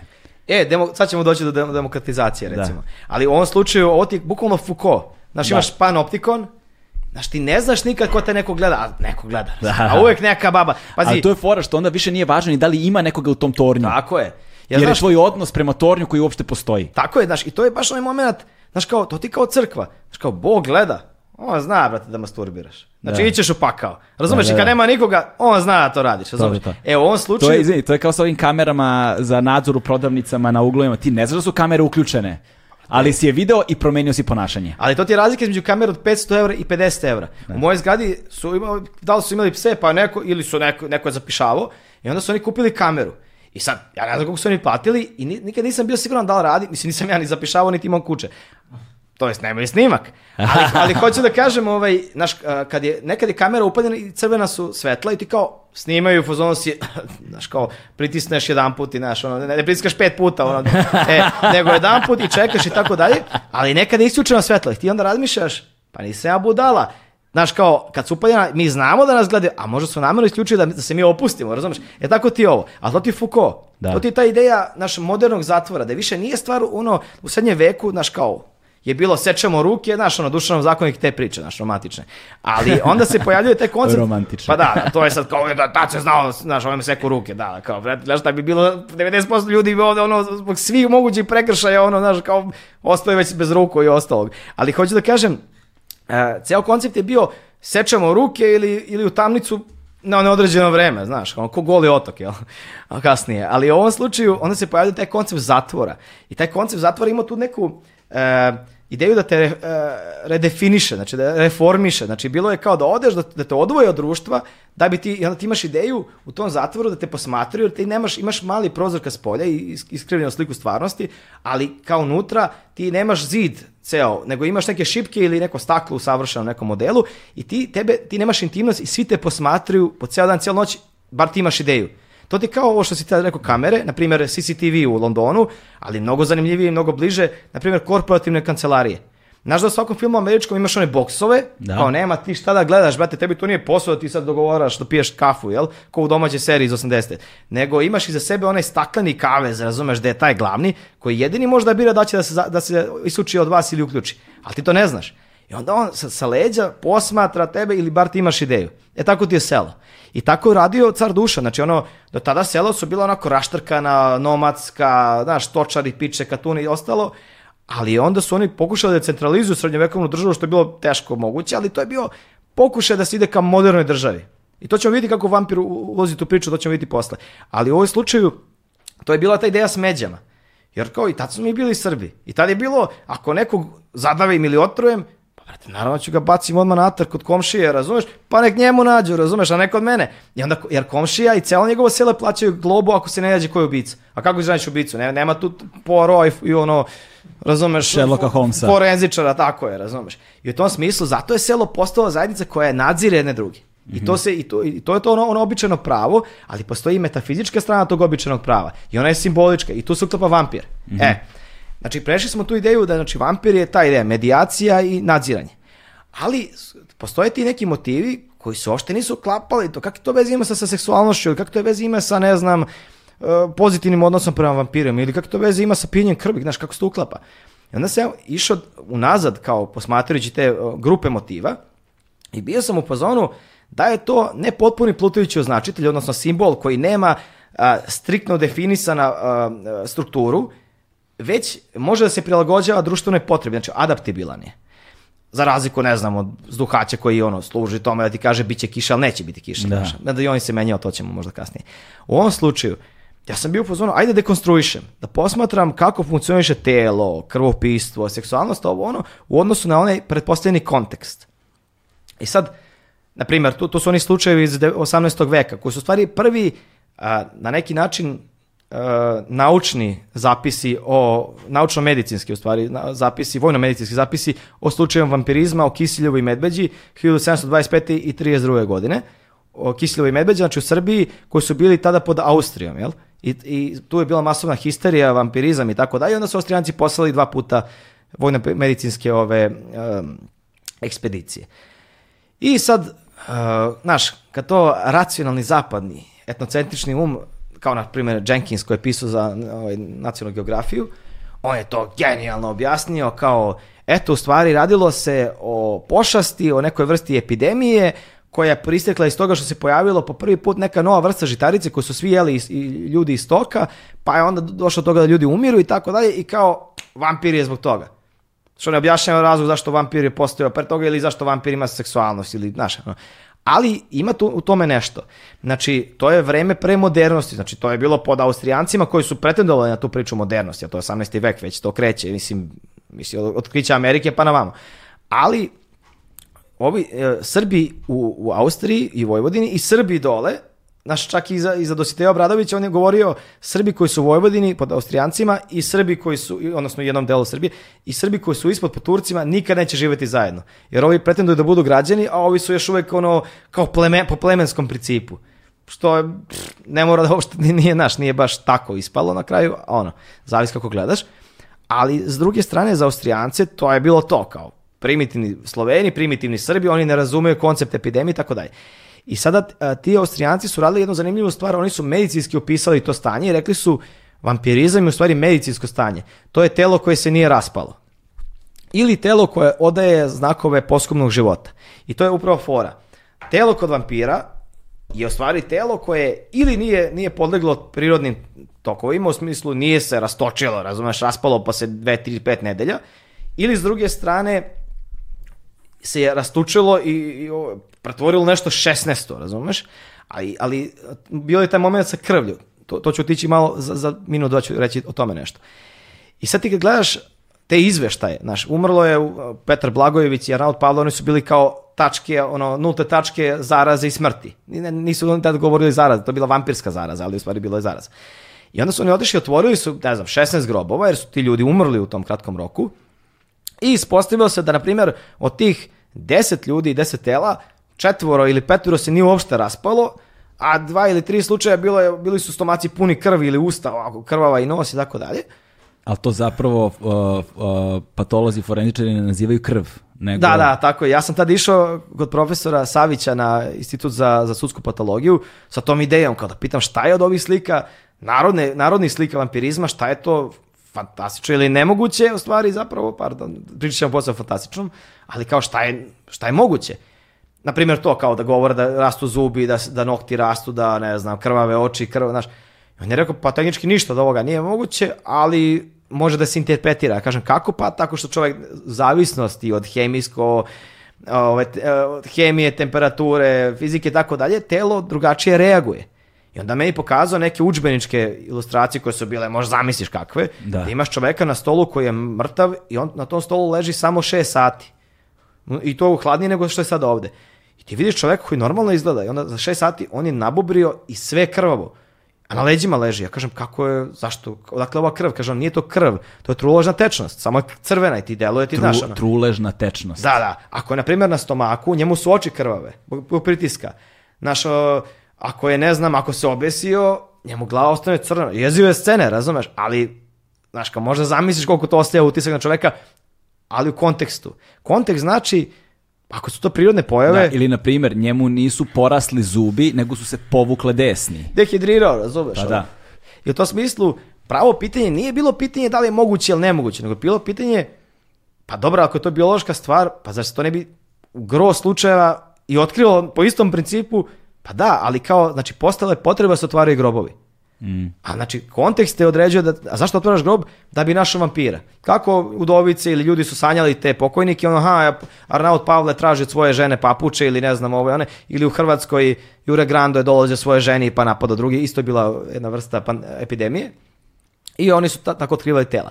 E sad, zašto je krv bitna?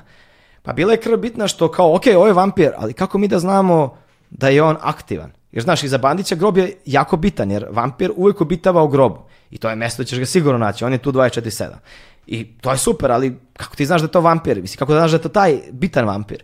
Tako što otvoriš, vidiš da su mu krva usta i kao, to je to. Zbog čega? Zato što krv pre svega predstavlja neku simboličku, kako da kažem, to je uh, životna materija, životna tečnost.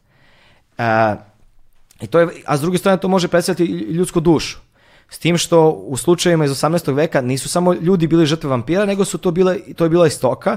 I kod, paš... na, kod nas prvenstveno stoka. Pa, da. Jer kod nas i to nije bio toliko bitan motiv pijenja krvi. On je bio, ali znači, on, u stvari simbolički. On, to su ljudi koji su oboljevali i dugo bolovali. Neko je njih isisavao životnu tečnost. Znači, život je u stvari isisavao neko iz njih, razumeš? Da, da. da. Kao ono, imao sam nekoliko primjera, recimo, ljudi koji su kao deca, napali su ih, to, mislim, to su i roditelji pričali, Kaže jedna žena u jednom domu, ona mi pričala kako je, ona inače bila u policiji, bitan faktor i svega se nagledala, ali ne, ne sme da spava ni danas, ne sme da spava kada je ugašeno svetlo. Mm. Otac je napričao neke priče, baš je ispre, isprepadao. Ali rekla je, kad je bila mala, da je ona kao dete se osušila skroz.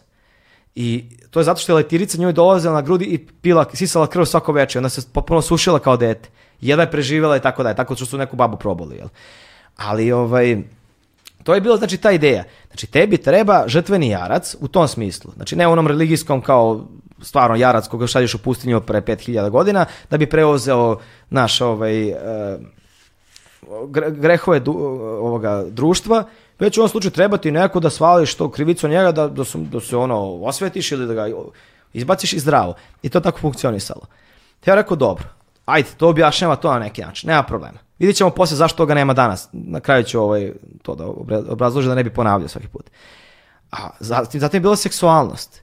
Znaš, ono, e, čak i kad čitaš um, Vuka Karadžića, znaš, on je bio, i to ćemo se posle doteći, on je bio onako naš romantičar i svi znamo kao on je romantičar. Ali on je bio učen čovek i, brate, bio je čovek koji je funkcionisao u zapadnom svetu. Mm. Znaš, jer Kokjara kad pričao, pričao o folklorizmu, odnosno folkloru, kad je folklor postao bitan, jer folklor je dugo godina bilo stvari neka odredica seljaštva, a elita je mrzela seljaštvo jer to je bilo kao prljavi, primitivni, ono, prostodušni seljaci. Ali jednog momenta kad se pojavio ta pojava tih protona, protonacija modernih, odnosno posle francuske revolucije, pojavljuje se potreba da se napravi neka dubina, znaš, jer kao Nemci su imali tu ideju, kao, aj, mi imamo ogromnu kulturu, ali kako mi da dokažemo, znaš, do tada je bila ta ideja, mi smo naslednici Grka ili Rimljana, znaš, pa kao, mm. Ali, ajde da ne budemo vrte Grci ili Rimlja, ajde da budemo Nemci, ajde da budemo Švajcarci, Englezi, Grci, ovi oni. Kako to da uradimo? A da dokažemo da smo mi stari evropski narod, kao, aha, seljaštvo. Sad, se, sad seljaštvo i mitologija, odnosno folklor, prvi put počinju da budu veza između mitske prošlosti i, savreme, i, i, danas, znaš, u folkloru. Znaš, kao nismo primitivni, to su divni artefakti ili usmjena književnost koja, eto, kroz, kroz koju mi čuvamo mudrost iz davnina. Jedan su Nemci napravili tu vertikalu i rekli, evo, Vukulac je ovo ono. A kod nas to nije baš funkcionisalo tako. U svakom slučaju, uh, Karadžić je pisao nekako malo, znaš, on je romantičar, ali pisao onako kao bečki đak. Znaš, mhm. kao mm. Rousseau i Voltaire. Znaš, on je rekao kao, uh, prvo njegovo poglavlje se zove verovanje u stvari kojih nema. Znaš, to je vrlo prosvediteljski, nije romantičarski, znaš, nije rekao demoni ne, ili ne znam, bića, ne znam čega, nego ne. To je ono, nema ih, ali ljudi eto veruje folklor, nema problema. Kao san letnje noći. Pa kao, kao sad Evropska unija, znaš, kao jasne. ne možemo mi, znaš, ček, polaga, ajde nešto stavimo u, u jasne, muzej, jasne. a nešto da idemo ovako sa ovim što je dobro.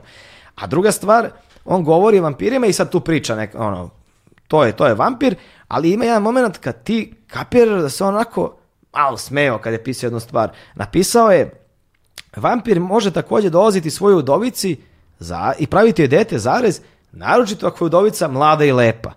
I ti si u fazonu, brate, znaš kao ne, nešto mi deluje kao da je brk krenuo, razumeš malo, da, da, znaš, da, da, na sever. I, ovaj, I sad ja kao, naravno, to je ta racionalizacija, to je i Joakim Vujić pisao tome, i, znaš, kao, jer i Zečević je pisao tome, znaš, kao dešavalo se, uvijek je bilo taj moment... Uh, seksualnog odnosa mitološkog bića ili bogova i smrtne žene, znaš, ali to je u stvari objašnjenje kako to da je nastao, ne znam, Herkul ili ne znam kako to da je, ne znam, Miloš Obilić ili, znaš, kao uvijek je bila ta priča zmaj, zmaj ognjeni, ognjeni vuk i to, kao zmaj i smrtna žena, razumeš. I onda baš priča mi, ne priča mi, nego umro je mnogo ranije što sam se ja rodio, jel? ali Zečević je zapisao ovaj jedan primer, On je baš zapisao primjer Vampirovića, deteta vampira, ali e, na početku govori o tome kako je jedan čovjek došao u neko selo obučen kao zmaj, šta god to značilo, i domaćin ga je pustio da on dođe kod njega u kuću i kako kaže, nije obljubio, nego ponudio mu i svoju ženu. Mm -hmm. Da zmaj spava sa njegovom ženom. I kao posle dobio dete i to dete je rođeno, kako to oni kažu, zmajoviti ljudi su obično rođeni u zelenoj posteljici, znaš, kao crvena je veštica, ne znam, crna je vampir i tako dalje. Ali, s drugi, to je nasledđe, to, znaš, kao. Ali ovaj, ta seksualnost mi je bila zanimljiva, zašto u stvari, po, po gro priča, to u stvari to znači da muž je umro, udovica je zatrudnela. I taj motiv je često očuvan ne samo u narodnim predanjima, u stvari u izvorima, pošto se više davno ne priča, već i u domaćoj književnosti 19. veka. I sad šta je, kad malo razmišljaš, ono, moraš razumeti malo kontekst sela kao patrihalne celine, ali pazi, patrijarhat, to je stvar koju pogađa i muškarci i žene. Mm. Znaš, kao i na jedne drugi ostavlja posljedice na žene sigurno gore. Ali recimo muška seksualnost i ženska seksualnost na selu nije isto. Muškarci ipak imaju malo prostora za vežbu. A e, ženska seksualnost i nevinost je ipak njen kapital.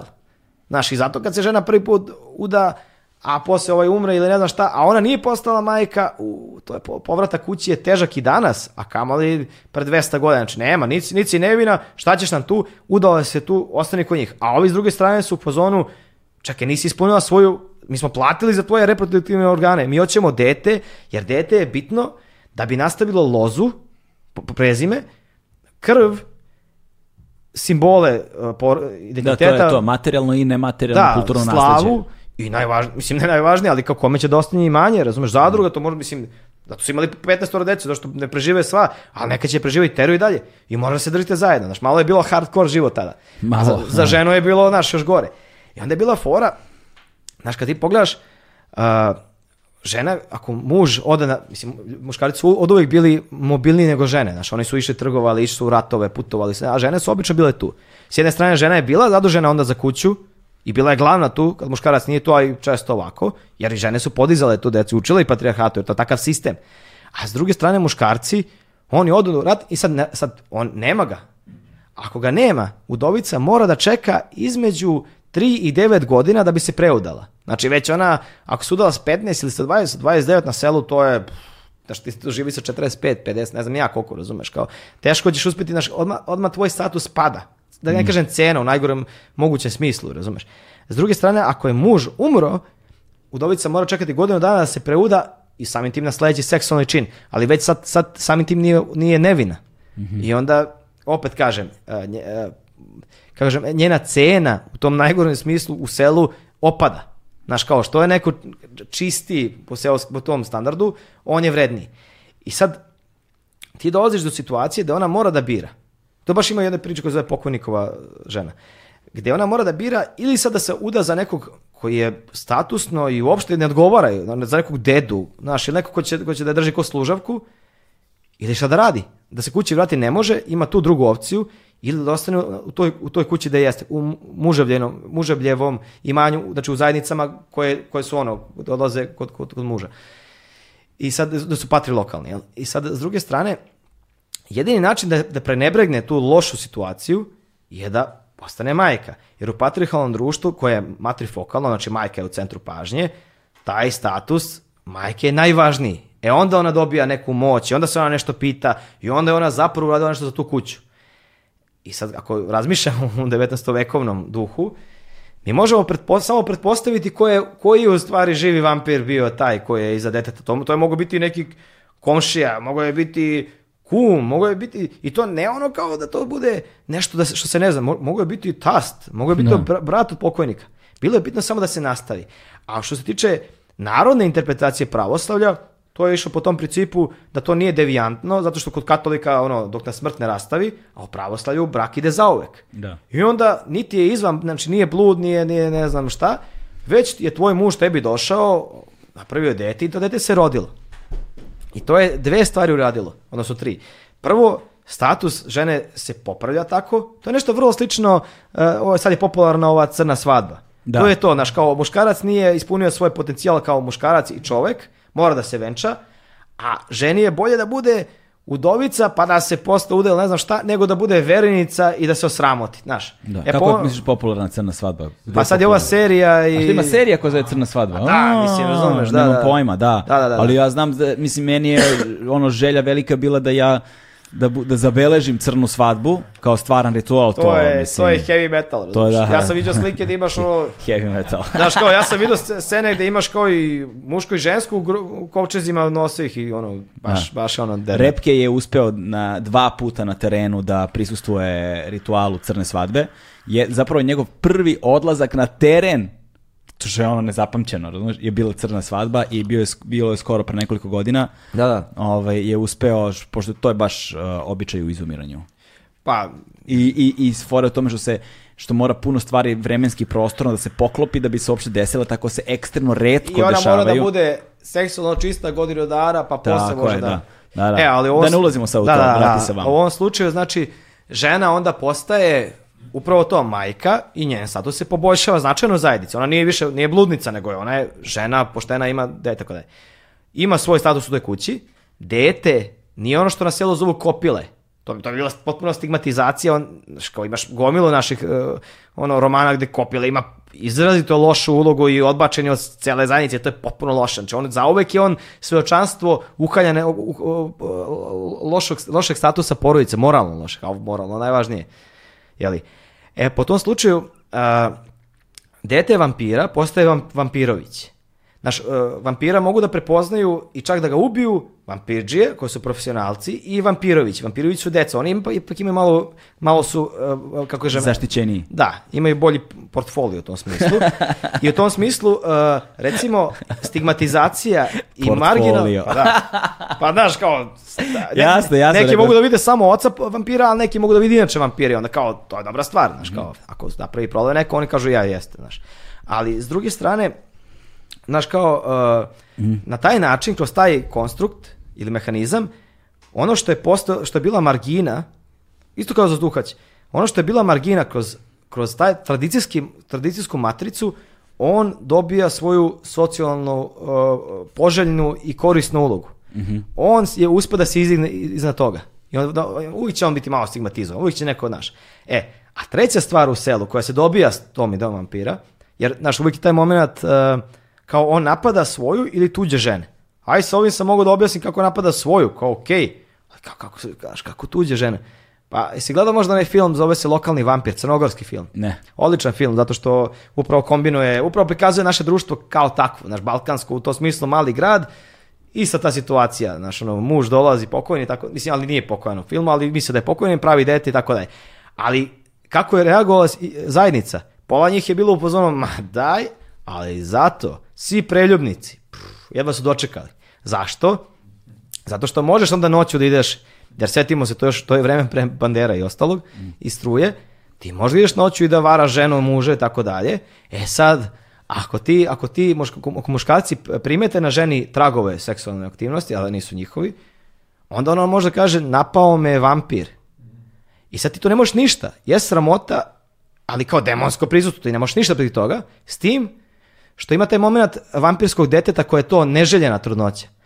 A to je onaj moment kada a, u stvari seme muža može da pobedi seme vampira. Zato što seme pokojnika izrodi dete koje je u stvari, kako oni to zovu, ili, ili gruben, grumen krvi, bez kostiju, ili nešto izobličeno, ili nešto sa, sa falinkom. Mm -hmm. A to mhm. takođe može biti mehanizam koji su se u stvari odbacivali obacivali deca sa određenom urođenom bolešću. Mm -hmm. Znaš, kažeš, e, vampir je. Ako se rodi zdravo, e, onda je moje. Da, Jer ne da. može vampir da proizvede nešto što je zdravo, živo i ne znam šta, on je baš i verzija svega.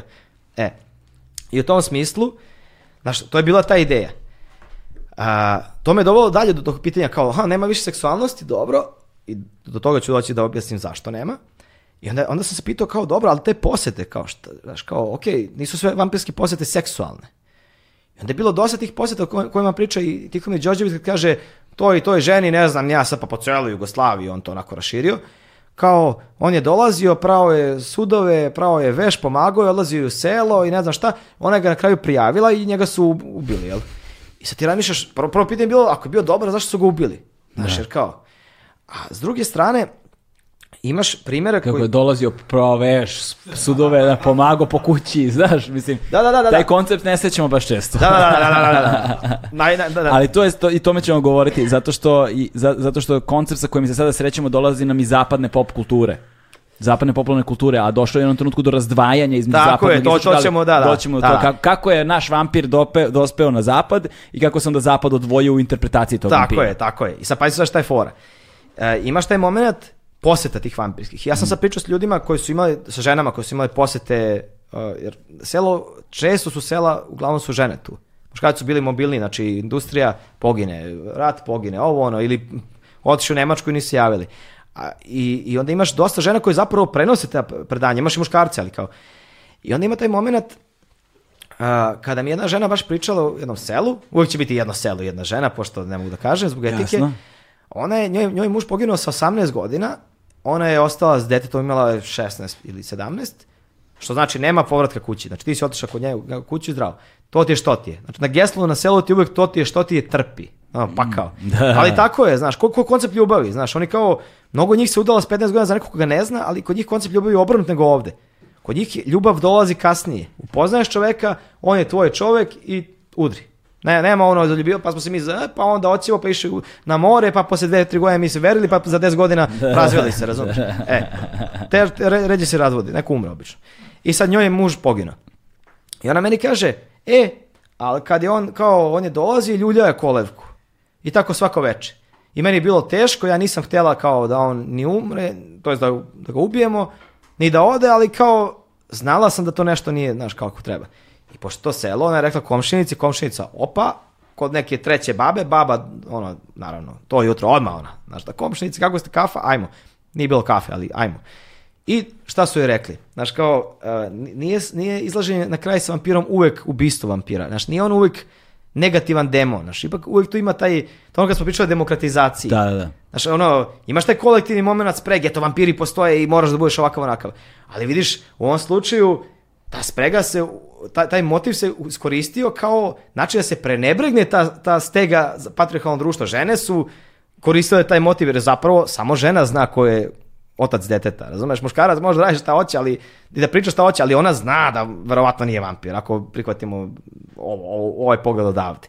Možda ovako jeste, ne znam. Ali u ovom slučaju bila je ideja da, da je mogla da bira ili toga da ga ubiju, tako što u tom kraju pospu uh, pirinač recimo kasnije, ali u tom slučaju bio ona to kaže leće, sočevo. Uh, ili baci na pod ili mak, baci na pod i kaže e kad prebrojiš onda se vrati, onda on ovaj broji.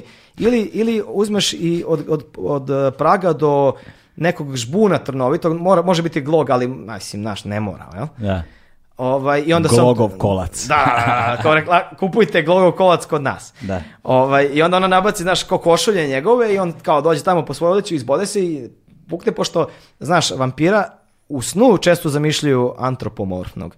Aha. Ali uh, ovako ga u grobu zamišljaju kao, to znači utenčiti se, uštaviti se, pretvoriti se u, u ovaj kožnu e, torbu bez udova koja je ispunjena krv, nečim pihtijastom masom, krvlju i mlekom nekad često.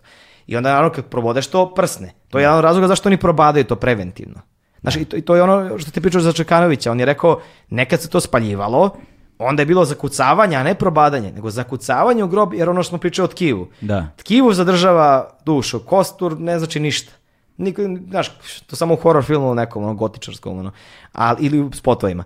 Ali u ovom slučaju, Znaš, kao ideja je preventivno probadanja. Znaš, vremenom je to došlo na preventivu, a ne da ideš ti sa probadaš čeka da se povampiri. Ne, nego on će se povampiriti ako zajednica koja je toliko jaka i toliko ono, kada je svetonazor toliko sve, sve prisutan, oni znaju da moraju. Ako ne uradiš to, e pa onda si sam kriv i doće ti. Znači, tradicija mora da se ispoštuje. I to je ta fora sa igricom. I onda ga oni, onda ga oni zapravo su ga kolcem prvo zakljivali da ne bi došao, da ne bi, kad, kad se je. probudi, da ne može da ustane. e, taj, taj, taj rad, znači, ne znači. ide on, neđe on, neće on niđe. Ali, ono, se, ali, se, ali se taj kolac, zapravo to probadanje se simbolički kroz vreme smanjivalo i da. postalo sve više simboličko, da, da. tako da na kraju je bilo dovoljno samo iglicom bocu kožu, ja sam te probao. Tako je. Znaš, I nije više bio kolac. I to, pazi, to se dešava i sad na selima, znači... E, ali samo, ali samo tu, to, ovo nam je dobro mesto da pomenemo onda kako se to sa modernizacijom menjalo. E, a to će bukvalno za dva minuta kažem. A, okay. U ovom smislu. Znači, pazi, to se zabadanje, ja sam bio kod jednog grobara sad neću kažem grad, pošto ima jednog. Ali recimo, on mi, ja sam ga baš pitao, jel vam neko traži da probodete? Jer, znaš, kao, pričat ćemo o tome, ali smrt je postala državna stvar. Nije više porodična, privatna, seoska i ja ću kako ću ja, nego, znaš. I u tom smislu, ja sam ga pitao, to radi, on kaže, e, dešava se, kaže, pogotovo naši u inostranstvu, Oni traže da se pošalje leš negde u Norvešku ili Nemačku, a da se zakuca ekser u petu, recimo. Nema zebancije, razumeš. Ne smijem da psujem, ali doćete vi on. E, u svakom slučaju... Možeš ovde da psuješ, ovde je da. dozvoljeno. E, da se vratim na ovo. Znači, i na kraju ta žena koja je poginuo muž, njoj su rekli, evo imaš tu opciju ili opciju da uzmeš, ova, imaš i opciju sa, sa čarapom, da napuniš zemljom njegov, s njegovog groba i baciš u, u reku njega da. reka nosi zdravo. Znači to je ono da ga odaljiš iz, iz ovog sveta, znači sveta sela, to je najvažnije uvek je selo centar planete. Za, uvek je Beograd, ako živiš u Beogradu, tebi je Beograd centar sveta. Znači ti, ti uvek gledaš iz svoje zajednice. Ne gledaš Pariz iz, iz Beča, ti gledaš Pariz iz blokova. Čak ne, da. ne iz centra grada. Ako si u Donjem Zuniču ili u Temskoj, ti gledaš iz Temske pa, Pariz. To je normalna stvar, tako gledaju svi. E, u ovom slučaju postoji način da ga zadržiš u zajednici, a to je da uzmeš to leće i da pospeš od svog praga do njegovog groba i ti ga tako u stvari ispratiš na onaj svet. I on je otišao i nikad se nije vratio. E sad, mi to možemo posmatrati kao neku vrstu emotivnog odnosa, zato što ti zajednica dozvoljava 40 dana da ti prihvatiš, druže, šta se dešava. Mm. Nema više oca ili majke ili muža, to je što je, teraj, imaš 40 dana. Nakon toga je vampir, u stvari, verovatno neki psiholozi rekli, simptom mm. osujećenog tog momenta, razumeš, da Te ti nisi uspeo da se, a selo ne čeka. Selo, u selo ne, nema mesta, znaš, naravno da postoji depresija ili ovo ili onak, aksion, ne znaš šta. To nisu moderni koncepti, samo, znaš, drugačije doživljavamo da sada i, i sad više govorimo o tome. Ali tada je sve to bilo devijantno, znači kao, druže, ti ideš na njivu ujutro, tu nema, znaš, nije mi danas dan, kao ne mogu da ustanem. Mora da se Ima da radi, da se ustane četiri sata, alo, petlovi, znaš, zvonili. Ti moraš da ideš. Tako i ona. Ona je morala da ide da radi. Znači, ne možeš ti sediš kući, od čega ćeš, da- kako ćeš da hraniš tu dete i sebe? Moraš. E, ali imaš onda nešto se menja, menja se kontekst. I sad to je bilo pre 50 godina. Kad sam bio u jednom drugom selu, bio sam kod jednog čovjeka koji je za sebe govorio da je kao najveći vampirolog u tom selu. Što je sigurno jeste bio. I kod njega je bila fora što njemu žena umrla i sad on je govorio, nije se ona povampirila jer povampirenje je loše, čitao sam u trećem oku, Ali kao, to je tako, pričat ćemo o kontaminaciji onom filmu, u trećem oku, ne, da, da, da. Memedoviću, sve, sve se to uklapa u tu priču. Ali ovaj, on je recimo meni pričao kako se njegov, njegova supruga vraćala kao skakavac njemu, pa mu dođe na vrat jedan put, pa jedan put mu bio brat tu, pa je on video u njenom krevetu kako se ovako pomera. Ona je bila nevidljiva, se pomerala, ovaj krivač se pomerao i ona je tu disala i on je bio, ja kažem njemu, pa vas bio strah, šta ste radili, jeste proboli, jeste... On kaže, ne, ne, ne, to je moja žena, kao, ja nju volim, kao, a u stvari on nema nikog drugog.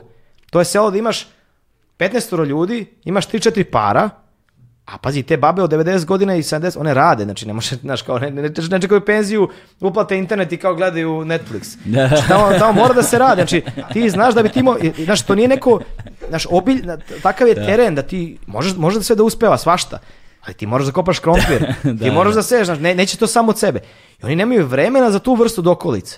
Znaš, neki imaju televizor, a bio sam u selima da nemaš pod, naboj, znači ono, nabijena zemlja, ono, struja, nikad, nekim selima nisu nikad ni imali struju.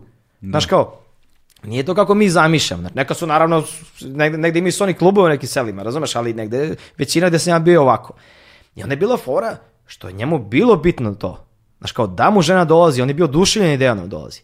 E sad, znaš kao, možda i mogu na kraju da kažem, prema što krenem da objasnim u stvari šta se promenilo, Da pomenem još jednu stvar, još jedan motiv koji se pojavio, ali to, je, to pokazuje baš to. Znaš, kao grupno, znači ono kolektivno, grupno, rodno i onda individualno. Mm -hmm. Kako su individualno ljudi koristili to? Znaš, kao, sjećam se u selu Ravna, bila jedna starica koja mi nešto pričala, kaže, vidiš ovde, svi pričaju tamo gore u selu Vilinsko polje, znaš, i ona meni kaže, brate, mogu ti kažem nešto? Rekao, može, kaže, brate, nema tamo vila, rekao, pa kako rekao su mi vilinsko kolo, tamo niko ne ide, ne vodi stokom, kaže ona, pa da, zato što ja vodim stoku, ja rekao, šta to znači, kaže ona, kao, pa, brate, ne, ne, ne, neću da idem 10 km gore, jer svi napasamo stoku, ali ako ovde niko ne ide, a ja znam da se tu ništa ne dešava, ja vodim stoku tu. Znači, eksploatacija straha masovnog, razumiješ? Da, da. Ona e, kaže, tu su vile, pusti buvu, niko ne ide i ona je, ima za stoku, ta, ne mora se cima. Tako je, razumeš, da. bravo, to, bravo. Ali to ti je onaj moment kao ono sa seksualnošću, znači ne. prihvatiš ono što, što ti ono živo daje i zajednica dozvoljava, I onda iskoristi, brate, ako si pametan. I bilo je stvarno ljudi, znaš, kao, baš e, to kaže, mislim, piše e, Vuk Karadžić, kaže, ne, ne, neke stvari koje nisu uopšte logične, kažu, znaš, kao vodenica. Ajde vodenica možemo da gledamo kao na kraju sela, pa je liminalni prostor. Ali to je e, prostor hrane. Znaš, ili recimo, znaš, vajati to. Jer Vuk Karadžić kaže, vampiri često dolaze, u množini kaže, kao pogotovo u periodima velike gladi. Mm. I ti kao razmišljaš, Brate, što bi, kakve to veze ima? A to s jedne strane znači ljudi umiru ili su bolesni, a iz druge strane nema hrane. I onda sam više puta čuo priče, čak sam čuo ljude koji su se ono noću uzimaju lance pa drndaju, razumeš, iznad ove vodenice, ovi pobegnu i kao klinci, znaš, to su kao deca radili i onda, znaš, dekraju i piče, znaš. Ali možda zamisliš nekad kad je bilo ono da umreš od gladi, pa šta su sve ljudi mogli da rade, razumeš, pod okriljem tog straha, znaš. E sad, do da stvari tu ovu celinu prema što krećemo na onaj hardcore da. neki deo, Ovaj, šta se u stvari promenilo? Pa, u stvari, cela ideja, naš, mi doživljamo naše društvo kao, znaš, ovo selo je tradicionalno, a gradovi su moderni, znaš, ali odnos tradicije i modernosti je fluidan mo moment i on se, znaš, ide gore-dole, ali to je, to je moment hibridizacije društva. Hibridno društvo ili hibridna kultura, kako to Kanklini Nestor objašnjava, na primjer Južne Amerike, to je društvo gde Uh, odnos između sela i grada više nema jasno među. Mm -hmm. Znaš, kao nije više ovi su ruralni i ono, poljoprivreda i stočarstvo, a ovi su industrije i ne znam šta, nego sad i ovi imaju televizore i sad i ovi se pelcu i ovi imaju struju i ovi imaju... Internet. Internet, razumeš, imaju mobilne i ovi imaju, a ovde je stanovništvo sa sela. A stanovništvo sa sela odišlo u gradove, mislim, naše društvu Mm -hmm Znaš, koliko ljudi živelo 1844. godine u gradovima, ili ono, 8000 ljudi živelo u varošima, razumeš, kao od, od, od milion i po dva, razumeš. Svi su živeli na selu. Ono, 44. E, pogledaj koliko ljudi živelo do, do 45 godine, 45. godine u, u, selu, a koliko u gradu, a onda koliko ljudi živi u 70. godina. Znači, onda koliko njih živi 90. godina i tako dalje, tako dalje. Cela ideja je o tome da to je jedan lokalizacijski od, uh, e, proces. Lokalizacija Znači, preklapanje globalnih i lokalnih tokova koji proizvode jedan hibridni model društva. Mm -hmm. I sad kako bi to mi objasnili na primjeru sela? Znači, ja kad sam njih pitao, dobro, vile veštice, vampiri, ja, oni su bili u fazonu, nema, nema ili ima, ali ima manje ili to je nekad se pričalo, a sad, ja kažem, pa dobro, a šta, od kad nema vampira, od kad nema vila? I tu su krenuli stvari genijalne etno eksplikacije. Mm. Znaš, kao ne one racionalističke što oni očekuju da ja kažem, e, ja, bravo, ja, ja se slažem s vama. Nego oni su meni rekli, Pod jedan, naravno, kao vampira nema, zato što više nema ljudi, nema ko da se vampiri. Pod dva, vampira nema kad smo svi pelcovani. Znaš, kao vampira nema kad smo svi počeli da umiremo u bolnicama. Znaš, kao, vila nema više od kada je priroda zaprljana. Ili u zapadnoj Srbiji kažu, e, vila nema od kada ono, su bombardovali 99. i onda su vile pobegle u planine na vrhove i tu ih više niko ne viđa, razumeš? A, ili recimo naj, najzanimljiviji je bio, uvijek kažu od kada je Tesla došao. U stvari od kada je struja došla, naš struja. Da? Zašto? Zato što se prvi put menja drastično tehnološki se menja stvarnost. Znaš kao, prvo, znaš kao i crkva se tu pojavljuje. Mislim, ne u komunizmu, komunizmu ne, ali kao, znaš, kao e, institucije se menjaju. Znaš kao, nema više zduhaća, imaš vremensku prognozu, znaš, nemaš više, znaš kao, ne moraš ti, ako, nisi ti načeo. Država te pelcuje već ono od 60. godina, 50. godina, da. mora, razumiješ, svi su pelci. Mislim, da, vakciniše. Vakciniš se, da. Nego oni kažu pelcu. Da, da. Pa onda kaže, kad umreš, oni te vode u bolnicu, pa te otvore ili te operišu, nema šta da bodemo. Ti si već otvoren, ne možeš se, da, znaš, utenčiš. Mm. Znaš, kao, e, više nema ono seksualnosti, proti imaš onaj test za, znaš, kao, ko je otac, ko je ma, za koju majka da, da, znaš da. u principu, ali kao ko otac, sad također znaš mnogo lakše, ne možeš izvučeš na tu priču vampir. Da, da. S druge strane, imaš, brate, svetlo, znači dan i noć više nisu takvi kakvi su bili. Putovanje više nije isto. Da. Znaš kao, do duše, ovaj, nije, nije sve nestalo i dalje se pojavljaju vampiri i dalje se pojavljuje osenja. Da. Znaš, kao, ali ja smatram da su neke stvari nestale, da su određeni motivi, iako ne gledam sve funkcionalistički, mm. ali određeni motivi su ispucali svoj korpus da. funkcija i sad, znaš, mm. kao, ako nema te potrebe, one, one nestaju. A one koje mogu da se prilagode, one mm. mo, ili imaju više funkcija, kao vampir, on ima više funkcije, prilagođava se i ima jednu ogromnu bitnu funkciju A to je ta vezana za stvarnost o kojoj ćemo pričati mm -hmm, sada. Da. Znači sad ćemo preći na tu priču. Ovaj, da, ali sad to je zanimljivo, zato što ti si rekao, to je ono, i to nešto što smo pričali, da je vampir se na selu u suštini ne toliko gubi koliko se transformiše. Tako je. Zato što, zato što postoje, odnosno krune se. Tako je, to je motiv koji se nad, nadgrađuje, znači brikolacija uh mhm. -huh. i krunjenje.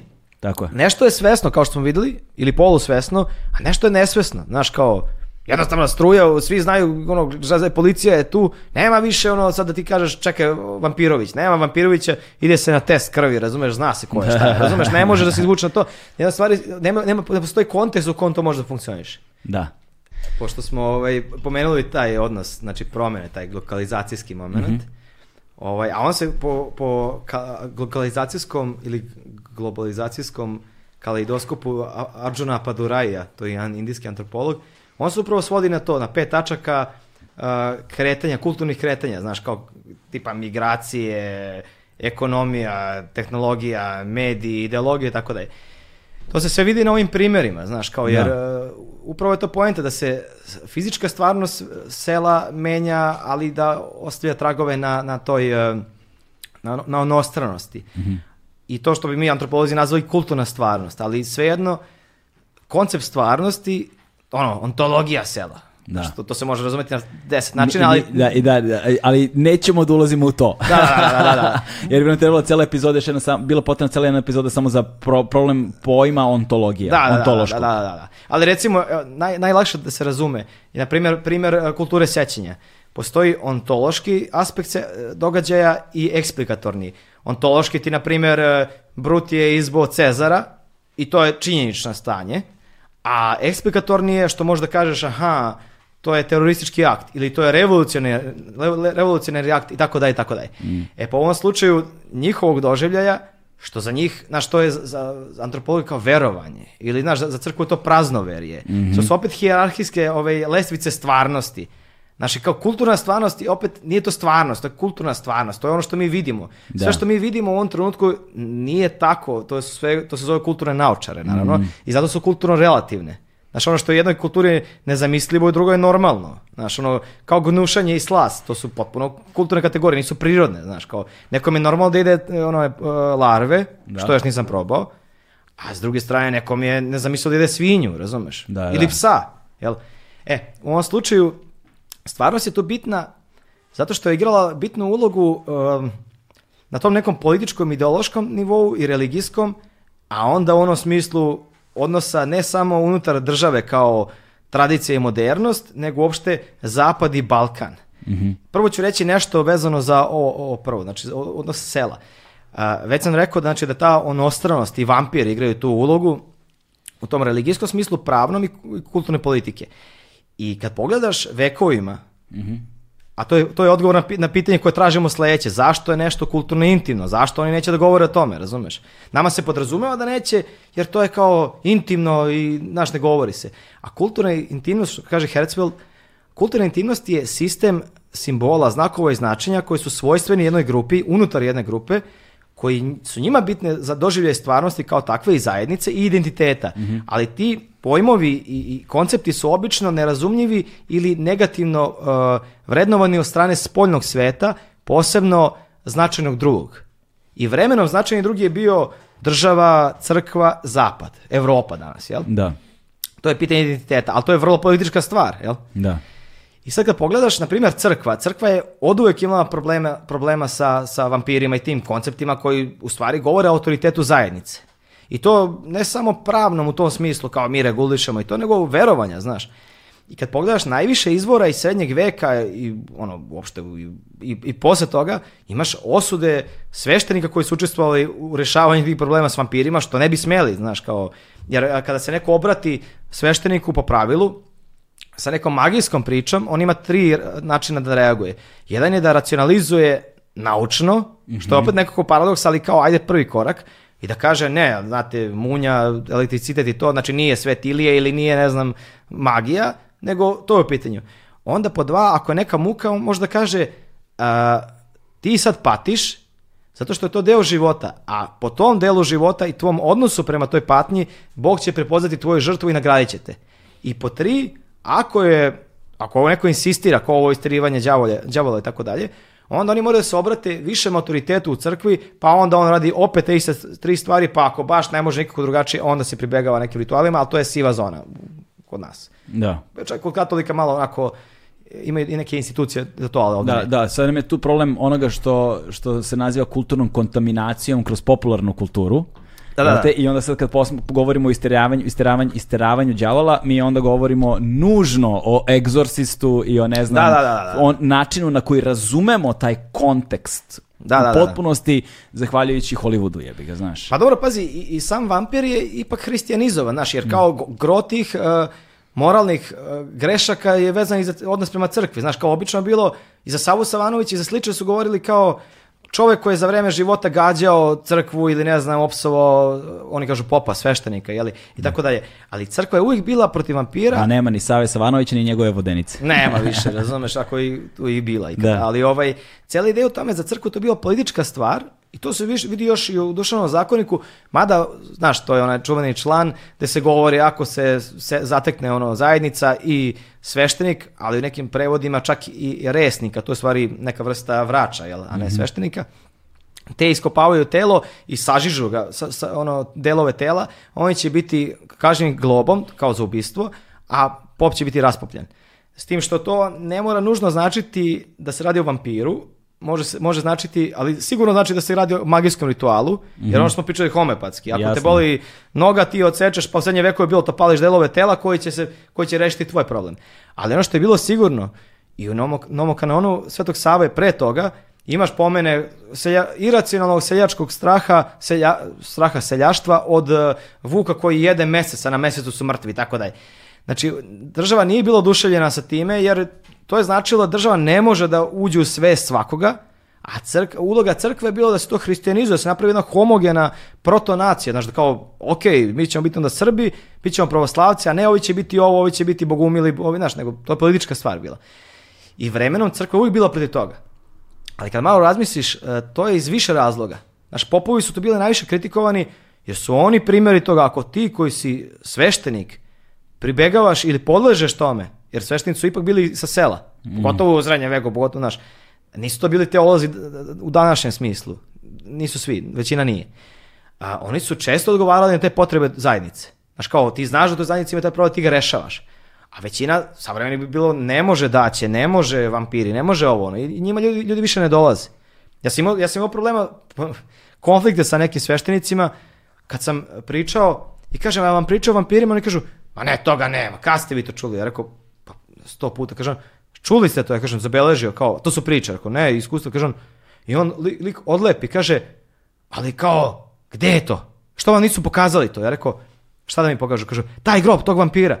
Ja rekao, to je individualno spiritualno iskustvo, transcendentalno, ne može, znaš, ne može neko da uslika pa da mi pokaže. Kažem, e, pa kako onda možete da verujete u nešto što niste videli? ja rekao, čekajte, razumeš, ja poštojem i znaš, crku, i, ali poštojem i ovog, kao ne razumeš što je to drastično različito, pogotovo u tom racionalnom smislu. On kao, da, ali to je praznoverje, a ovo je verovanje.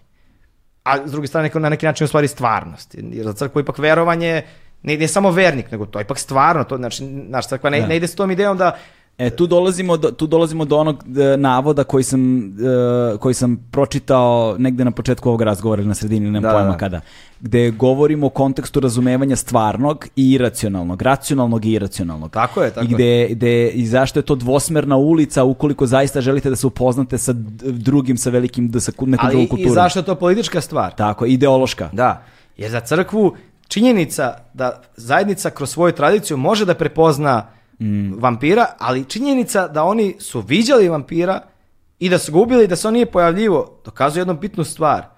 Da je onda, ko što kaže Dirken, društvo je tvoj bog. E pa ovo selo je tvoj bog.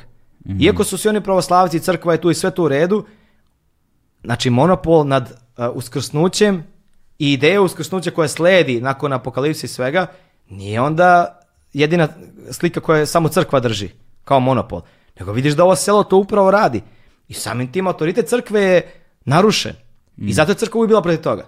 S druge strane, u pravnom smislu država je bila protiv toga od uvek, jer to podriva. Znaš, ti si imao Dušanov zakonik.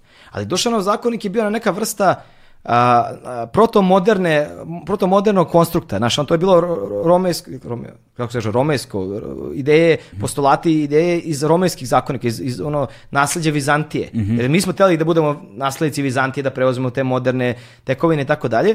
I paralelno s tim je postojalo običajno pravo i sad imao si krvninu i tako dalje. Ako neko neko ubije, ti moraš da odeš, da ubi, ti moraš ubiti neko iz te, da, iz te zajednice. Krvnu osvetu, da, krvnu osvetu, da. U, u dušama zakoniku bilo je plati globu, gledaj da spečiš ovo, kad su došli Turci bilo je u, raditi šta god hoćeš, samo plati državi i nas ne zanima šta ćete vi Srbi, baš nas briga. Mislim, oni, Turci nisu, kogoto nama delovalo, nisu nastojali da toliko ovaj, e, promene naš kulturni koncept, zašto njima to bilo, mi smo samo stanica ka, ka dalje. Da. Nisu oni toliko baš ulagali u kulturnu politiku.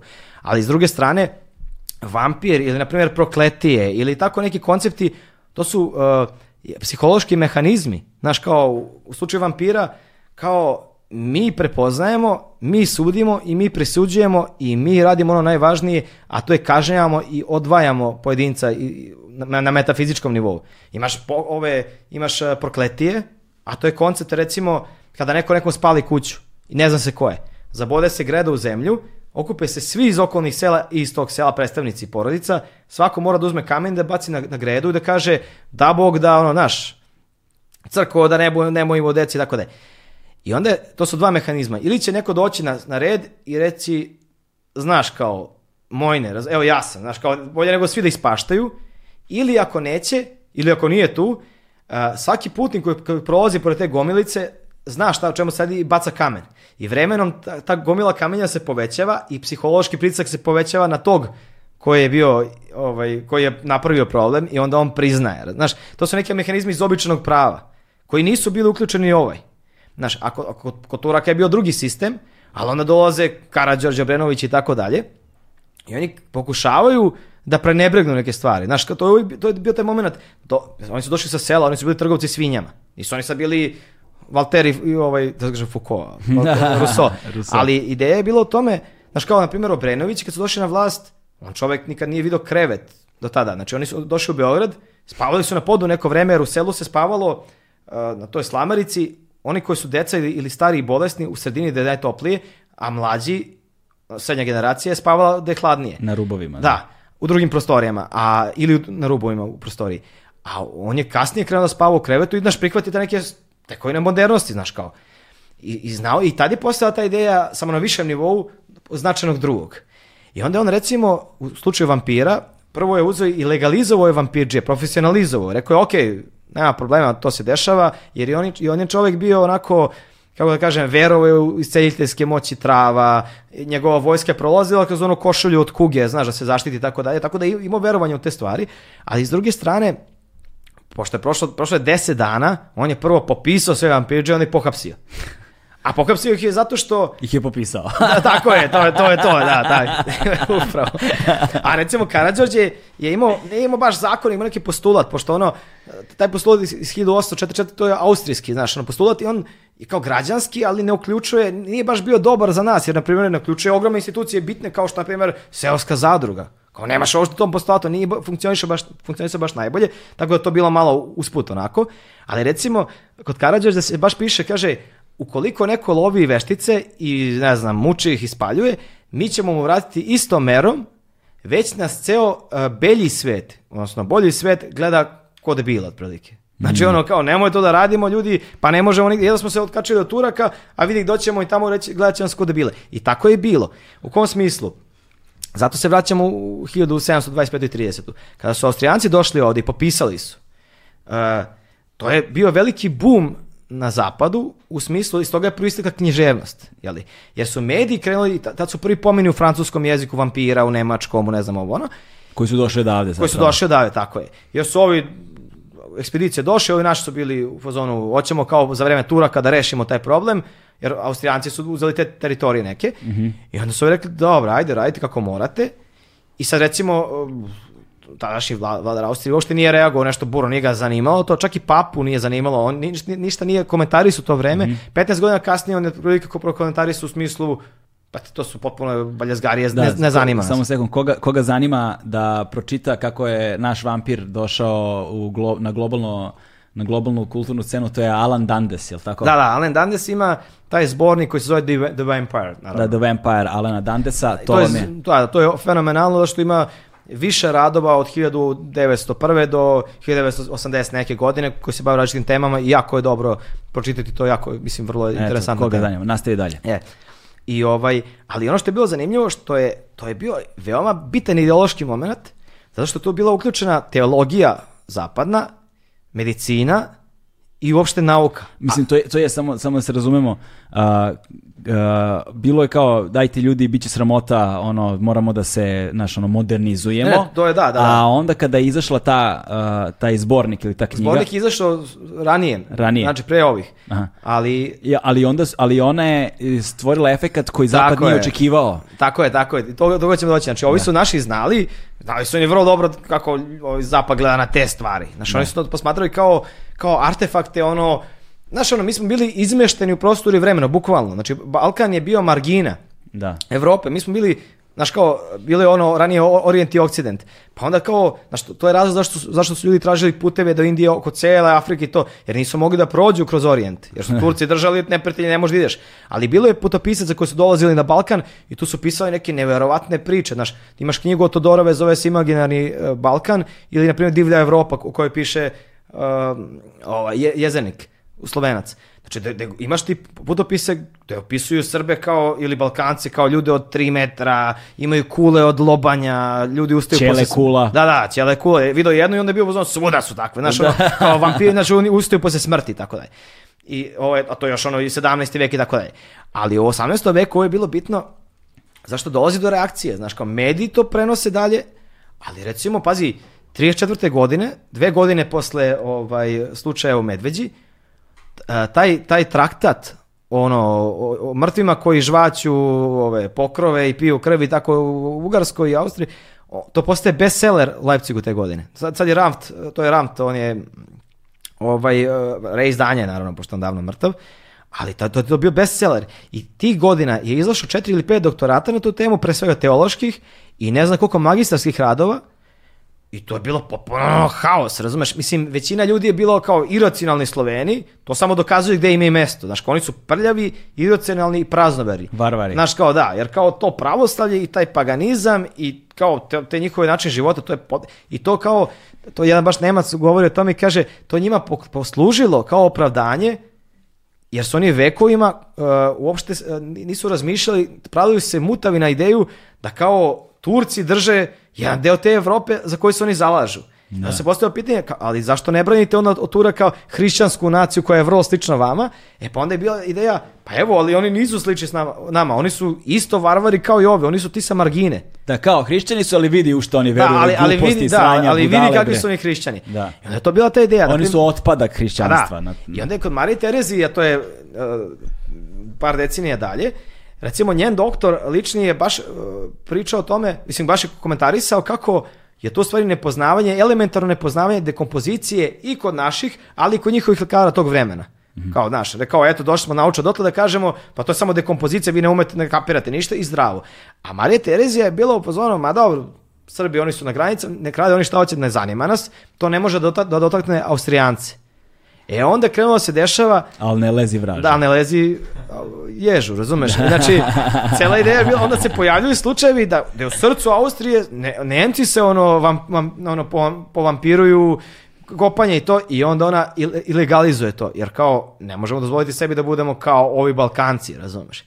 I tu je ta cijela priča sa iracionalnošću. Iracionalnošću, znači tada postaje ideja da kao vampir je iracionalno i to je posledica primitivnih društava, A drugim rečima, stvarnost kao takva je jedina ta zapadna, teološko-medicinsko-naučna, prosvetiteljska zapadna.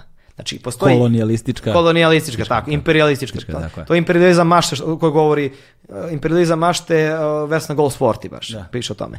I imaš ovaj, tu ideju da, eto kao, Postoji jedna stvarnost, a ovi su primitivni u tom smislu. Znaš, kako kažu, znaš, kao, kako romantični primitivni, neki tamo, znaš, kao ono e, Robinson Crusoe, pa kao primitivni divlja, da, plemeniti divlja. Da, mislim, Robinson Crusoe je odličan primer, da, da, da. zato što se na Robinsonu vidi duh vremena Ovaj... Ali i prelom u njemu, znaš da, da. on prvo bude kao, je, znaš kao, ti si moj rob, ja sam gospodar, i onda kad postoji, znaš, on prihvata njega kao čoveka, kao... Ali, ali, postoji, ali postoji jedan socioekonomski konstrukt uh, unutar samog, sam, sa, samog Robinzona kao književnog dela. Da, da, da, Znaš, da. jer u njemu ti vidiš po principima, principi po kojima on radi, kako on ograđuje svoj prostor, kako obrađuje svoj prostor, kako ne, tako gaji je. zemlju, kako gaji životinje, tako pa je, hjerarhiju da. životinja, da, pa da, gde da, svima mesto. Znaš, ti sad prvo vidiš po načinu na koji on kreira taj svoj svet na pustom ostrvu, da je on uh, zapadnjak evropljanin, hrišćanin. I to viša klasa. Da, i to viša klasa na prvom mestu,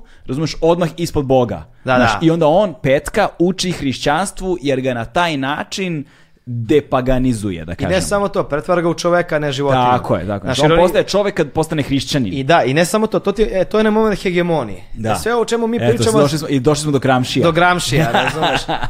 Ali to da postoji i Stuart, Stuart Hall i, i tako da Dobro. Ovaj, jer Gramsci je naš hegemoniju bio, postavio na, na ideju klasa. Znaš, mislim, kratko je ovaj, živeo, ono, sa dva, ona ima zapisi zatvora. Da. Ali on je to uvotio sa za klasnu borbu i to, ali Ovaj, zato, je, ho, zato je Gramsci u, u, u, u kalendarima ono svih levičara. Da, znaš, da, kao, crveni, crveni, crveni slovom. Da. Jok. Ovaj, a recimo Hall je e, postavio hegemoniju na nivo kulture. Da. Jer, a u ovom slučaju to, to bi bila bukvalno kao neka vrsta ideologija stvarnosti, znaš, kao jer hijerarhije, znaš, kao kao verovanje što imaš, tako imaš, iz toga proističe vrednost identiteta onoga koji, koji jeste. Da. I što kaže Kanklini, recimo, on kaže, u tom hibridnom društvu neke stvari se muzalizuje jer moraju biti muzalizovane, nekima se dopušta da postoje, sve dok ne dodirnu suštinsku tačku hegemonije.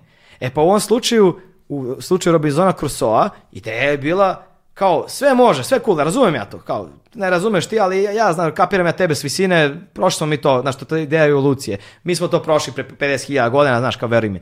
Ali kad su se dovatili Boga, Robinson Crusoe odlepi, razumeš? Oni se svađaju, on mu kaže, moj bog je onaj papu, da. ne znam kako već, kao krokodil, a ovaj viče, ne, krokodil, to, nema, to, to je potpuno glupost. Kako može krokodil da ono u okeanu napravi, e, znaš, zemlju i kao to, to je nemoguće. Bog je napravio jednu površinu vode pa za 7 dana. evo ovaj ga gleda kaže, pa to ne, kao isto je. On kao, ne, kao velika, ogromna razlika. E tako je bilo sa Austrijom ili zapadom i ovima, znaš, kao, bila je ta ideja, super sve, budite vi ti primitivni drugi, a e, mi ćemo da budemo racionalni. I sad, s jedne strane, oni su napravili paradoks, upravo kroz tu književnost. Oni su uzeli i napravili su tu ideju jedne stvarnosti, ali kroz književnost su tu svoju ideologiju kolonijalnu, jeli? Ovaj, orientalističku, u ovom slučaju balkanističku, znaš. Mm -hmm. Oni su pokazali da u svakom književnom delu postoji paralelna stvarnost. Znači, postoji evropska i onda postoji Balkan koji ima potpuno drugu stvarnost u ranim uh, književnim delima. A pazi, ideje orientalizma i balkanizma su ti odgovor na pitanje, o čemu piše Edward Said, a Marko Pišev je pričao o tome, to je odgovor na pitanje kako može 300.000 Britanaca da drži 300 miliona Indusa. Pa tako što ih ubediš da su toliko primitivni da bi bez tvoje birokratije i tehnologije implodirali ti njih da. spašavaš, razumeš? E, tako i ovo, kao, Dobre. ljudi, jel vi vidite da ste vi divljaci, ako, ako vas mi pustimo, pazi, ali to je motiv, taj, taj motiv, uh, zemlje, krvi, jezika, ne znam čega, koje su posle neki drugi eksploatisali, je uvek ostao u zapadnom diskursu kad pričaju o Balkanu. Znaš, uvek je Balkan taj divljaci koji ratuju. Da. Znaš, kao, niko ne kaže ko ti daje oružje ili zašto ti, nego, znaš, oni vole da ginu, naš to kao junaštvo i to, to, to je kao specifično za njih. A zapravo, baš ono kad je pričao Kokjara, pa, pa te prva, prvi bestselleri su ti bili se, bestselleri, ono, grčke, junačke priče, pa Nibelunzi, pa Osijan, Britanija, ono, pa, pazi, a švajcarci su najluđi. Oni su imali ovaj mit o Viljentelu, koji je stvari da. nordijski mit, ali nije ni bitno. To je, to je narodni mit koji su onda svi prepoznali kao, e, može. Ali, ali onda je i Vuk Karadžić, do koga smo bili, sad ćemo doći baš do njega, on, je, on se uvatio za te e, junačke pesme, baš u tom duhu. Ali recimo, kad on priča o vampirima, on ne govori, na, nije naslovljen vampir, mm. nego vukodlak, iz dva razloga. Pod jedan, zato što je on naživeo 100 godina u odnosu na te austrijske ekspedicije. I znao je vrlo dobro da ta, ta reč je simbol balkanske drugosti i izostalosti koja odzvanja. Pogotovo sa Nemcima kojim je on radio, mislim, Beč, Jasne, naš da. GT, Braća Grim. I onda je bio upozoran, bolje je Vukodak. Zašto? Zato što to, i bolje Folklor. Zašto? Pa zato što su u isto vrijeme to radili i braća Grim. Znaš, mm. oni su išli okolo i skupljali priče o vukodlacima. Da. Znaš, i onda kao, ako to Nemci rade, i mi imamo vukodlake, ako ništa drugo, bar mi nismo divljaci jer ih imate i vi, i ako ništa drugo, bar smo mi time evropljani, a ne neki drugi, razumeš? Tako je, da. Znaš, u tom je smislu bio, znaš. I tu, i tu je folklorna priča zapravo važna. Da, da, znaš, i to je onaj moment. I sad u književnosti zapadnoj, To sve kreće od, od, od balkanskog folklora, kako oni to zovu. I zato su ti, ali, ali kod njih je to vrlo bitno bilo, kao vampir je bio simbol te unutrašnje drugosti, znaš, kao uh, ivice Evrope, znaš, tog nepozvanog kontaminatora, znaš, taj strah. Zapravo u tom kontekstu Balkan se na, kont, na, na, na planu cele Evrope pokazuje kao liminalni prostor. Tako je, tako, upravo te pojenta. Napazi, Vesna Goldsworthy kad govori kao zašto baš Balkan, zašto baš ovo, zašto ono, pa zato što ima smisla, na primjer, da su oni uzeli sad neku čudovište sa pet glava koje živi u Singapuru i dolazi od centra Londona, ta pretnja ne bi bila uopšte, uopšte kao realna. Zato što kao... U Singapuru imaju lava onog sa tri glave što imaju fontanu, da. što, što, jel tako? Kako se zove taj singapurski lav? Sad čekaj, ajde pričaj, sad ću da ga nađem. ali ideja je u tome, znaš, kao nerealno je. Ali ako ti uzmeš motiv koji nije doko da. nerealan sa ivice Evrope i poznatog i civilizacije da i postaviš ga na ivicu Londona kao srca te ovaj, imperije, mm-hmm. jer, jer Drakula dolazi na, u predgrađe, znaš, pazi, i, i e, Lord Ruthven i Polidori i cela ekipa ranije su pre Stokera pisali o tome kako dolazi e, čovek sa Balkana donosi zemlju, znaš ono, ali e, ranije bio akcent na tome da je on zver. Da, izvini, nije, nije, nije sa tri glave, nego je, zove se Merlion, Merlion, da. Da, Merlion. Evo ga. Merlion Monroe. A, da, da, da. da, da, da ovaj, a, Merlion je zapravo, ima glavu lava i telo ribe. To je, to je mitsko biće njihovo. Da. Imaju ogromnu fontanu ovaj, u Singapuru e, tog Merliona Liona koji konstantno iz usta puca ono mlaz vode i onda znam da imaju lokalni sleng u Singapuru kad se napiješ mnogo I onda i bacaš peglu, onda si Merlion, zato što on sve vreme kao da povraća konstantno bez prestanka, razumeš tako izgleda fontana. pa ja, ja sam najdelje stigao do Knjaževca, ali, da, ali, ali morat ću ti verovati. The, the more you know. da, da, da, da, Eto još jedna nepotrebna informacija od da, mene. Izvini, dobre, molim te, dobre. nastavi dalje. E, ali to je cela ideja, znači, cela ideja je bila tome da on dolazi i sad najvaž, najvažnije od svega, on ne upada, on ne ruši, on ne zna šta, i on nije neki prljavi seljak, zaraže, ne znam čime, kako su, znaš, ono, austrijanci to doživljavali, nego on je viša klasa, on je praktično jednak njima, jer, znaš, kao viša kasta, viša klasa, on je neki, znaš, i naj, najveći strah u stvari je bio strah od kontrakolonijalizma, od kontaminacije rasne zato, i kulturne. Mm. Zato što kao, pa čekaj, u, u, u, znaš, u tim knjigama te žene koje padaju na njega, one ne padaju na to što je on divljak, znaš, samo u prvim pričama on je zver koji upada kroz prozor, sile lomi i tako dalje, ali kasnije one padaju na harizmu. Zašto? A to se najviše vidi kod Stokera. Stoker koristi e, Drakulu, kasnije se ispostavilo da, u McKinley i Floresku kad govore o putu Drakule, da se mislilo na Rumuniju konkretno, ali pazi, za, Lond za London ti je takođe Irska liminalni prostor. Znaš, Irci su ipak, nisu oni baš njihovi, znaš, I, oni su ipak malo... Irci su njihovi Balkanci. Da, da, da, da, da bukvalno taj rad. Da. I onda je to bio taj, taj moment kao, znaš, kao oni dolaze, a žene padaju pa, ničice pred njima, recimo, Ali for o tome što uh, to samo dokazuje jednu stvar, da iako oni doživljavaju Balkan kao, tad kreće ta romantizacija, znaš, kao, uh, kao Balkan razuzdan, mističan i seksualno, ne znam kakav već, u toj knjizi se pokazuje da je njihovo društvo restriktivno i da nije iskreno civilizacijski, da nije civilizacija to što oni misle da jeste, nego to je također restriktivna stvar i onog trenutka kad se pojavio taj Balkanac, evo, brate, njihove žene postaju kao ovi. A najvažnije od svega, ovi postaju kao oni. Jer onda ispadaju svi ljudi, da svi imaju iste seksualne naboje, odnos prema na privlačnost i tako dalje. I to je ono što je bilo za Zapa strašno.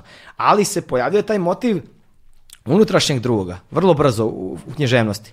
Znaš kao, više vampiri nisu sa Balkanaš, naravno da je Balkan ostao jedan od bitnih delova tog tropa, jeli, o mm. vampirima, ali vremenom u književnosti vampiri ne prestaju da budu demoni i prestaju da budu stvarni i verovanja i Balkan, a postaju ljudi kroz konkretno ljudske osobine, gde demonsko stvari u čoveku, zlo je stvari u čoveku, a ne neko, nekoj tamo sili, džavolu, ne znam, nego baš u čoveku. I onda je stvar u tome što ti drugi mogu, može biti ceo se, imaš Matison, ono, posljednji čovjek, na, ja sam legenda i to, posljednji čovjek na svetu, mm. da u stvari jedan je čovjek, a svi su ostali vampiri, da humanizacija je takva, znaš, u tom kontekstu. Pa onda kasnije imaš tu, taj moment, to, to, to kontekst ono straha od e, nuklearne devastacije kasnije. Pa onda me, e, vampiri postaju unutrašnji drugi smislu pankeri, pa onda postaju adolescenti, Pa onda... I, to, I to vidimo naravno u, naš, kroz, kroz ovu kulturnu kontaminaciju uh, popularne kulture, jel te, kroz Hollywood mi to zapravo odlično vidimo i tu dolazimo do on, tu se vraćamo zapravo na onaj trenutak modernog vampira, zapravo tih, tih, tih da, da. delova da. koji se krune, zato što kroz vreme, kroz tu modernizaciju krune se ti i otpadaju ti stari elementi, ali ako, se, ali ako nešto može se kruni, to znači da može se nadograđuje. Tako je. I on se nadograđuje ovi moderni narativi i negde je vampir u tom kontekstu oduvek bio deo zeitgeista, dakle duha vremena. Jeste, jeste. Znači onda ako govorimo o 2000, ne znam kojoj godini, mi govorimo o Twilight sagi, jebi ga, gde su vukodlaci i vampiri, da, da, tako da, da, da, da, I, on, I onda to znači da vampir u tom kontekstu nikada nije nestao, ali se transformisao. Da, pa evo recimo na zapadu su ti vukodlak i vampir dve različite stvari. Da. Pazi, čak, čak su, mislim, i nacisti imali jednu celu grupu koja se zvala ono, Vukodlaci, razumeš, kao, jer je to njihov, znaš, kao, nije to ista stvar.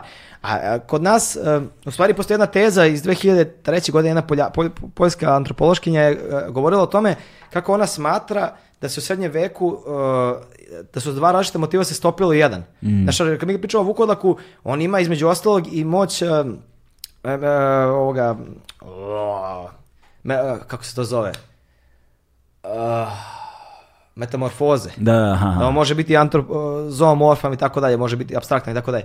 Ali uh, u srednjem veku kad malo radiš, pa brate, to je neko, neko jedno, jedno je vezano kao, kao osenja, znaš, kao vuk. Da. Znaš, zašto je vuk eh, toliko mi, bitan mitski moment? A zato što je on, znaš, pripada atoru prirode, ali zimi on se vraća u zajednicu ljudsku, što kao, znaš, on je uvijek negde između, zato njega je vezuju za onaj svet. Mm. Znaš, zašto on odlazi i vraća se uvek i tako iznova, iznova, znaš. Ali e, u zapadu, na zapadu se to pomerilo, znaš, kao odvojilo. Takođe, njihovi vampiri, zapad je zapravo zadržao više tradicijskih motiva e, u toj formi od balkanskih nego Balkan. Da. Zašto kod nas je to bila stvarnost i ona se menjala.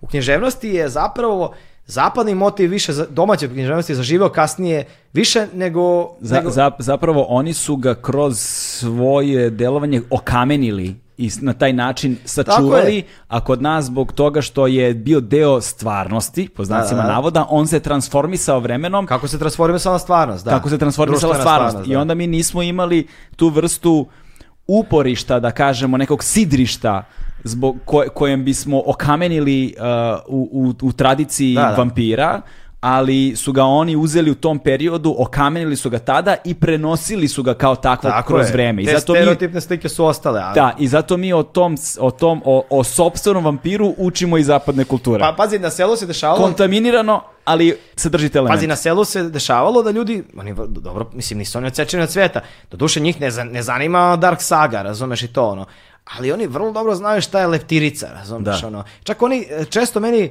s ponosom citiraju leptiricu, odnosno Savo Savanovića, ali najčešće kao kažu aha Glišić znam, ali kad krenu ti citiraju, da. ti kažeš a ovo je iz leptirice, zato što leptirice i Glišić se razlikuju u kraju. Aha. Ovde je happy end, ovde nije happy end. Znaš. Da, da, da. I ovaj, ti onda vidiš da su oni zapravo gledali film pre svega, a manje čitali Glišića. Da, da. Ali su oni ponosni jer je to iz narodne naš, uh, imaginacije mm. naš, kao najpoznatiji na svetu. Znaš.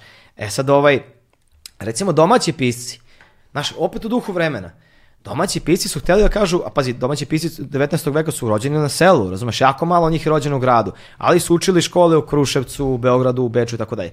I njihove priče, osim prvih priča, su priče koje ne, nemaju toliko formu bajke. Glišić je napisao prvu pravu bajku nakon, ono, nakon 90 godina. Ali pre toga on ima i Brata Mata, ima i e, Raspis i tako dalje gde, gde govori o vampirima. I svi oni govore ranije o vampirima kroz te motive koje Ana Radin naziva junakov san ili vesto lažno vampiru.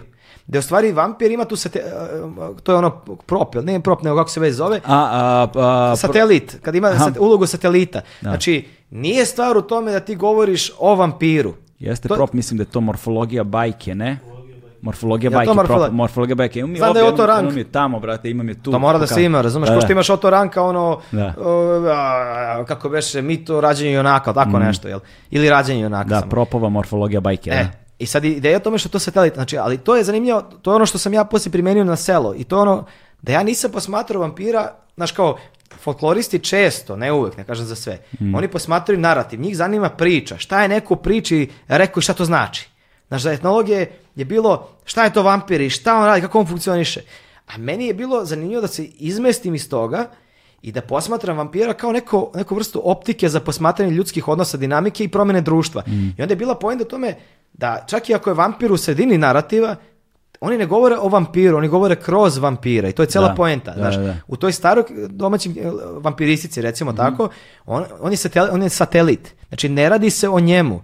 Oni kroz njega hoće da kažu koliko je naše selo primitivno da. ili koliko je seljak lukav ili koliko je seljak ili koliko su sve da. strukture, da. čak i one koje su moderne tipa kmet ili sveštenik, Dobro. koliko su oni i dalje primitivni u odnosu na grad koji je taj, taj bitan drugi. Znaš, i tad je bila ta ideja europeizacije, znaš, moramo, e, mi, ćemo, mi smo sad elite i mi moramo da se odvojimo od toga, ovi, znaš, ono, znaš. E sad, e, to je bila ta ideja. Tek od početka 20. veka kreće da bude abstraktno. Tek e, tada vampiri ili vampirice postaju e, metafora za specifično ljudsko, a ne demonsko.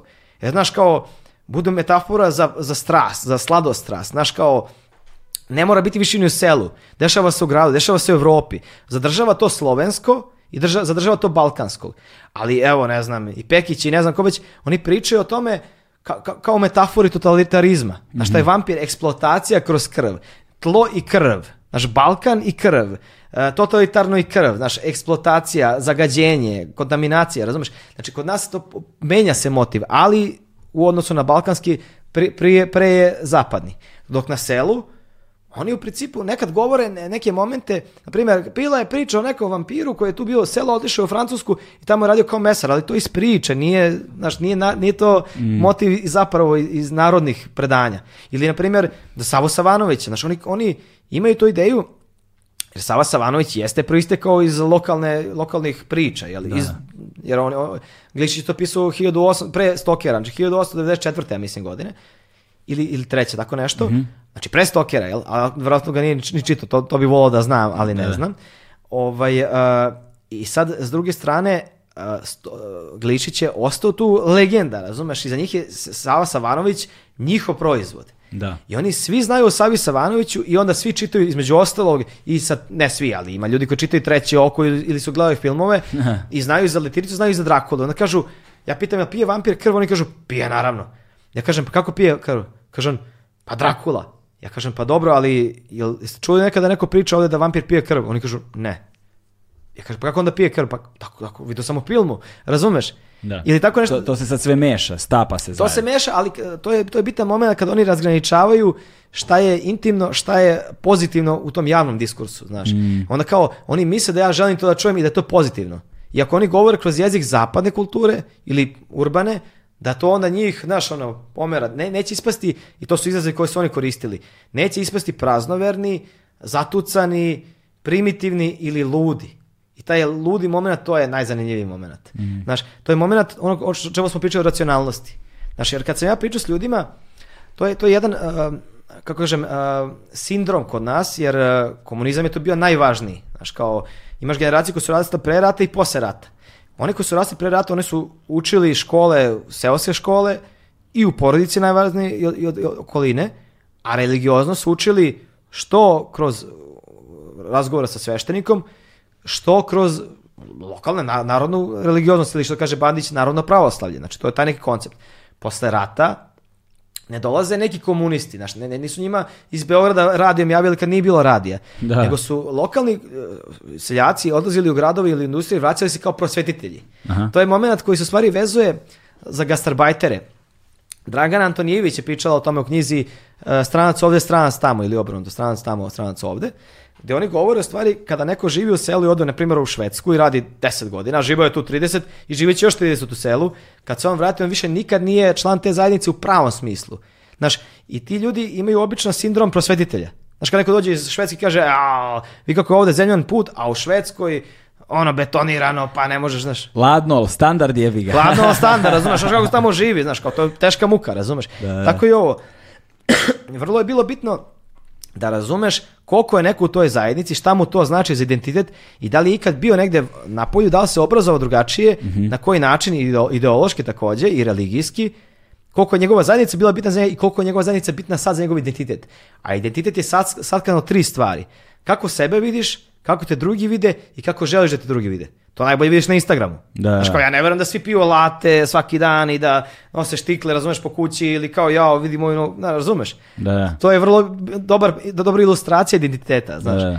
I onda je bila stvar u tome, kad sam ja razgovarao sa ljudima, oni su imali drugačije kategorije za to što, o čemu ja pričam. Neki su govorili da je to običaj, neki su govorili da je to baština, neki su govorili da je to tradicija, A jako malo je reklo njih, pa ne, ali to je to, to je stvarnost. Da to mhm. stvarnost je trebalo da duboko zađeš u razgovor, da oni imaju poverenje u tebe, a to sam opet kažem radio tako što im objasniš da to što oni meni pričaju uopšte nije iracionalno, mm. nego samo nije na Pinku, razumeš, ili da. ne znam, na RTS-u, zato što i nije, znaš, na RTS-u i kad pušte to, oni pušte muzealizovano, znaš, neka baba priča, oni snime i kažu, evo vidite folklor, ili evo da. Kol. Kako zovu to, trezor, da, da, trezor, taj, trezor, to je kao, znaš, kako je nekad bilo, ima i na Radio Beogradu um, nešto, do, e, dokumentarizam zvuka, jel tako nešto, nešto govori da bih te video, ili da, ne znam da, kako se to da, zove, da. i onda puštaju te stare snimke, meni su ti stare snimci fascinantni, fascinantni, znaš, dakle- kad ono posavratnom nekom selu pričaju sa nekom babom, ono, znaš, koja je tad imala 80 i nešto godina, ti dobiješ jedan prozor u život znaš, zaista koji više ne postoji. Tako je, ali upravo tim snimkom to je taj eksponat muzejski. Da, eksponat. Evo vidite u nekom, tamo negde. Ali ne razmišlja o tome da 30 km Beograda imaš to. Imaš da. u Beogradu, niko ne razmišlja o tome. Da. Svi su kao to neke, ko ona priča, ono, imaš one dokumentarac čuvene priča o konoplji kao da je to 19. vek, znaš, to, to, to relativno skoro je to bilo, znaš, kao ljudi pravili odeću tako, znaš, nisu imali svi jumko, kasnije jesu, sad ni jumko nemaš, mislim. Da, da, da, da. Ali da, da se vratimo na ovo. Jumko i jasa. Ove, ovaj, kako, e, industrijska konoplja. Pa, e, da, da, da. Industrijska ne, konoplja. Jedna baba baš u selu, Donja Mutnica, priča ona meni, kaže, menjao bako, pa kao, ona kaže, to konoplja pravili, znaš, ono. Ja kažem, pa dobro, kaže ona meni, a znaš, tako je vreme bilo, kaže, a sad isto, ja kažem, sad se to ne gaji, kaže ona, gaje mladi, Ali kaže, ali oni to sad koriste kao otrov. ja kao, dobro. Jer pa bilo je par njih koji su mi govorili kako su jeli semenke od kanabidoida. Ka, kako se kaže? Kanabinol, kanabinoidi. Kanabido, da, da, kanabinoidi. Čak da. prvi put sam, nisam trebao da se ispravljati, ne mogu šta, ne znam da, ponovim. Ali ovaj, da, da se vratim. Znači, cela ideja je bilo o tome, tu dolazimo do te, to, te racionalnosti meni u njima. Ili obrnuto. A, kad smo to razgovarali, znaš, bilo je ljudi, koji iako su proveli 50 godina komunizmu i znaš, ono, to su bile neke racional, racionalističke pitanja, tipa jedan čovjek mi je kaže, čekaj, reci ti meni sad, kako je moguće, znaš, kakvi vampiri, doduše kao to mlada nebesa, to je stvarno, ali kao reci mi, kao vidiš to, vidiš to nebo, kao, to nebo kao, znaš, do sad je umrlo 50 milijardi ljudi do početka sveta, kao, gdje da stanu svi ti ljudi, znaš, to su neka abstraktna pitanja da vidiš Da kao, nemam ja odgovor na to, ali zato služi crkva ti kaže tako je ili nauka ti kaže ne, ne, ne ideš nigde, nisi znaš, zavisi. Ne, ali, ne ideš ti nigde. Da, da, ali, ali bilo je zanimljivo onog trenutka kad sam ih pitao da objasne onda zašto su ljudi verovali. I onda oni mhm. kaže to je bila neka, ljudi su bili nepismeni, plašili su se, naivni su bili.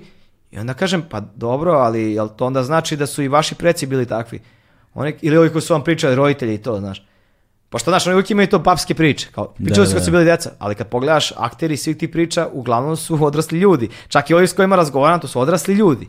Mislim, naravno to ostane s njima, verovatno tada učiš, mislim, kulturu, jel?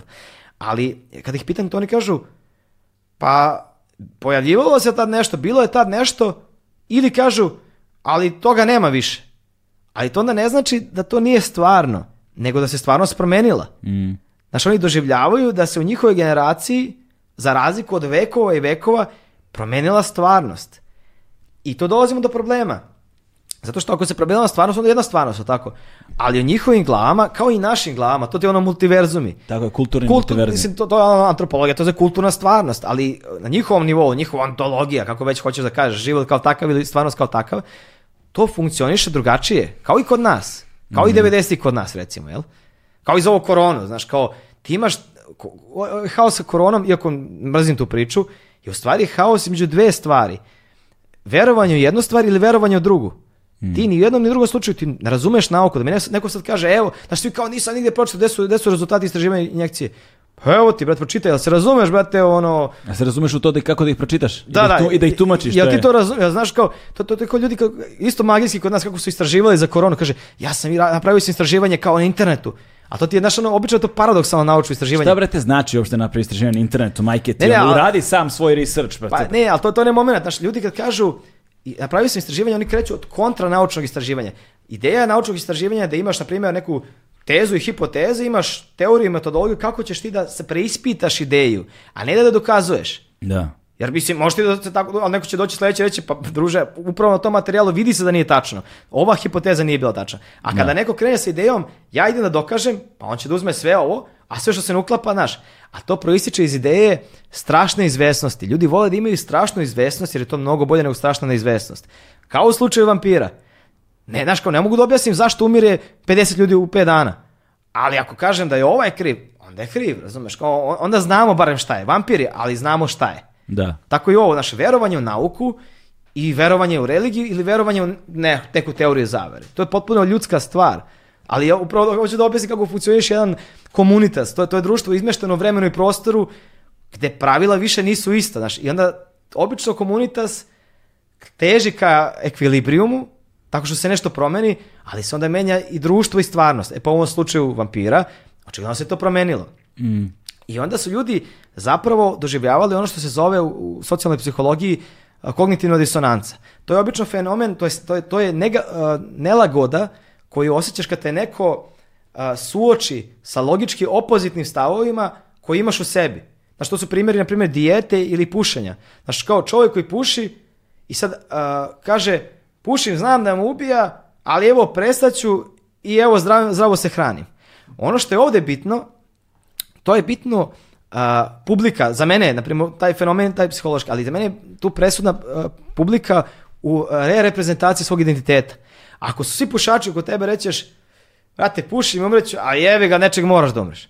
Ali ako su svi neki sportisti, vegani koji ono rade zgibove, a ti si upozorio, brate, ne mogu jedno propadanje da uradim, kažeš, brate, evo, brate, džubre bacit ću, razumeš, i preću sutra na ono Cezar salatu, razumeš, čim dobijam povećanje plate ili penziju ili uplate 30 evra, razumeš, i to je taj moment. I to se dešavalo i ovde. I to da. je onaj moment, recimo, taj primjer sam, kad sam se bavio, ja sam na masteru bavio logorašima. Da, ali samo sekund, ali, ali u kontekstu kognitivne disonance pokazalo se da u suočavanju ljudima sa time ne postiže se, efekat, ne postiže se željeni efekat nikada. Da, da, da. da. To je, to je zapravo ogromni problem sa tom kognitivnom disonancom, znaš. Jeste, jeste, ali, ali u ovom slučaju meni to služi metodološki. Mhm. Da ja razumem koliko je bitan taj spoljni drugi. I spolni drugi u toj kontekstu kulturne intimnosti je društvo. Ali kako je društvo postalo, kako oni imaju veze s društvom, kako oni znaju što je pozitivno? Mm. Pa to je primjer, primjer logoraša. Ranije se bavi logorašima. I tu ima jedan fenomen uh, gde su, Americi su recimo pričali sa logorašima 45. godine i 95. Jer oni su, naš, pragmatični od nas i drugačiji kontekst malo bio. Plus u siva zona, pa znaš, morali su malo da se potrude oko produkcije. Da. I, ovaj, I onda je bilo, kada uporediš dve priče, ti skapiraš da su ljudi 45. pričali jedno iskustvo logora, odnosno akceptovali jednu stranu, a 95. popuno drugu. I čuvan je primjer jedan, jedne tada starice, a tada je bila devojčica, gde ona kao pobegla iz logora, spasio je neki uh, monah i na, na leđima je nosio, ne znam, kroz sneg i tako dalje. I dobro, ona posle rekla, 95. rekla je, ali taj, ne znam, to je bio u stvari, taj čovjek je postao Papa Pije šesti, mislim lupam, razumeš, ne, koji, i svi su rekli, znaš, kao, ne, nema šanse, razumeš, jer, jer, i kao i ove priče, i tu postoji kontaminacija, pogotovo 90-ih je ono, znaš, i onda su pitali su je, ali zašto to nije, zašto nisi pričao o tome, tada kao, kako to moguće da si izo, izostavila to, kaže ona, pa zato što tad nije to bilo bitno, znaš, kao, ja sam pričao traumatičnu priču, koje niko ne može da razume, osim ljudi koji su to preživjeli i onda nisam htio da pričam o tome.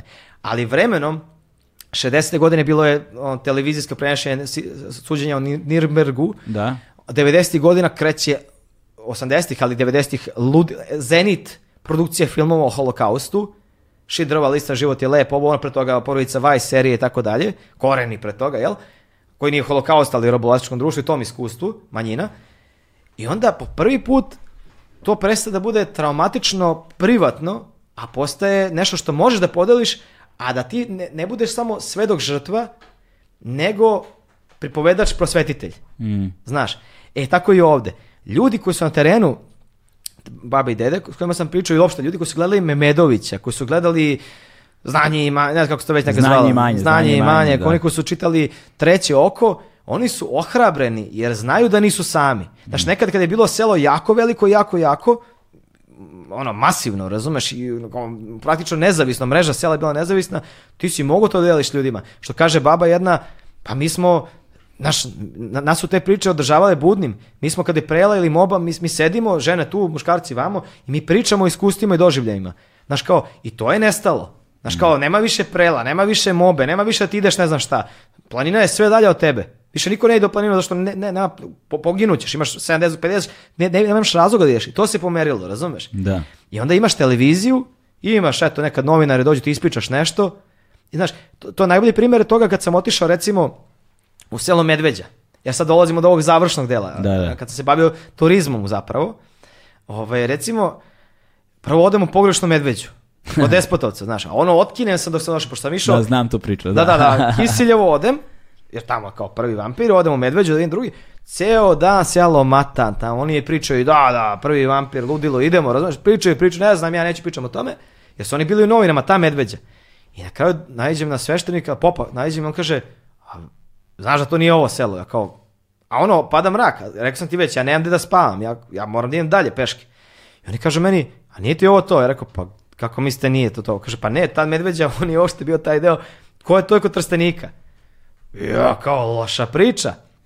Šta ću ja sad, kako ja da dođem sad, naši, pa, pada mrak. A ja, znaš, on, istetoviran sam mnogim, istetoviran, šortu sam bilo leto, duga kosa, pada mrak, mrkli mrak u selu, niko neće ti stane.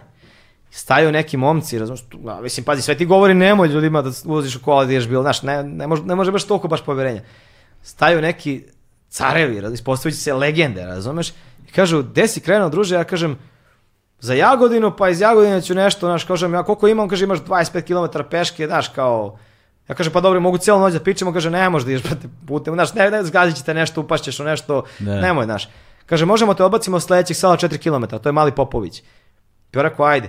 I sad okreću se oni, kažu, a šta radiš ti ovde, rekao, etnologija, nešto, ono, kažu, ali piješ, a duvaš? Ja rekao, pa mogu popijem pivo jedno, kao. Oni kao, aj brate, zabavite s nama. Ja rekao, kako li će to da izgleda? Mm.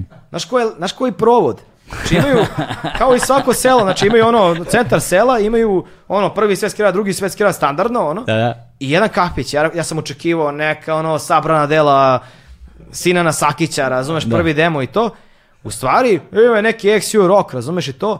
Ali znaš ti koji to ljudi, znači okupila se ekipa, ko da, ko da ih znamo, ono, znači kao, niko ne da da platiš pivo, pivo 60 dinara, znači ono, razumeš, da, da. raj, dolazi, taj, čovjek, taj momak ima dva, tri, dva brata, jedan sa futbola dolazi, e, desi, upadaj, cirka, njegov, njihov čale dolazi i negde oko 4-5 kaže mi, ma ajde, brideš, spavaš kod nas. Ja dolazim, a treći brat je bio na spavanju, na spavanju na futbolu negde, i on kaže, ma spavaj, brate, napravio nam je neko, neke najmasnije prženice koje su bile najbolje na svetu u 4 ujutru, razumeš, da. najbolje na svetu. Lego da spavam, u sred neki momak kao, Znaš, dolazi taj čije je krevet i kao, druže, brate, znaš, koji si sad ti? Ja kažem, a on kaže, ne, ne, u redu, i ode onda spava negde, razumeš? Ujutru me isprate, Ja, prava, znaš kakav osjećaj, kao legende, razumeš, da, da, da. kao na, kakav ono Ozora, razumeš, kakav Ozora, razumeš, da. ne, znaš, kao ovo je, vrate, e, bilo... E, vidiš, na Ozori nikad nisam bio, vrate. Nisam ja, ali neko delo je kao da bi mi bilo, znaš, ono, kao ljudi, ljudi na ekstaziju, znaš, kao gudra od, ko, od koje voliš sve ljude na svetu, pa to je pakao, da. znaš, kao neki ono hipster iz pakla i kao, o, vrate, da, da, mislim, moje pivo, ne. Mislim da tamo ekstazi nije dominantan, tamo a, LSD više, a, znaš. Do, a, mislim, mogu samo zamišljam, znaš, kao, vrate. Pečurke, LSD, znaš, to je tamo. I neko ti kaže nešto na mađarskom, na esidu ti si u fazonu. Uuu, Zako, molim vas, zakopajte me, nemaš, udario me grom, ne znam ništa, razumem, kapiram. Došao da vampir. Da, da, da, da, kao, ja sam vampir, brate. Pokažite mi ga, daj ga vamo da ga bodemo. Ali ovaj, u svakom slučaju... Da ga načinjamo. Da, da, da, ja, ja na kraju dolazim u tu medveđu, razumeš drugu, i onda se ispostavlja da to ta. Mm. Znači kao, To je bio moj kolega Ivan Istoričar koji ono, on je iz tog sela, to je selo odmah pored Trstenika, znači mnogo, mnogo veće od, od ovih okolnih sela. Pa ti ljudi, super, ba, nisu nešto, znaš, kao, datle je vada Radoš Bajić, pa su svi tom fazonu, znaš, nije, onda, znaš, kao, oni, go, sa, oni sad gotive da pokažu selo i to je, pa to je cool, razumeš, na neki način, samo što ja nisam gledao tu seriju, jer kao, znaš, kao, neka, razumeš, da. da. Tad sam upoznao i tog Đodu, za kog nisam znao, nisam gledao seriju, ali on je neki super čovek, mislim, ja mislim da je sad umro jadan, Ali bio strava, razumeš, objašnjavao ja, da, ja ne znam ni o kojoj seriji se radi, ono. Baba... A selo gori, selo, baba se gleda, da, ja da, to da, nikad da, nisam gledao, nemam pojma. Pa da, dobro, da, da, da, ali on je njihovo, ono, kao, znaš, kusturica, razumeš. I, i se cijel... Mislim, da, znam kontekst Radoša Bajića, ali... Pa da, da, da, ali oni, oni si super selo, razumeš, kao, kaže ti, ovaj istoričar mi pomogu i on se zanima za te stvari, čak hoće da te stare škole u Medviđe naprave muzej pa da bude jedan posvećen deo Arnautu Pavlu. I sad mi tu dolazimo do ovog zadnjeg dela priče, ovaj, koliko je bitna ta hibridizacija ovaj, društva i koliko je bitan taj moment publike. Jer znaš, tamo gde si imao mlade ljude koji su uh, veza između sela i grada, odnosno između tradicije i modernog, i koji znaju na koji način da iskoriste tu tradiciju, tu se pojavljuje ideja o turizmu vampirskom. Da. Znaš, I to kod nas imaš nekoliko mesta da imaš različite aspekte, znaš, kao Kiseljevo i Medveđa, to bi bili na globalnom nivou Meka i Medina, razumeš, vampiristike, jer odatle je krenuo na zapad. A sa druge strane, Zarožje, to je, brate, dom našeg najvećeg literalnog i filmskog vampira, Save Savanovića, jeli? Ali to su potpuno različiti odnosi. Znači, ima i selo Petera koje pokušava da progura tu priču, to ću tići na teren sad uskoro, ba da, baš da im kakva je situacija. Ovaj, I sad ja kad sam išao ta sela, ti u Kisiljevu i Medveđi i u bilo kom selu, ti imaš isti problem. Mladi odlaze u Švajcarsku ili bilo gde, selo, se, u selu umire, imamo te vampire, to je popularno, šta da radimo sa s tim? Na primjer, u Kisiljevu i Medveđi, recimo u Kisiljevu, to je bio komunizam jak. I to mm. meni kaže, brate, ovdje je bio komunizam, nema mi veze s tim, druže. Ima nekih pričica, ali kao to niko ne pamti. Ima jedan, uh, uh kako se zove, Araut Pavli Blagojević, Petar Blagojević. Ima jedan Blagojević, on negira da ima veze s njegova porodica, s tim i zdravo, znaš, kao etno eksplikacija ti je devojke ne žele da dolaze u naše selo zato što imaju ideju da će, da će e, mladoženja da ih zadavi prve vračne večeri, razumeš, mm. kao vampir. Kao. A to je etna eksplikacija u smislu selo, ne treba nam vampir, zato što, e, ne, znaš, ne postoji film o, Nautu, o Petru Blagović. Kad bi postojao, možda bi se promenilo nešto. Da. Ali ovako oni bi pokazali da je prošlo 300 godina, a oni još uvek veruju vampire. I da. onda bi to bila na javnom nivou više loša stvar nego dobra. To ti onaj odnos između Hoćeš ekonomski, ekonomski kapital ili taj socijalni ili kulturni, kako već hoćeš. Da. Je, ne možeš sve da imaš, osim ako nemaš taj muzeološki moment. Da, na, nađeš način da muzealizuješ na taj moderan način. Da ga pretvoriš u turizam. Da. Ali da bude, ono što smo pričali, da, fantastično, odnosno, kako da objasnim to, uh, da, da se ne podrazumeva da to stvarno, nego to bude nešto kao nasledđe koje eto je za svet bitno. Kulturna baština. Baština, da. Ne kulturna baština, kao što je sad popularno. I sad u slučaju ovaj, baš, baš kolega istoričar Ivan, on, uh, on uh, recimo baš želi da napravi tu i konferencije, da to ne bude samo ni naš popularna kultura, nego bude da mi dođemo i Mladen Stajić i Piševi, cijela ekipa koja se time bavi, i da odemo tamo da pričamo nešto o tome, jer je to, znaš, bitno nas, ima tamo i brdo vampirlija i tako dalje. E sad recimo u Zaružju, u Zaružju je tu ipak nekako najzanimljiviji moment imalo. Zato što, heavy metal. Da, baš ono heavy metal, zato što, znaš kao, ovo je Bajna bašta, ovdje je Valjevski kraj i sad Glišić je bio va, Valjevčanin, Valjevčanin, ali uh, za njega je, znaš, taj kraj Bajne bašta, za to je njega bila margina, znaš, kao, oni su tu bliz, bliski, ali malo daleki. Jer on baš priča o tim selima, kako je Sava Savanović išao po tim selima, ali kako su ljudi tad bili prostodušni, znaš, ima čuvena dva primjera kako oni utovaruju žir valjda vilama, znaš, kao to ne možeš da uradiš, ili na primjer pošto kod njih postoje te provalije i onda se digne ovaj magla, mm -hmm. znaš, ono, i onda kako su oni skakali u tu, znaš. Znaš, htio da pokaže kako to, znaš, jer on je u te tri prve tri priče pokazivao to kako je selo primitivno. Tek u posljednjoj priči o Savi Savanoviću, on na kraju kaže, ima disclaimer i kaže, ja ne znam da li vampiri postoje, ali tako se pričalo, razumeš, malo se... Da. Nije, nije, taj realizam bio toliko, sad više je bitan, bajkovitost je bila, znaš, skapiruje onda nema potrebe da dokazuje iznova da je on racionalan i kako god. E sad, To je zanimljivo zato što kad su krenuli 2008. Valjevo je prvo napravilo Savu Savanovića, onaj čuveni kada izgulaš to obićeš tog Savu Savanovića. I da bude za sajam turizam, turizma e, kao, kako da kažem, brand mm. Valjeva.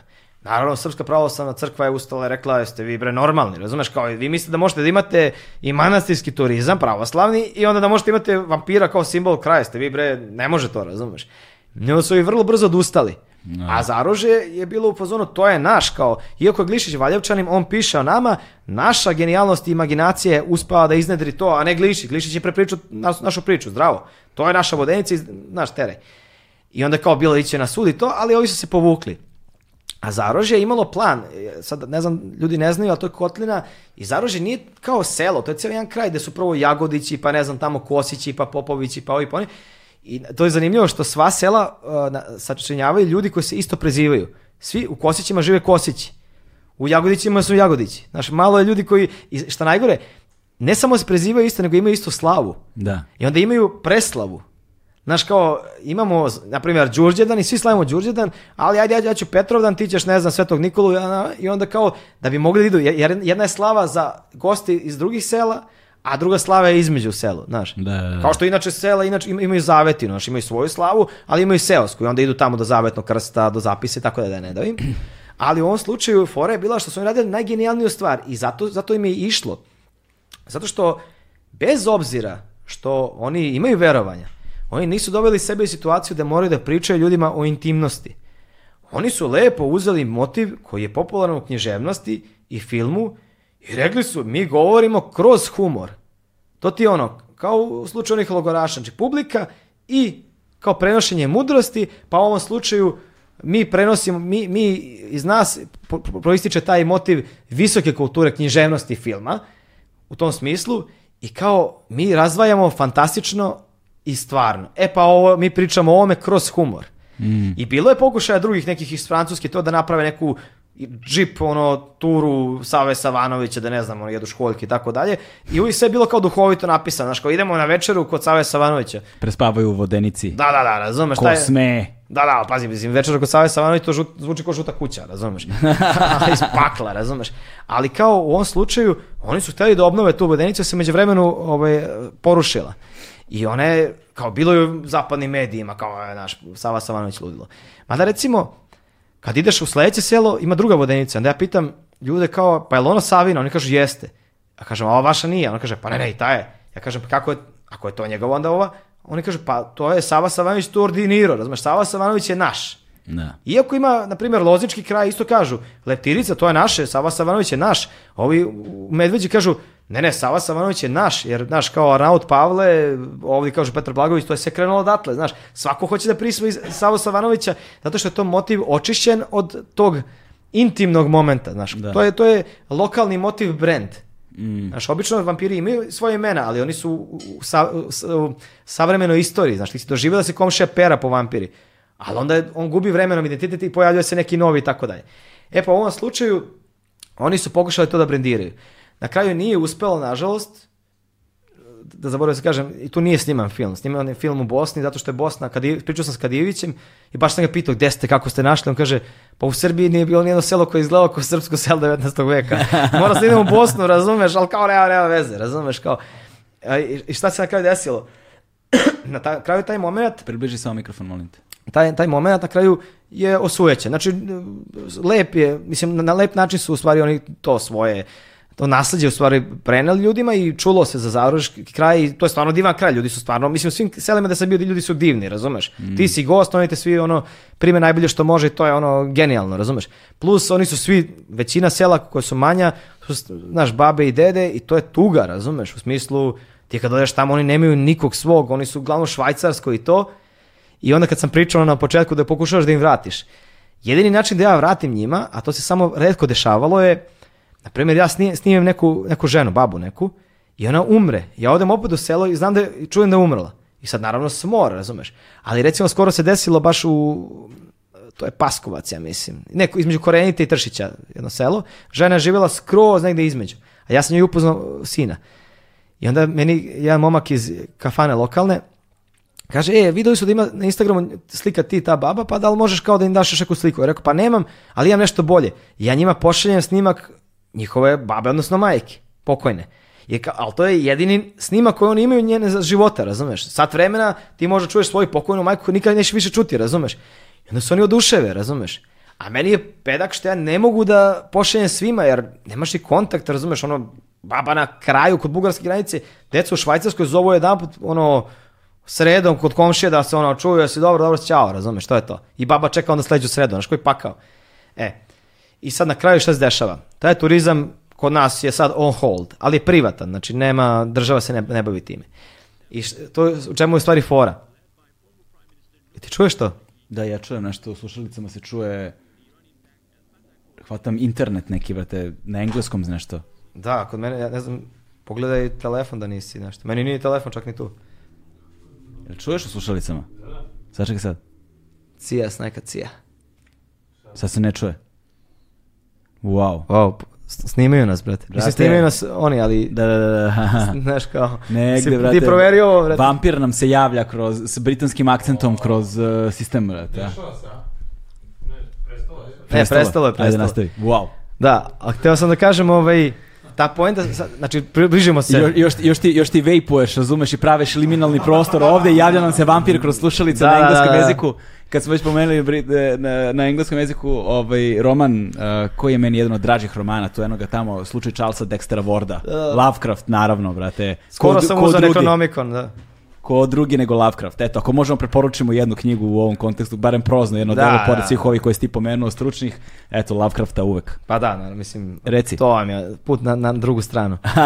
Ali, ovaj, evo, znači, samo hoću da kažem ovom u turizmu i da završavamo priču sa Jodorovskim. Sa Jodorovskim da. moramo da završimo. Može. Vezano za turizam, pazi fenomen.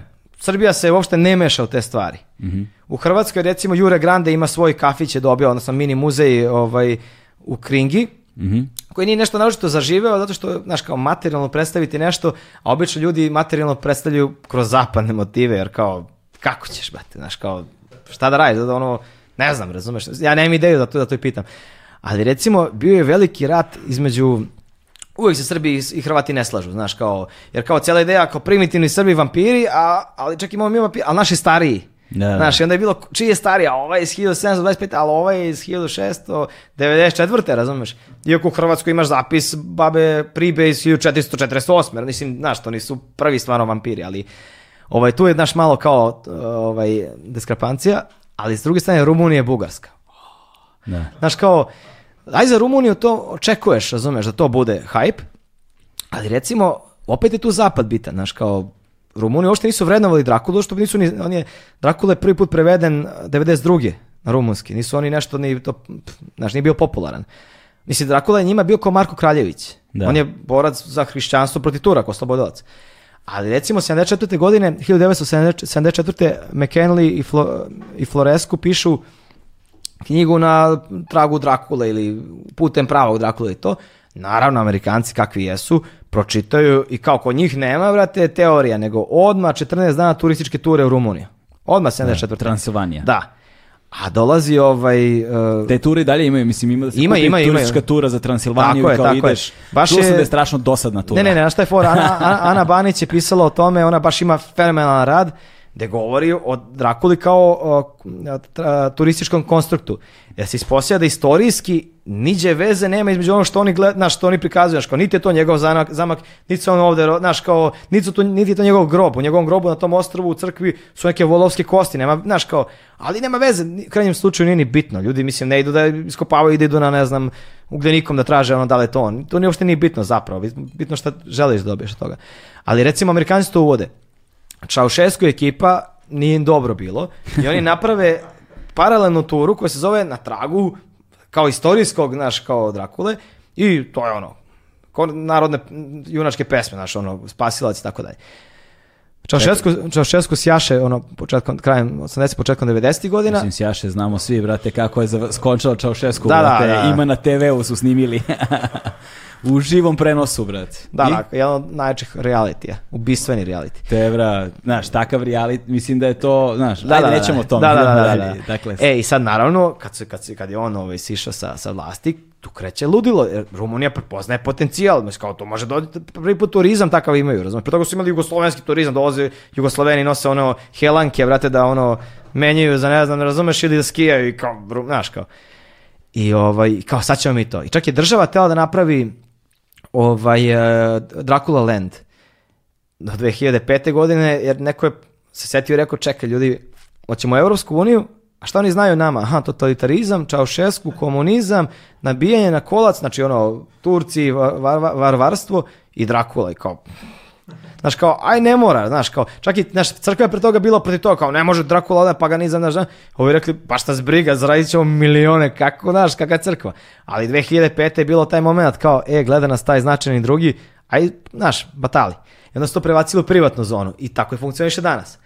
Ali onda kreće nešto što najviše volim, a to je vampirska arheologija što ne, ne znači ništa, ali strava je, zato što je to baš ono bilo instrumentalizovano u zadnjih 12 godina, znaš, to kad će u Poljsku, u Italiju, u Italiji je bio onaj slučaj u Veneciji, onaj kao kostur, ne, skelet koji ima ciglu ustima i onda su ovi rekli da, to je protiv vampira, znaš, chewing dead, znaš, oni su kao jeli te e, kao pokrove i to, znaš, Onda neko rekao, pa ne, nego to ograđeni grobi, i, znaš, upalo mu to je normalna stvar. Ili tipa, u Poljskoj su nalazili, recimo, i u Češkoj, uh, lobanje koje su između nogu ovaj, kostura, onda neko rekao, pa da, ali na padini je i voda vremenom, razumeš, kao, znaš... Nosi zemlju. Ne, ne samo zemlju, napuni grob vodom ili pomera se zemlja vremenom, ako je vlažno, i te lobanja ide, razumeš, ne boj se ti ništa.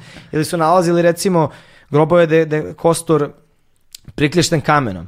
I onda neko rekao, to je to, vampir, razumeš? I onda neki istoričar njihov rekao, da, to je iz 13. veka, u 13. veku kazna za lopove je bila da, da, da moraju zauvijek da robijaju, razumeš? I onda kao, znaš kao, nije to isto. Ali onda dolaze na scenu Bugari. Bugari, najbolje, najjača priča.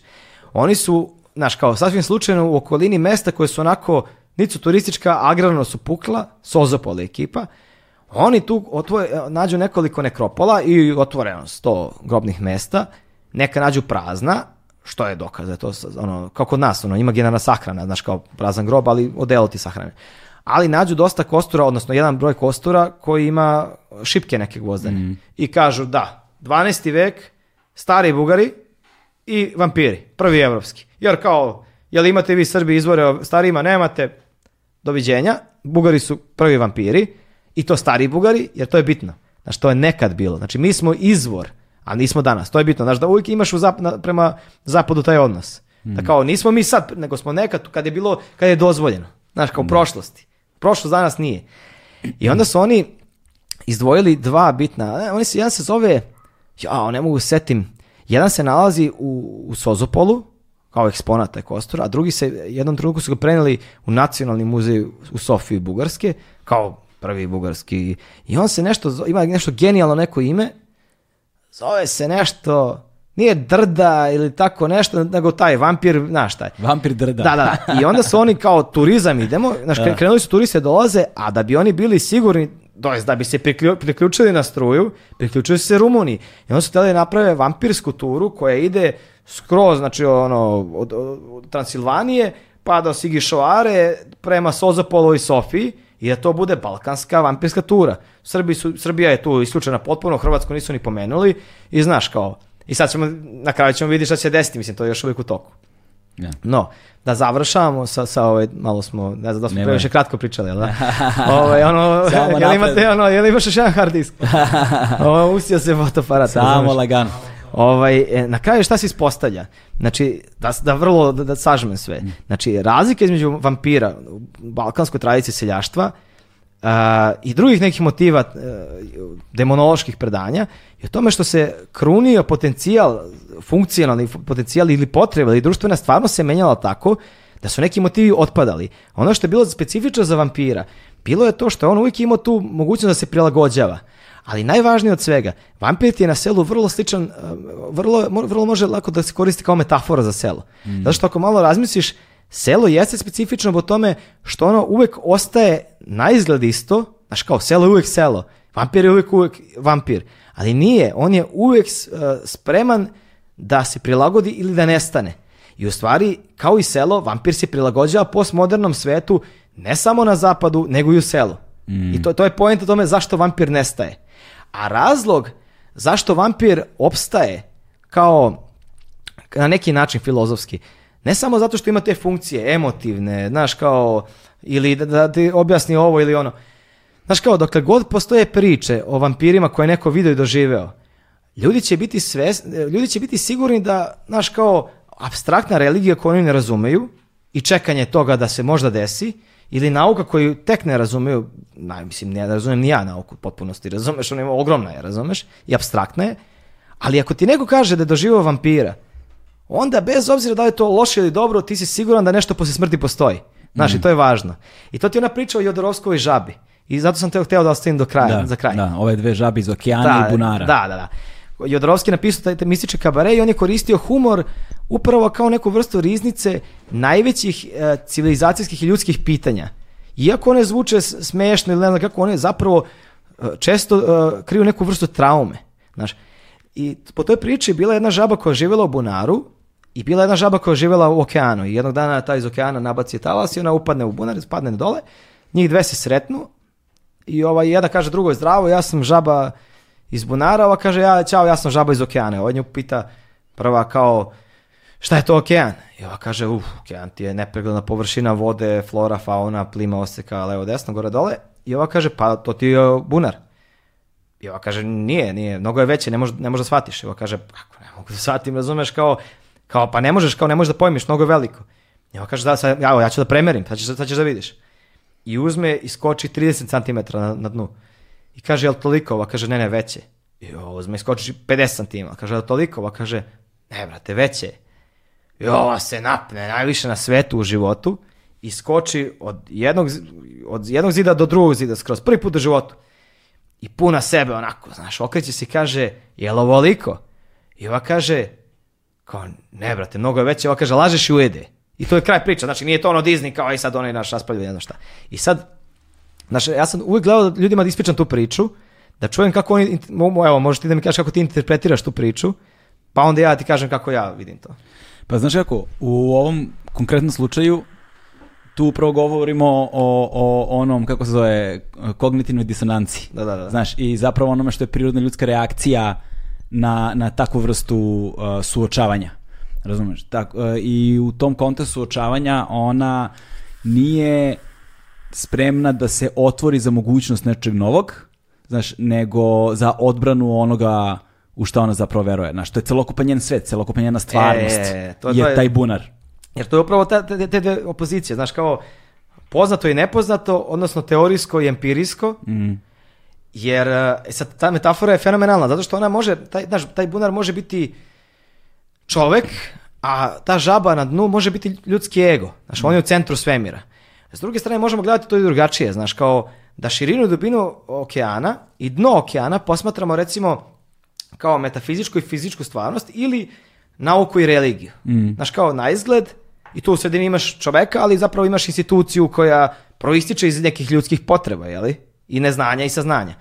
E sad, pošto ljudski, naš, e, mi nismo svesni za 50 godina sve što mi mislimo da je nauka, menjaće se, znaš, neke stvari će biti jako smešne, znaš, kao. Kao što su nama neke stvari smešne pre 2000 godina. Da. S druge strane, pre 2000 godina jedan e, e, bibliotekar u Egiptu rekao je e, u vazduhu žive e, male životinje koje ulaze u pluće, ljudi umiru. To je bilo abstraktno i svi su bili ok, cool, brate, piše knjigu o tome, znaš.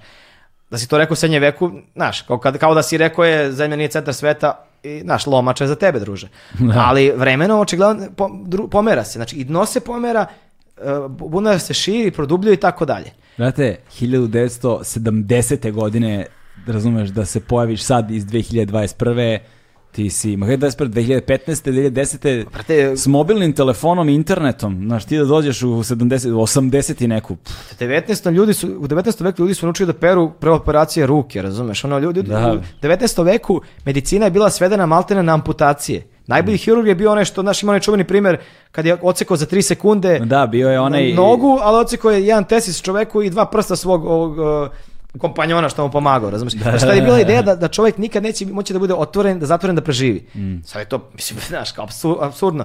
U 20. veku mi, mi smo mislili, znaš, kao, mislim, ne baš u 20. veku, ali bilo ono kao onaj e, prljavi vazduh, znaš, kao kontaminirani vazduh. U stvari, Kasnije imaš viruse, bakterije, onda imaš prione. I ko zna šta imaš, a mi ne znamo. Da. To pa ti kao onaj film Interstellar. Tako je. Znaš kao, uh, znaš kao, marksistička ideja da je kao metafizika u stvari samo refleksija fizičkog koje ne razumemo. Na neki način to je naučno možda i, i blizu istine, ali samo je stvar terminologije i jezika. Naš jezik je ono što je stvarnost. Ako nešto nemaš izraz za to, onda ne postoji. I onda recimo imaš film Interstellar, koji upravo je genijalan zbog toga što on se bavi ono, znaš, kao naučna fantastika, koja ja na, nešto ne volim previše ima toga, ali imaš tu ideju kao, iako to, iako to govori o, ne znam, e, teorijama struna, multiverzuma i tako dalje, crnim rupama, imaš naučni jedan drugačiji pristup duhovima i duši. Da. Znaš, kao da to nije nešto ne fizički, samo je fizički drugačije izraženo, znaš, kroz termine fizike. I kao za 50 godina može će biti kao, pa da, duše postoje, i kao spalio si dedu, kao ne, brate, pa kao, znaš, kao, kao zezam se, ali znaš, kao, na kraju, zamisli kako će to obrat biti ako, ako fizika kaže, pa ne, duša postoji, brate, mi smo rekli ima 20 grama, znaš, kao, to 21 gram, 21 gram, razumeš, to, to ti je ono 5000, razumeš, ne, koliko da. to, 6000 dinara, ovaj, zavis kako kupa, ali, ali hoću da kažem, znaš, kao, i to je cela ideja, znaš, kao, zamisli, Zamisli taj bunar o kom smo pričali. I na njegovoj sredini imaš čoveka, recimo crkvu ili religiju, i imaš nauku. I sad naše religije i nauka deluju kao opozitno, znaš, jer religija daje odgovore, a, nauka postavlja pitanja. Znaš, poenta nauke nije da da uvek samo odgovore. Poenta da sva naučna pitanja dovedemo do jednog pitanja kod odgovara na sve što nas zanima. U stvari, to ti je kao auto, autostoperskom vodiču kroz galaksiju. 42. Da, da, da, kao, znaš, samo jedino što ne znamo pitanje, to je ono, znaš, kao... Da, da, znamo šta je odgovor. Da, da, da, da, ili da, e, to, je taj rad. I onda, ali zanimljivo što, ih, što je vrlo bitno da u religiji imaš dogmu koja se ne preispituje, a u nauci često imaš aksijom koji isto ne može da se preispituje. I onda u oba slučaja, ako ti dođeš sa strane, sa abstraktnim razmišljanjem, možeš delovati iracionalno, Ali to je na moment kad ti pregaš da preispituješ sve. I ako se dotakneš tog momenta da uzdrmaš dogmu i da uzdrmaš aksijom, ti onda, brate, potencijalno može da srušiš pija, kako se kaže, pijadestral, jel? Pijadestal. Pijadestal, da, da, pardon. Da detronizuješ. Detronizuješ celu ideju filozofsku i institucionalnu te, te, te institucije koja pokušava da ti kroji stvarnost u odnosu na koju ti moraš da živiš. Dobro, razlika je samo u tome što je nauka u tom kontekstu jedan otvoreni sistem koji se izdova preispituje, ali iznutra pre svega. Tako, iznutra, znaš, i onda jer on je... Spolja, po... Jer spolja ti si ona druga žaba, ali kao čekaj, brate, reci to nama jezikom nauke, pa ćemo i da vidimo šta ćemo s tim. Da. Ovako si, znaš, abstraktno. Da, moraš da kažeš jezikom nauke. Da. Sad dolazimo ono do desosirovskog znak i označitelj, do jezika, nećemo o tome. Da, da ne. da, da, da. I na kraju cijela ideja, zašto vampiri postoje, zašto Bog postoji, zašto postoji verovanje ono, zašto postoji... Pa zato što živimo u svetu gde jednako kao nekada i dalje imaš taj strah od ka haosa. Šta ako ne postoji neki, neki uh, objektivni ekvilajzer, znaš, šta ako život stvarno nema smisla, šta ako je sve haos, šta ako nema ništa... Entropija. Da, šta ako je to, šta ako je nihilizam jedino, jedino stvarnost, šta ako ništa nema vrednost. E pa, to je onaj moment, pošto i nauka i religija iz različitih razloga ne mogu da ti daju zadovoljavajuće odgovore na sve. Ljudi ipak traže odgovor u nekoj trećoj slici stvarnosti. A to je stvarnost koju oni proživljavaju kroz svoju maštu, ipak koristeći te motive, stvarajući možda mhm. negde pseudonauku, jer pseudonauka nije potpuno drugačija, mislim, ona koristi naučne, a nekad i religijske koncepte da bi objasnila nešto. Ali čovek u stvari i taj vampir preživljava upravo zbog toga što mu je potrebno da nađe neki odgovor na stvari na koje mu dominantni izvori informacija ne daju odgovore. Mm. To ti je isti odgovor na to zašto vampiri danas postoje ipak, zašto Bog postoji ili zašto postoji ideja o vakcinaciji pa kao teorija zavere. E, to da, je to. Da. Zato što nam je zaovek potreban liminalni prostor. Tako je. Tako. Ostaćemo uvijek u liminalnom da. prostoru. zaovek za liminalni. Znači, pravimo, pravimo, pravimo proto, ne, pravimo hipsterski bend liminalni prostori. Razumeš, i sviramo, i sviramo, i sviramo uh, synth pop. Da, da, da. Lo-fi synth pop. Ja mislim da već imaju žurke, za ovo, to su antropolozi pravili synth pop žurke koje su se zvali Liminal Night. Oh. A, pa ne, brate, pa, da, pa ja bi to prvi pravio bi majice Dača Liminal, znaš ono, brate, ako treba peo bi neki rap, razumiješ? Ne, ne, ne, jo, Dača Liminal, brate, radiš da, da, da. minimal techno. To, to, Liminal Minimal. Je. Liminal Minimal, brate, okej, okay, prečera smo ga Uh, ostavljamo vas uh, u liminalnim prostorima. Nadam se da ste uživali. Ja jesam svakako. Hvala ti puno na vremenu ovaj, i na ovom uh, liminalnom prostoru sa tim vape, hvala vape, tebi vape-om. Na, hvala tebi na pozivu i što si pročito sve ono što smo se dogovorili. razumeš, položio si, od sad si antropolog. ne znam sa kakvim ljudima si imao susreta do sada, ali znaš, to je valjda elementarna pa stvar. Pa, ja mislim da je svaki čovjek, ono, kao što su svi stručnjaci za sve kod nas, tako su svi na neki način ipak i psiholozi i antropolozi, samo još ne znaju. Sa samo još ne znaju. Ne, nego sam više mislio u kontekstu znaš kao, uh, zna, znam da ćemo da razgovaramo o ovoj temi, pa kao, znaš, valjda treba da znam nešto o temi jebe. Tako je, tako je, to je dobra stvar. Znaš, ali, obično, a, ali nije da sam... Ali to uš... nije često, znaš, da. to nije pravilo, pogotovo ovde. Da, ali, ali nije da sam ušao bez ono, sa to, bez ikakvog predznanja, ipak je postao nekakav pelcer, znaš, tako I da. I plus i ono... To je, tu smo. Uh, hvala ti puno. A, ovaj, a, šta sam teo da kažem, hvala ti puno na vremenu, na strpljenju, na ovom iscrpnom razgovoru i ne zaboravite, obavezno slušajte bend na Dimač, kakav je to način. Ajde, to je to. Ćao. Ćao.